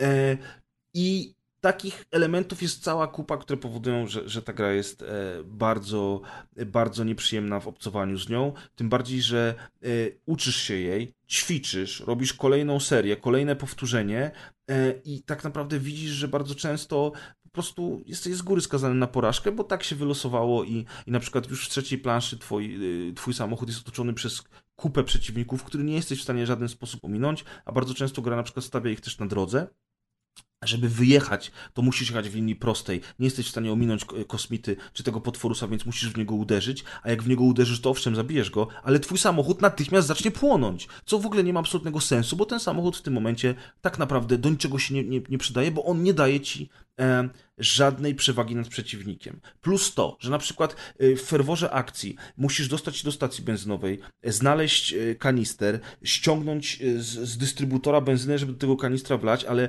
ponieważ ci przeciwnicy cały czas idą w twoją stronę i musisz się śpieszyć, to na przykład pakujesz ten kanister na, na bagażnik i wsiadasz do samochodu, bo nie chciałeś wyrzucić butelki, którą masz w ręku, no bo przecież wiadomo, możesz mieć tylko dwie rzeczy albo jedną rzecz w ręku, więc na przykład jeżeli masz tarczę z drewna plus butelkę, którą możesz rzucić, to kanistra już ze sobą nie weźmiesz, więc zostawiasz tę te butelkę, niesiesz kanister, wracasz się po butelkę, spierdzielasz, jedziesz do kolejnej lokacji. Pomiędzy lokacjami jest przerwa, gdzie w tle jest na przykład stacja benzynowa, co jest trochę wybijające i bez sensu, no bo ej, tam jest stacja benzynowa, siedzimy sobie na podłodze, może byśmy do niej poszli. Nasi, nasi towarzysze mogą ze sobą jakieś takie generowane losowo dialogi wymienić na zasadzie hmm, yy, fajną mamy dzisiaj pogodę, no świetna jest ta gra, nie? Super, hmm. I i potem sami oni wybierają za nas y, kolejny cel, do którego jedziemy, więc nie możemy sobie wybrać na przykład, nie, nie będziemy jechali ratować tego kolesia, tylko pojedziemy do stacji benzynowej. E, i ty widzisz, że na tym twoim pieprzonym samochodzie jest ten kanister z benzyną, który jest 5 na 5 zatankowany wachą, ale oni mówią, Hmm, nie mamy już paliwa, musimy jechać poszukać paliwa. Ej, macie paliwo, jest na pierdolonym bagażniku, jest za wami, odwróćcie te tępe głowy. Nie, musimy wjechać w kolejną lokację, gdzie, gdzie gra wymusza na tobie, że musisz jeździć do lokacji tak długo, aż nie znajdziesz benzyny albo nie zginiesz i w tej sytuacji kończy się bardzo często tak, że gra specjalnie wrzuca cię do lokacji, gdzie owszem, jest benzyna, ale od razu jest 10 przeciwników, od razu są przy twoim samochodzie. Oni też nawet... przyjechali po benzynę i ty nawet nie jesteś w stanie wyjść z tego pieprzonego trabanta, wziąć tę benzynę z, y, z bagażnika i zatankować autko. W związku z czym na przykład są takie sytuacje, że ty wjeżdżasz po 3-4 razy cały czas y, z gry, z, z, z, mapki w grze do, do, do świata, tam do, do, tej, do tej pauzy, gdzie, gdzie oczywiście nic nie możesz zrobić, bo ta gra jest głupia i patrzysz na mapę i słyszysz komunikat, nie mamy benzyny, nie możemy jechać dalej, dopóki nie znajdziemy benzyny. I znowu wjeżdżasz trabantem w inną losową generację, że znowu, gdzie jest znowu 10 przeciwników, każdy z dwiema głowami i po prostu prostu obserwujesz po raz enty, jak twoi towarzysze giną. E, albo samochód eksploduje natychmiast, bo pierwsze co się dzieje, to w ogóle dostajesz z boku. E, Czy samochód eksploduje, jak się benzyna skończy? To było zajebiste. Wiesz co, byłoby wiele zajebistych rzeczy, ale niestety w Overland ich nie ma.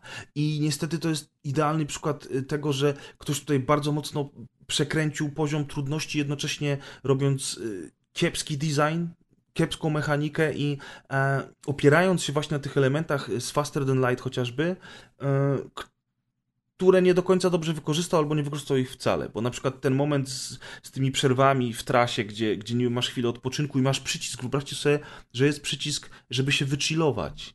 I możesz obserwować w tym momencie, z- z- znika ci interfejs i obserwujesz jak, jak Krzysiek z Dagmarą i z pieskiem y, sobie siedzą przy tym, przy tym samochodzie y, i widzisz ten pierdolony kanister na tym bagażniku! Kurwa, Krzysiek, za tobą! I wiesz, i, i tak siedzisz i mówisz, no nie, to ja już chyba podziękuję. Y, I ja dziękuję za Może on Overland. pusty był ten kanister, dlatego. No nie był pusty, bo, bo ryzykowałem życiem całej drużyny, żeby zatankować tę benzynę i położyć potem ten kanister na, na naszym samochodzie, więc niestety nie był pusty. Tak No samo na przykład czyli- nie można się w trakcie przerwy leczyć, chociaż masz apteczkę i tak dalej, i tak dalej. No, Czyli no niestety, mówiąc, polecasz. z całego serca. Gra odcinka i roku. Już jest okładka zrobiona. Ale to smutne jest, bo ja pamiętam, ja pamiętam jak była pierwsza zapowiedź tej gry i ona była, miała fajny pomysł na e, wizualia. Znaczy No. to było wszystko zamykane w takich Fajnie dio, wygląda. dio, dio, Diorama. diorama. Tak, takich dioramach, dioramach, taki, to taki bardzo fajne kwadracik. To Masz nawet fajne, tryb szkoda, foto. gameplay totalnie z Masz nawet tryb foto, y, pauzujesz grę, wyłączasz y, cały interfejs, możesz sobie obracać kamerę, przybliżać, oddalać, robić jakieś takie właśnie screenshoty tych makiet.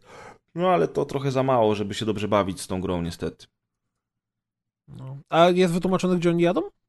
No mówiłem, z East Coast Znaczy, na West nie, ale Coast. czemu? Ale czemu w sensie? Nie, nie, na- nie, no oni uciekają, jest Road apokalipsa, trip sobie szukają schronienia, wiesz, i, i po prostu y, sko- znudziła im się muzyka z East Coast, więc jadą posłuchać muzyki na West Coast. A, klasyk, klasyk. No dobra, Maciek, a jak tam hełm na głowie? Zarąbiście.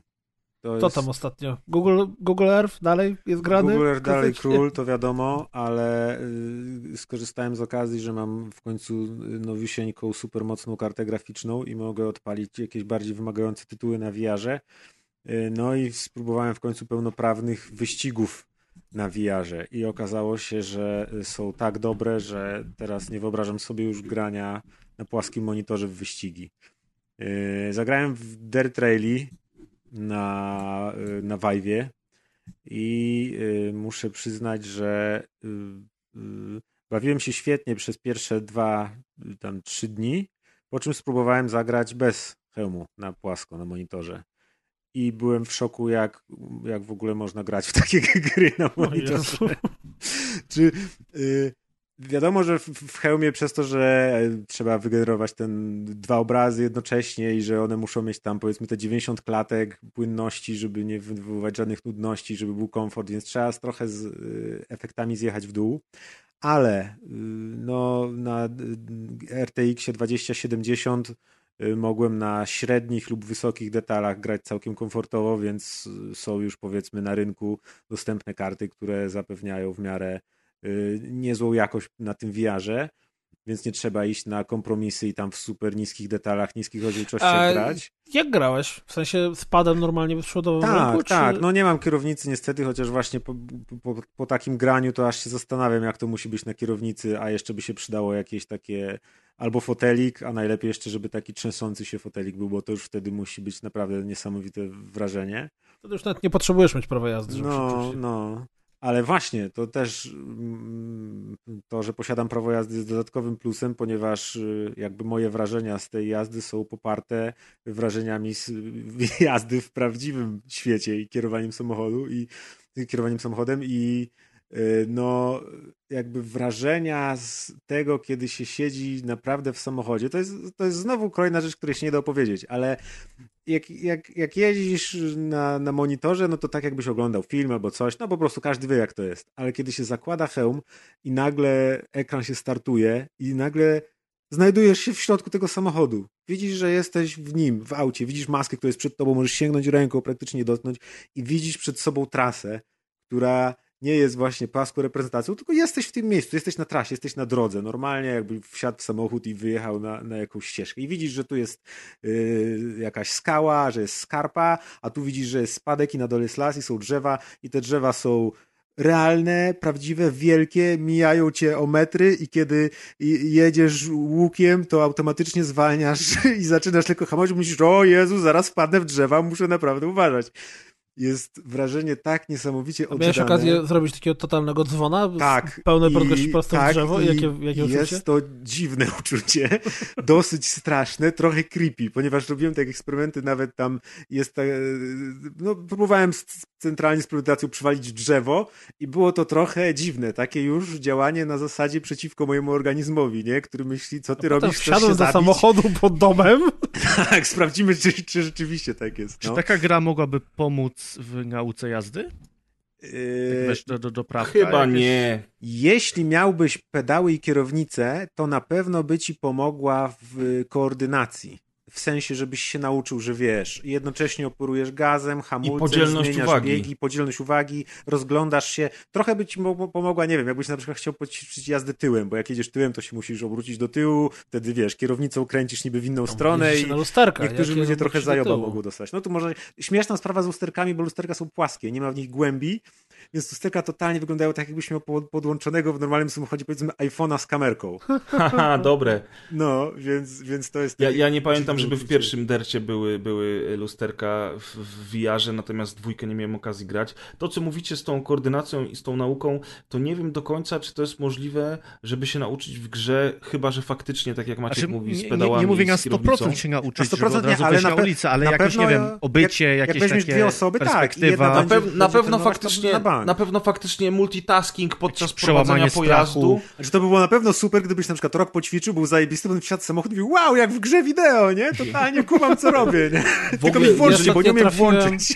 Jeżeli Ostatnio chodzi o tego VR-a, w codzienniku, robiąc go, nie wiem, czy to widzieliście, czy nie, zwiastun jakiejś takiej gry, która wyglądała jak była na darmowych asetach z Unity robiona, e, która właśnie była e, nie tyle grą, co programem edukacyjnym, który macie nauczyć tego, jak jeździć samochodem w prawdziwym życiu i skupiała się na włączaniu się do ruchu, na przepisach, że podjeżdżasz do, do, do No światła to i musisz troszeczkę jak te takie symulatory tirowców, nie? Bo tam masz migacze, Tak, nie tak, możesz tak, łamać no. przepisów. No, no tylko ten. tam to wyglądało potwornie, straszliwie źle. Ale Były faktycznie, takie gry, co faktycznie uczenie się, uczenie, uczenie się e, jazdy samochodem na, na tych potworach rajdowych, to...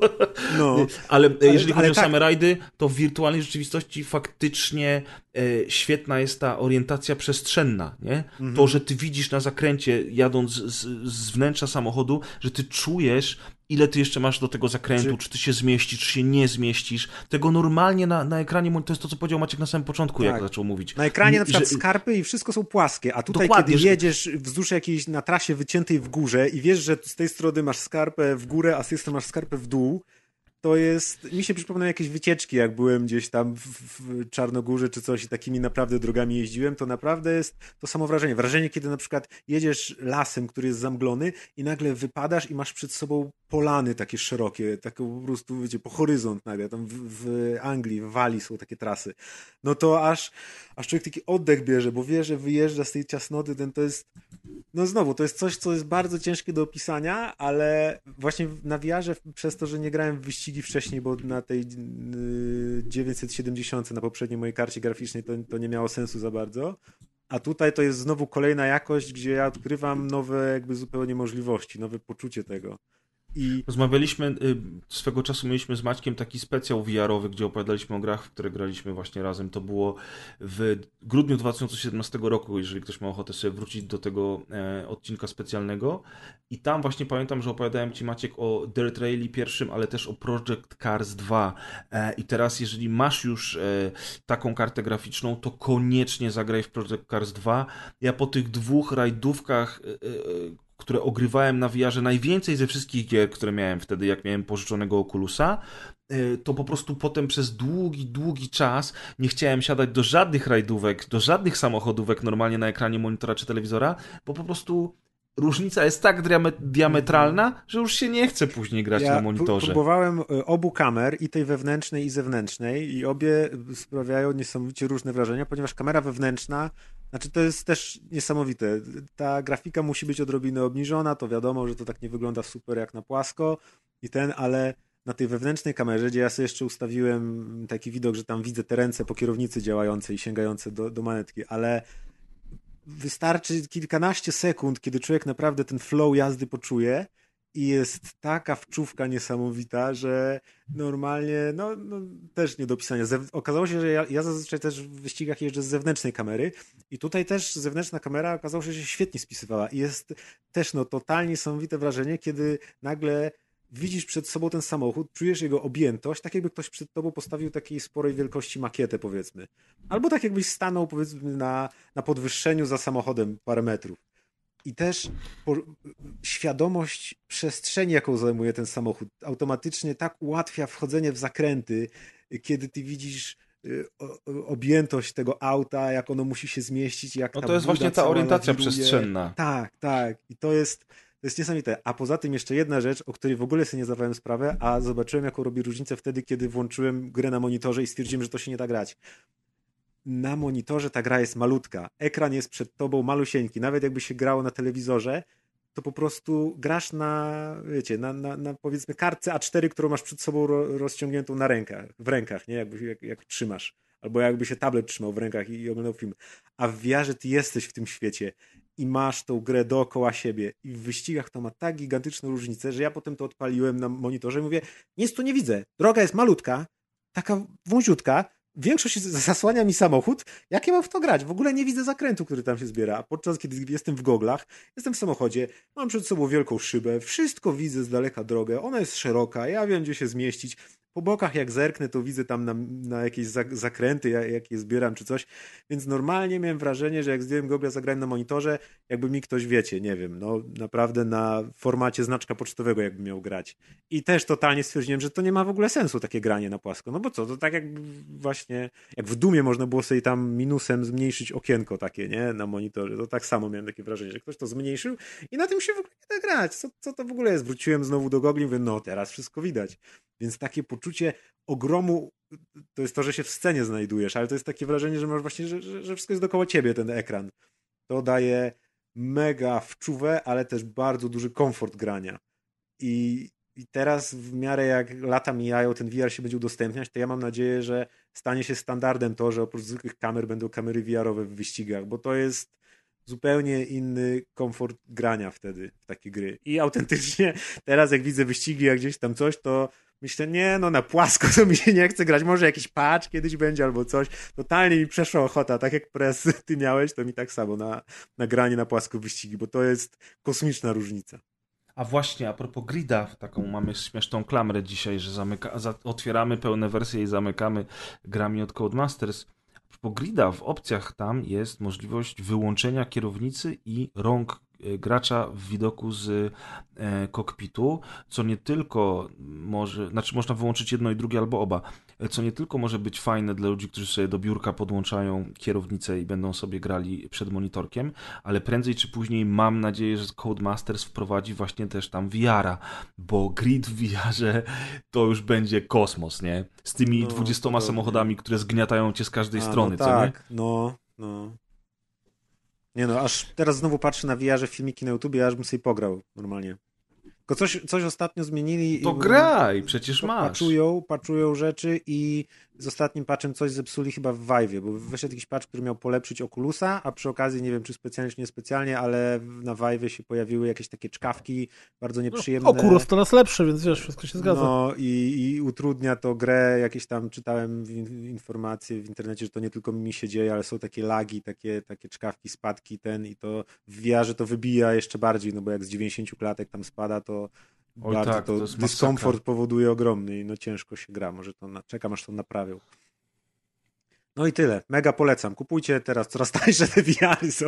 Do tego dobra karta graficzna. Parę tysięcy zainwestujecie, ale o, można się nauczyć jeździć przy okazji, potrenować trochę do prawa. A jakiś ten, a, a na Questa jest jakiś wyścig? Yy, a nie wiem, czy na Questa są wyścigi. Nie mam pojęcia. Lotus jest teraz najlepszą wersją. No Quest jest świetnym teraz punktem wejściowym. Przecież tam Beat Saber i cała reszta działa, nie? No, no, no. Ale nie mam pojęcia, nie orientuję się. No dobrze, to teraz pojedziemy na wschód i to na daleki wschód. Mniemanie, mniemanie. Nie Grzegorzu. znowu daleki, bo na Ukrainę. Jedziemy do Prypeci, moi drodzy, e, do wersji Early Access gry Chernobylite studia The Farm 51. E, gra ukazała się we wczesnym dostępie dzisiaj, czyli jak wy tego słuchacie, to kilka dni temu. Czemu to jest wczesny akces? Nie wiem, czemu to jest wczesny akces. O to mnie proszę W sensie, nie pytać. Co tam jest w wczesnego akcesie? W sensie, jak to? No, pierwszy etap dopiero jest pewnie. Nie, No właśnie, jest co, tam to, co to ma znaczyć? Jest tam sporo gry. Y, Twórcy w ogóle jakby na początku na ekranie startowym mówią o tym, że od kiedy wybrali się do Prypeci, czyli do tego miasta, e, przy którym e, był reaktor jądrowy e, i cała afera z Czarnobylem, to postanowili jakby przekazać tę miłość do tych rejonów e, graczom. Przepraszam, odkąd wybrali się do Perpeci, połowa teamu już nie żyje. A propos, a propos Derta i innych około y, śmiertelnych żartów z dzisiejszego odcinka. W każdym razie e, Chernobylite to jest e, oczywiście science fiction, e, które e, mocno stoi w realiach tamtego rejonu, bo, bo te, te, te mapki, te, te, te widoki, te, te, te, budynki, to wszystko jest odwzorowane. Natomiast twórcy wprowadzają tutaj własną historię. Po wybuchu em, reaktora powstał nowy pierwiastek, właśnie ten Czernobylit e, który jest bardzo wartościowy, więc stalkerzy, nazywani tutaj dosłownie stalkerami, e, wędrują do zony e, w celu między innymi właśnie zdobycia tego surowca, e, a całość kontroluje rosyjskie wojsko. Mm, jeżeli jesteście fanami stalkerów e, czy metro i nie są wam straszne tego typu trochę, nie bójmy się tego powiedzieć, drewniane gry, to Chernobylite idealnie wpasowywuje się w te konwencje klimatem, wizualiami, muzyką, czy chociażby pełnym rosyjskim dubbingiem. Tutaj na pewno wiele osób będzie zachwycone, bo w, w, w wersji, którą otrzymałem e, do testowania od twórców, e, były angielskie napisy i, i, i rosyjski dubbing. Próbowałem zmieniać dźwięk, czy tam opcje w ogóle językowe, ale się nic nie przestawiało. Zakładam, że to jest kwestia wczesnego dostępu. Tym bardziej, że ja jeszcze grałem, jeszcze zanim był w ogóle oficjalny wczesny dostęp. I, I między innymi też niektóre ścieżki dialogowe w ogóle nie, nie wyświetlały się. Na przykład niektóre lini- linijki tekstu nie leciały, więc tylko mogłem przeczytać ten tekst, ale, ale ogólnie to wszystko nie jest w tej chwili problem, bo gra jest we wczesnej fazie. E, I czym ta gra w ogóle jest? To jest taka mieszanka troszeczkę najnowszych trendów, wszystkich możliwych, bo, bo mamy, mamy trochę survival, e, przeplatany całkiem niezłą fabułą, e, trochę horroru, więc Kuldan na pewno się ucieszy, bo są, są momenty bardzo, bardzo creepy. E, mm, trochę, trochę takiego budowania bazy rodem z Fallouta, więc nie Ojej. wszyscy się z tego powodu ucieszą. Z Fallouta czwartego oczywiście. Tfu! E, I trochę skradanki, trochę gry akcji, z tym, że tutaj e, mamy takie paski e, życia wrogów i mam wrażenie, że, że troszeczkę będzie to, to, to rozbudowywane w stronę RPGów. Zresztą jest tutaj experience i, e, i nasza postać leveluje, a za punkciki, które wyleweluje, jest w stanie nauczyć się nowych skilli u różnych osób, chociażby skradania się. E, więc mamy sobie taką bazę i nasz główny bohater Igor e, przybywa do Prypeci, ponieważ chce odnaleźć swoją narzeczoną, która zaginęła w tym rejonie 30 lat temu, krótko po wybuchu reaktora. Mm, Więc zwiedzamy tu różne Ile miejsca. ten typ ma lat?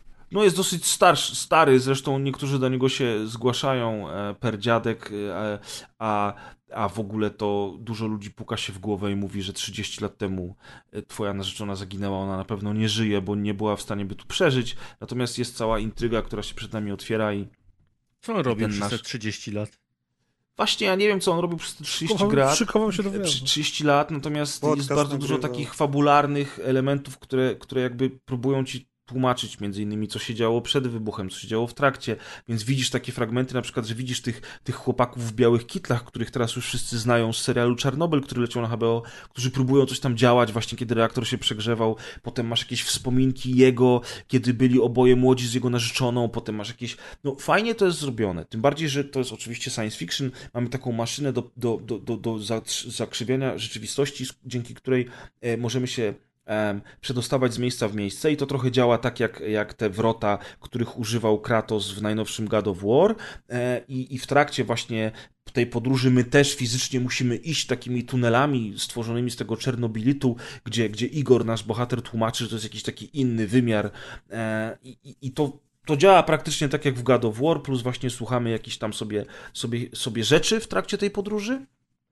No, a wybieramy się na różne misje, e, niektóre fabularne, inne e, takie e, bardziej surowcowe, ale możemy też swoich kompanów wysyłać na te misje. Mamy nawet procent sukcesu, jeżeli na przykład wyślemy kompana, a po powrocie z misji, po przyniesieniu surowców, musimy się z resztą drużyny tymi surowcami dzielić, tak żeby wszyscy dostali kawałek chleba.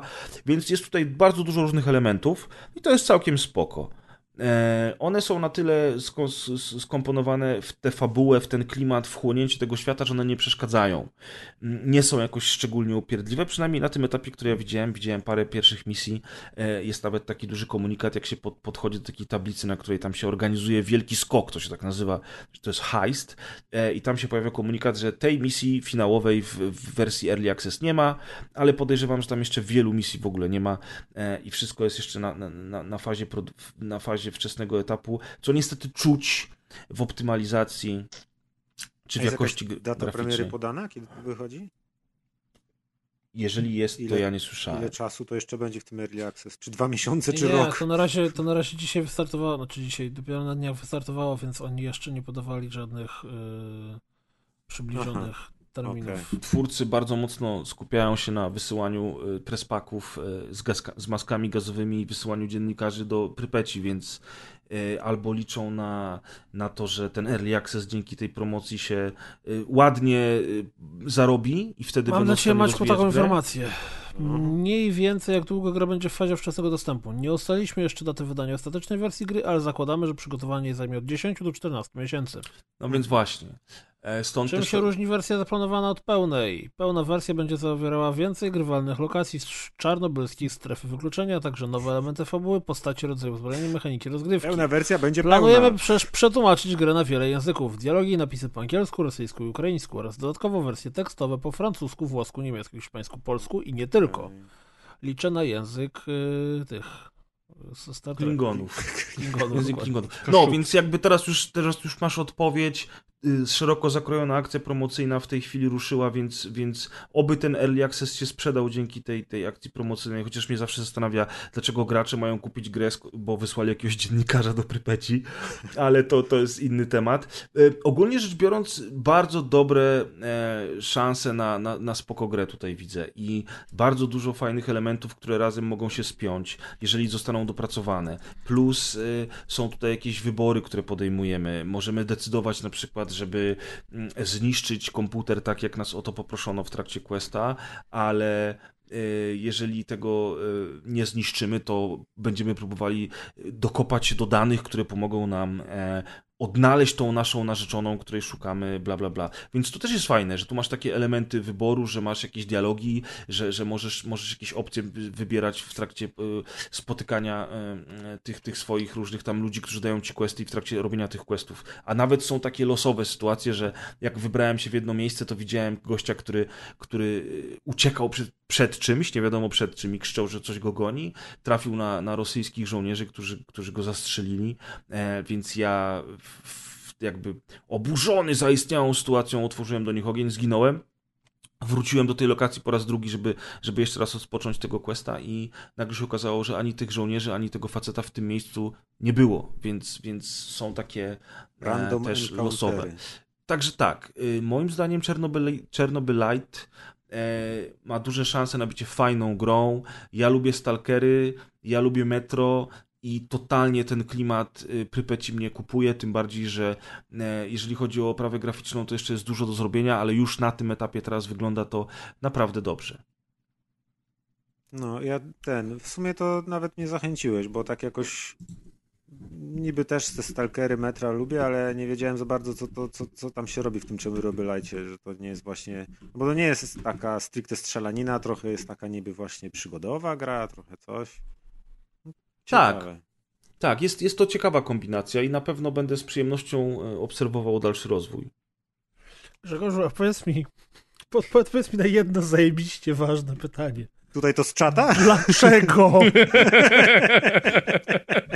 Sam, sam się nad tym głowie, naprawdę się nad tym głowie, e, bo właśnie znikąd, czy w przypadku tej serii mogę śmiało powiedzieć, że z dupy, Tak jest. pojawił się early access gry Postal 4, e, która ma dopisek no e, regrets. Uwaga, bo faktycznie Tak w tytule jest tatuaża, nie? błąd.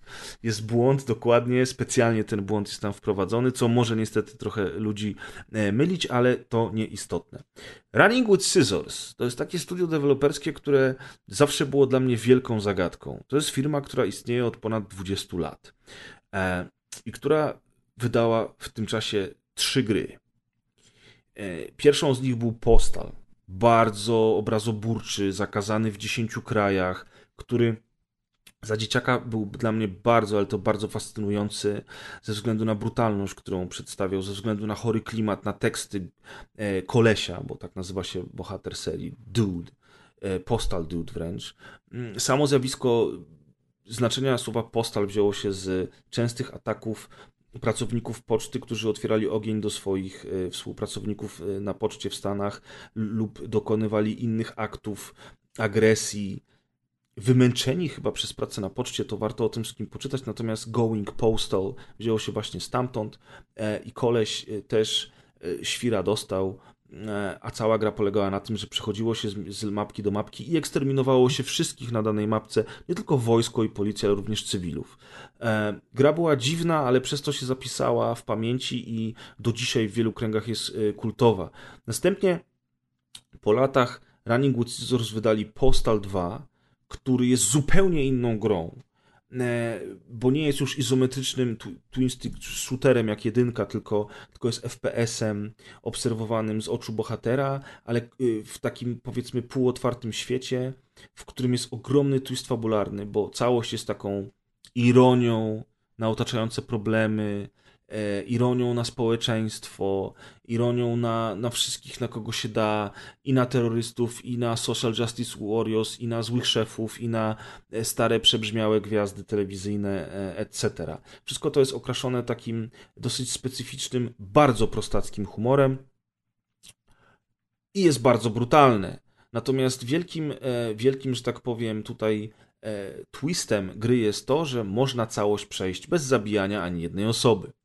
I tak oto nasz główny bohater zaczyna swój dzień od wyjścia po mleko, czy tam do biblioteki, żeby oddać książkę. Jeżeli będzie stał w tych kolejkach, będzie słuchał tych bzdur, które wszyscy mu pitolą e, i tak dalej, to, to rzeczywiście skończy cały tydzień, bo gra się dzieje od poniedziałku do piątku. em, i wróci do domu. Natomiast oczywiście większość graczy tego nie zrobi, bo, bo po prostu weźmie łopatę, odrąbie głowę babie, która sta, stoi przed nami w kolejce do biblioteki i nasika jej do szyi, bo taki jest Postal 2. E, ale to wszyscy wiemy, bo to też jest w wielu kręgach gra kultowa, przede wszystkim w Rosji i w Polsce ona była bardzo, bardzo popularna e, i, i tak naprawdę fanbase do dzisiaj jest aktywny.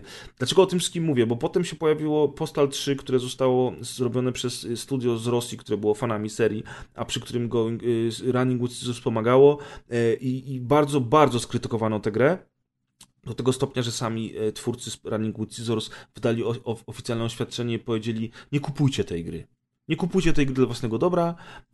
Można by polemizować, czy to było dobre, czy to nie było dobre, natomiast wszyscy zapamiętali Postal 3 jako wielką porażkę i do momentu e, remastera, czy nawet remake'u pierwszego postala o Running with Scissors nie było nic słychać. Zresztą opowiadaliśmy dawno temu o grze na, na podcaście. Ja chwaliłem, bo, bo po prostu dobrze e, wspominam pierwszą część z czasów dzieciństwa. Swoją drogą za dziecka graliśmy w takie gry. A Kuldan, no, nie do końca był zadowolony. I teraz ten przydługi wstęp jest po to, żeby powiedzieć wam o tym, że nagle, ni stąd, ni zowąd, Running with Scissors zrzuca bombę w postaci Postal 4, która ląduje w Early Accessie e, i która ma być totalnie, ale to totalnie taką wycieczką nostalgiczną do czasów Postala dwójki. Bo Postal 4 to jest tak naprawdę Postal 2. Silnik znowu Unreal Tournament, em, te same założenia, ten sam, ten sam prostacki humor. W obecnej wersji Early Access nawet niektóre... Nie Unreal Tournament. Unreal Engine, no. Nie wybijaj A, go. przepraszam. Przepraszam. E, Unreal Engine.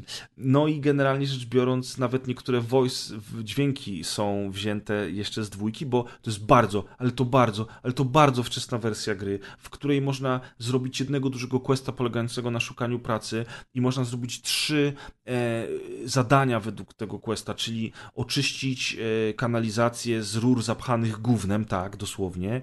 E, pomóc y, powstrzymać bunt w więzieniu, gdzie po prostu otwiera się ogień do więźniów i jest wielki ubaw, jak typom eksplodują głowy, albo w trzecim, e, w trzecim kwestie jak pomóc szemranemu, szemranemu typkowi łapać psy z miasta, które biegają sobie. Nie ma nawet jeszcze policji zaimplementowanej na tym etapie i tak naprawdę niewiele można tam robić. Gra wygląda okropnie, naprawdę wygląda jak Postal 2, a nawet może i gorzej, bo animacje są fatalne.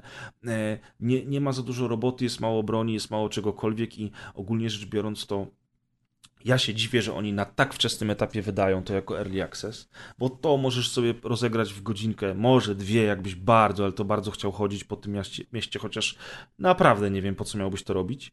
E, early access kosztuje około 70 zł w tej chwili i mi się wydaje, że twórcy po prostu e, uznali, że e, ta baza fanów, którą mają będzie odpowiednim podłożem do tego, żeby zacząć pracę nad grą. Oni nie chcą tam prosić nikogo o kasę, nie chcą startować na Kickstarterze i generalnie rzecz biorąc e, nie szukają wydawcy, oni to zrobią sami.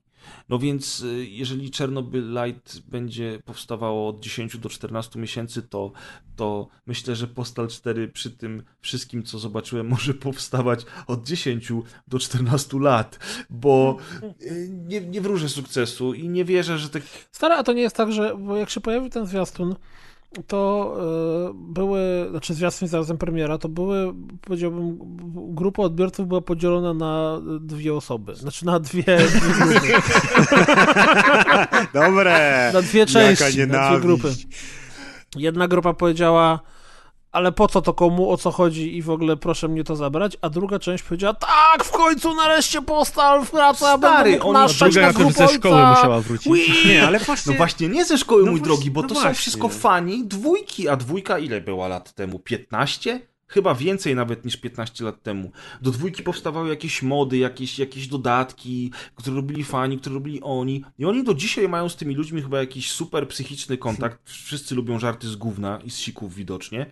I, i, i, i wyobraźcie sobie, że jak Postal No Regrets, przepraszam, No Regrets, wylądował na Steam Early Access wczoraj, to ma już w tej chwili 1215 recenzji i średnia ocen to jest very positive. No to jest, kurde, y, fenomen po prostu. No, Przyszła tak dane banda, nie? rozumiecie, fanów, która zobaczyła, mm, tak naprawdę to w tej grze jeszcze nic nie ma, ale dajemy wam wszys- wszystkim okejkę, kupujemy waszą grę i róbcie tę grę.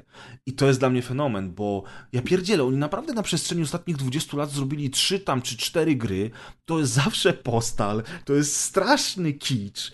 Trójka w ogóle się nie udała, oni sami powiedzieli, słuchajcie, nie kupujcie lepiej tej gry.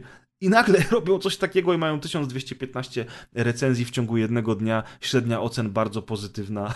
wow! No też jestem, wow. też jestem zdziwiony, bo właśnie zastanawiam się, co to są za ludzie. Czy to są rzeczywiście ci fani dwójki, którzy wtedy się w dwójkę zagrywali? No to po, po tylu latach, że jakby dalej im taką radość sprawia to samo, a nawet jeszcze nie, nie, niepełne to samo, czy coś. Z drugiej strony, no jest, y, wciąż nie, nie mija moda jeszcze na jakieś takie dziwne gry. Był przecież fenomen symulatora kozy y, i takich innych rzeczy, więc od biedy jestem w stanie zrozumieć, że ktoś, kto nigdy nie grał w postale, y, że znajdzie się grupa dzieciaków, którym się będzie podobało, że jest ułomna, w ćwierć gotowa gra, w której można robić różne głupie rzeczy i jest Ale to wiesz, to nie jest tysiąc osób w parę dni, nie? To No, jak nie znałeś, nie znałeś postala, to ten trailer do ciebie nie trafił. Nie no, ten trailer wygląda okropnie. Słuchaj, ja znam Postala.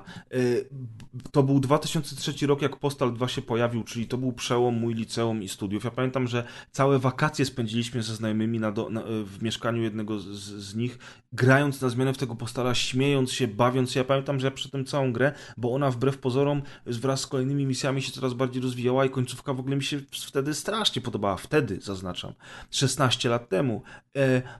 I teraz, odpa- I teraz jakby, wiecie, no powinienem się cieszyć, y, jak wyszedł Postal Redux, to fenomenalnie się w niego bawi- z nim bawiłem i byłem bardzo zadowolony, że on powstał. Natomiast odpaliłem Postal 4 Early Access i, i tak na to spojrzałem i mówię, po co, dlaczego, nie ma absolutnie nic w tej grze, co by spowodowało, że ja bym się z tego ucieszył. Naprawdę nie ma nic. Ten humor do mnie już dzisiaj w ogóle nie dociera. To jest chyba taki kasus w ogóle Duke Nukem Forever, który wyszedł i zaczął rzucać tymi samymi żartami, które były rzucane w Duke Nukem 3D, tylko że byłyby jeszcze gorsze. I tu jest podobnie. W ogóle ciekawostka i to jest w ogóle mega zaskoczenie. Zawsze y, kolesiowi w postalach podkładał głos, głos jeden koleś. Tym razem zmieniono aktora. I głos kolesiowi podkłada John St. John, czyli Duke Nukem. Ja mówię, co on kurwa robi w tej grze? Już naprawdę nie ma, tych, nie ma żadnych pieniędzy. Nagrał Duke Nukem Forever, mało mu było, to teraz nagrywa Postal 4? Come on, John! Znaczy oczywiście się mega ucieszyłem, bo fenomenalny jest, ja uwielbiam jego głos. Ale, ale też zaskoczenie kolejne, nie? Nie mają kasy, robią early access z niczego, ale zatrudnili Johna St. Johna. Wiesz, Na niego Kuldan wszystko tutaj- poszło, cała kasa. Kuldan tutaj przez lata podejrzewał Focus, czy tam, czy tam TH THQ Nordic o pranie pieniędzy, a tymczasem to Running with Scissors. Jakieś ostre przewały robi, nie? No ja tego nie kłamam. Ja się na postale nigdy nie załapałem. Grałem w jedynkę też jako dzieciak, znaczy w demo jedynki i ta gra była jakaś dla mnie nieciekawa, trochę za trudna i tam, nie wiem, zupełnie inne gry mnie wtedy jakoś bardziej Tak, bo ona była bardzo wymagająca. To jest No. to samo, co było z Hatred lata później. Hatred też został tam, z, a, że brutalne, że gówno, że coś tam, ale Hatred właśnie bronił się mechaniką i Postal y, w trakcie premiery też się tą mechaniką bronił. No, a, a Postal dwójka to już właśnie też to był jakiś pewnie koniec moich studiów i to już było dla mnie brzydkie i nie, nie, nieśmieszne i w ogóle jak z czwartej kategorii gra i też się na to nie złapałem. Więc dla mnie y, jedyną rzeczą z Postale, jakie mi się podobały, to był film Postal, który był tak absurdalnie kretyński, że aż dobry i, I to mam po w nim dobre reżyserii Uwe. Bola. Uwe Bola, tak, świetnie. Bardzo jestem wdzięczny Uwe Bolowi autentycznie, że zrobił ten film, bo trzy razy go oglądałem, za każdym razem mi się podobał. Chociaż dawno to było, ale to wiem. Oglądam gameplay z tej czwórki i nie rozumiem po co w to grać. Jeżeli możesz sobie zagrać, nie wiem, w GTA 5, które daje ci podobną swobodę, Czy w wygląda GTA ładniej. 5 możesz założyć kota na karabin jako tłumik?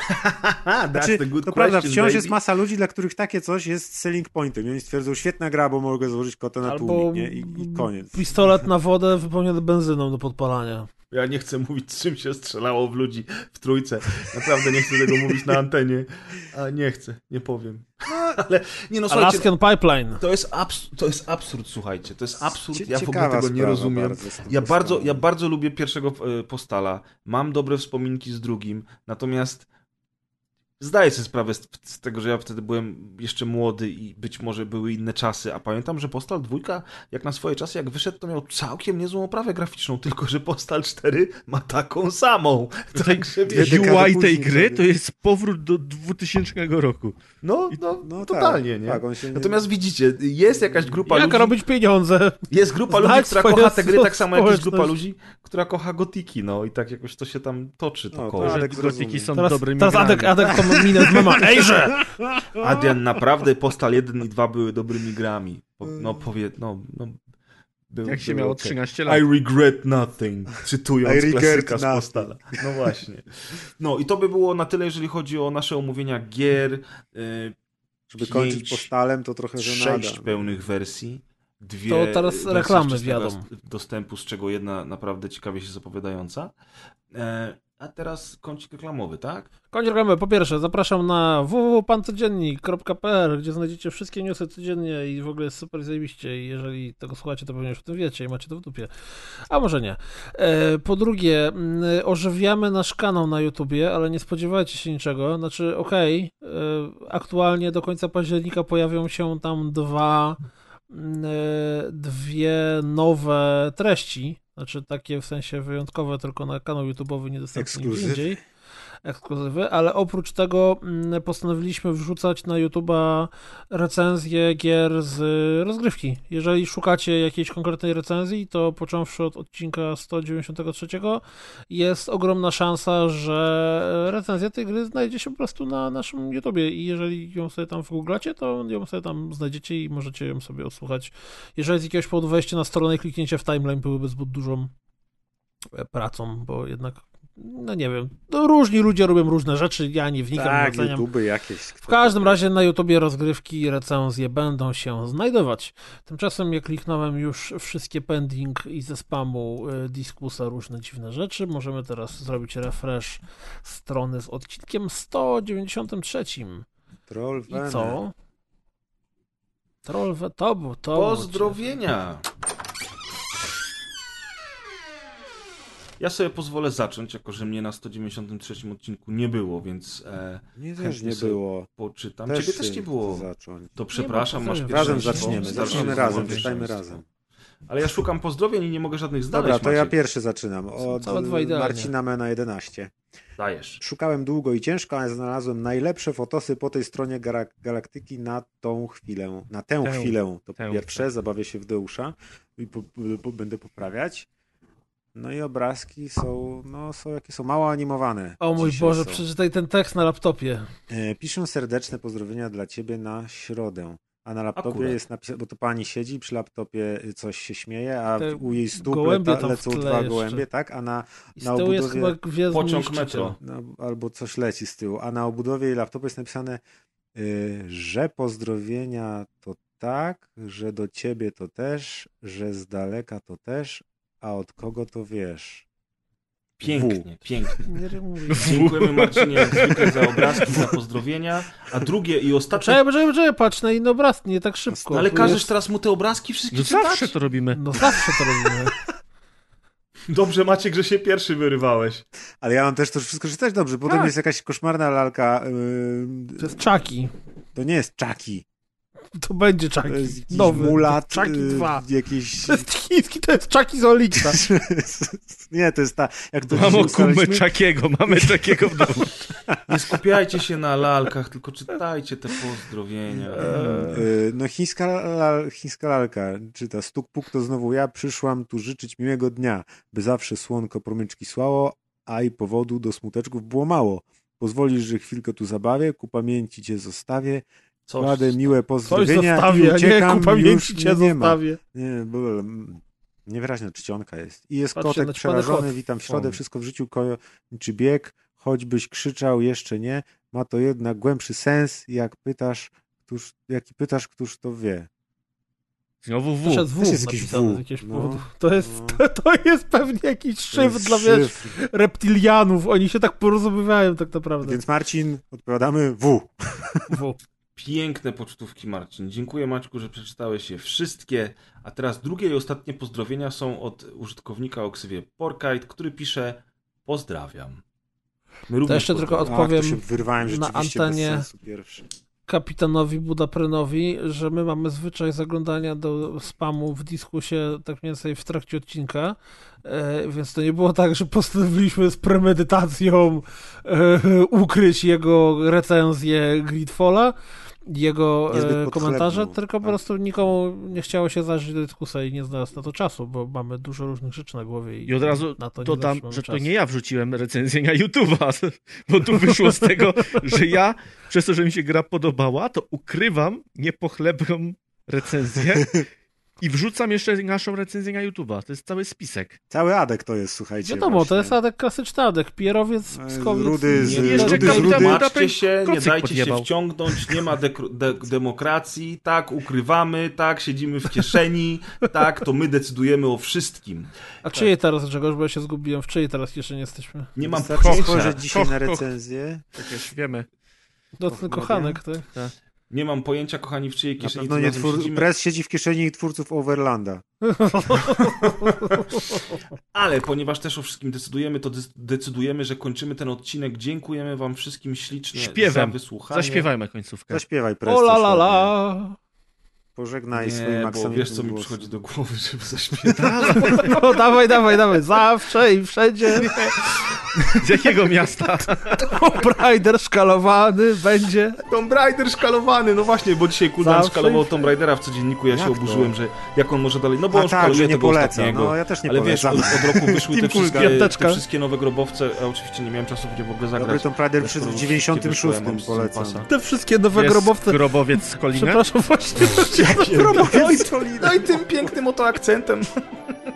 Dziękujemy i do następnego. Nara. Pa, pa. A,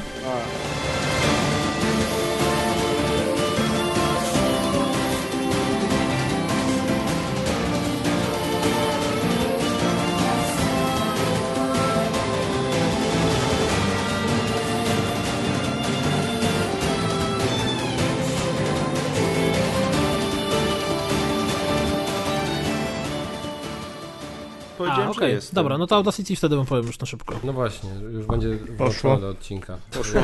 Ale odpalamy, czy co? Tak, odpalam. Nie, zamykamy. Dobra, no to odpaliłem już No to trzy, cztery... Aha, no to chwila. Ja Naprawdę? myślałem, że już odpalone w sensie, że nagrywamy. No Dobra, nagrywamy, już oni mówię. cię strollowali. 194 odcinki nagrywa, nie? Tylko co z tego, nie? Dokładnie. No dobrze, to było Więc dobre. więcej tam nie poszedłem. Koniec historii. Koniec 7 na 10. Jak kiedyś był taki, taki ten soft, soft erotyk z duchownym, ja nie pamiętam jak to się nazywało, tam pa, Na pamiętniki, jakieś tam, tak, tam pamiętniki pamiętnik, czerwonego tam. pantofelka albo coś Tak. stylu, to właśnie teraz tak sobie widzę Grzegorza, że to, by, tam było dużo młodych, ładnych, atrakcyjnych dziewcząt, A, ale, ale co z tego? Więcej tam nie poszedłem. Więcej tam nie poszedłem. Czy ten typ nie ma rąk, czy to jest jakiś fotomontaż? Poczekajcie. O, grube pytanie się zaczytałem. Oho. Nie, No nie zobacz, ma rąk. Jak on kieruje. jeździ, kurwa. ma krótkie. Po prostu ręce karła przy, przyszywali normalnemu kolesiowi, to jest takie malutkie. Ma A długi krótkie. rękaw. Long sleeve'a ubrał. Będziesz się Gaga- smażyć w piekle. To już dawno temu. Będziesz się tak smażyć. My będziemy wszyscy imprezować w niebie i będziemy tylko czasami cię wspominać, jak nie się będziesz się. smażyć. My z Kolinem będziemy w niebie Maćka, imprezować. nie? Kuldan. Dzisiaj czytałem Jaki jakieś tam optymista z zestawienie, nie pamiętam czego i było, e, że... Long sleeve'a, e, Zaraz, to właśnie w temacie. Czekaj, czekaj, jak to było. A, już mam. O Jezu. W wyniku wypadku z maszyną w fabryce facetowi urwało rękę. Żeby nie stracił kończyny, chirurdzy z powodzeniem przyszyli mu tę rękę do nogi, żeby powrócić krążenie krwi. Komentarz. Zajebiste. Swędzi pięta, nawet nie musicie schylać, żeby podrapać. Ja pierdolę, kurwa, to za downy. Mamy już wystarczającą ilość materiałów na piękne intro, więc y, ten... Mogę się rozłączyć. Patronami montażu są Łódzki Dom Kultury. Press lubi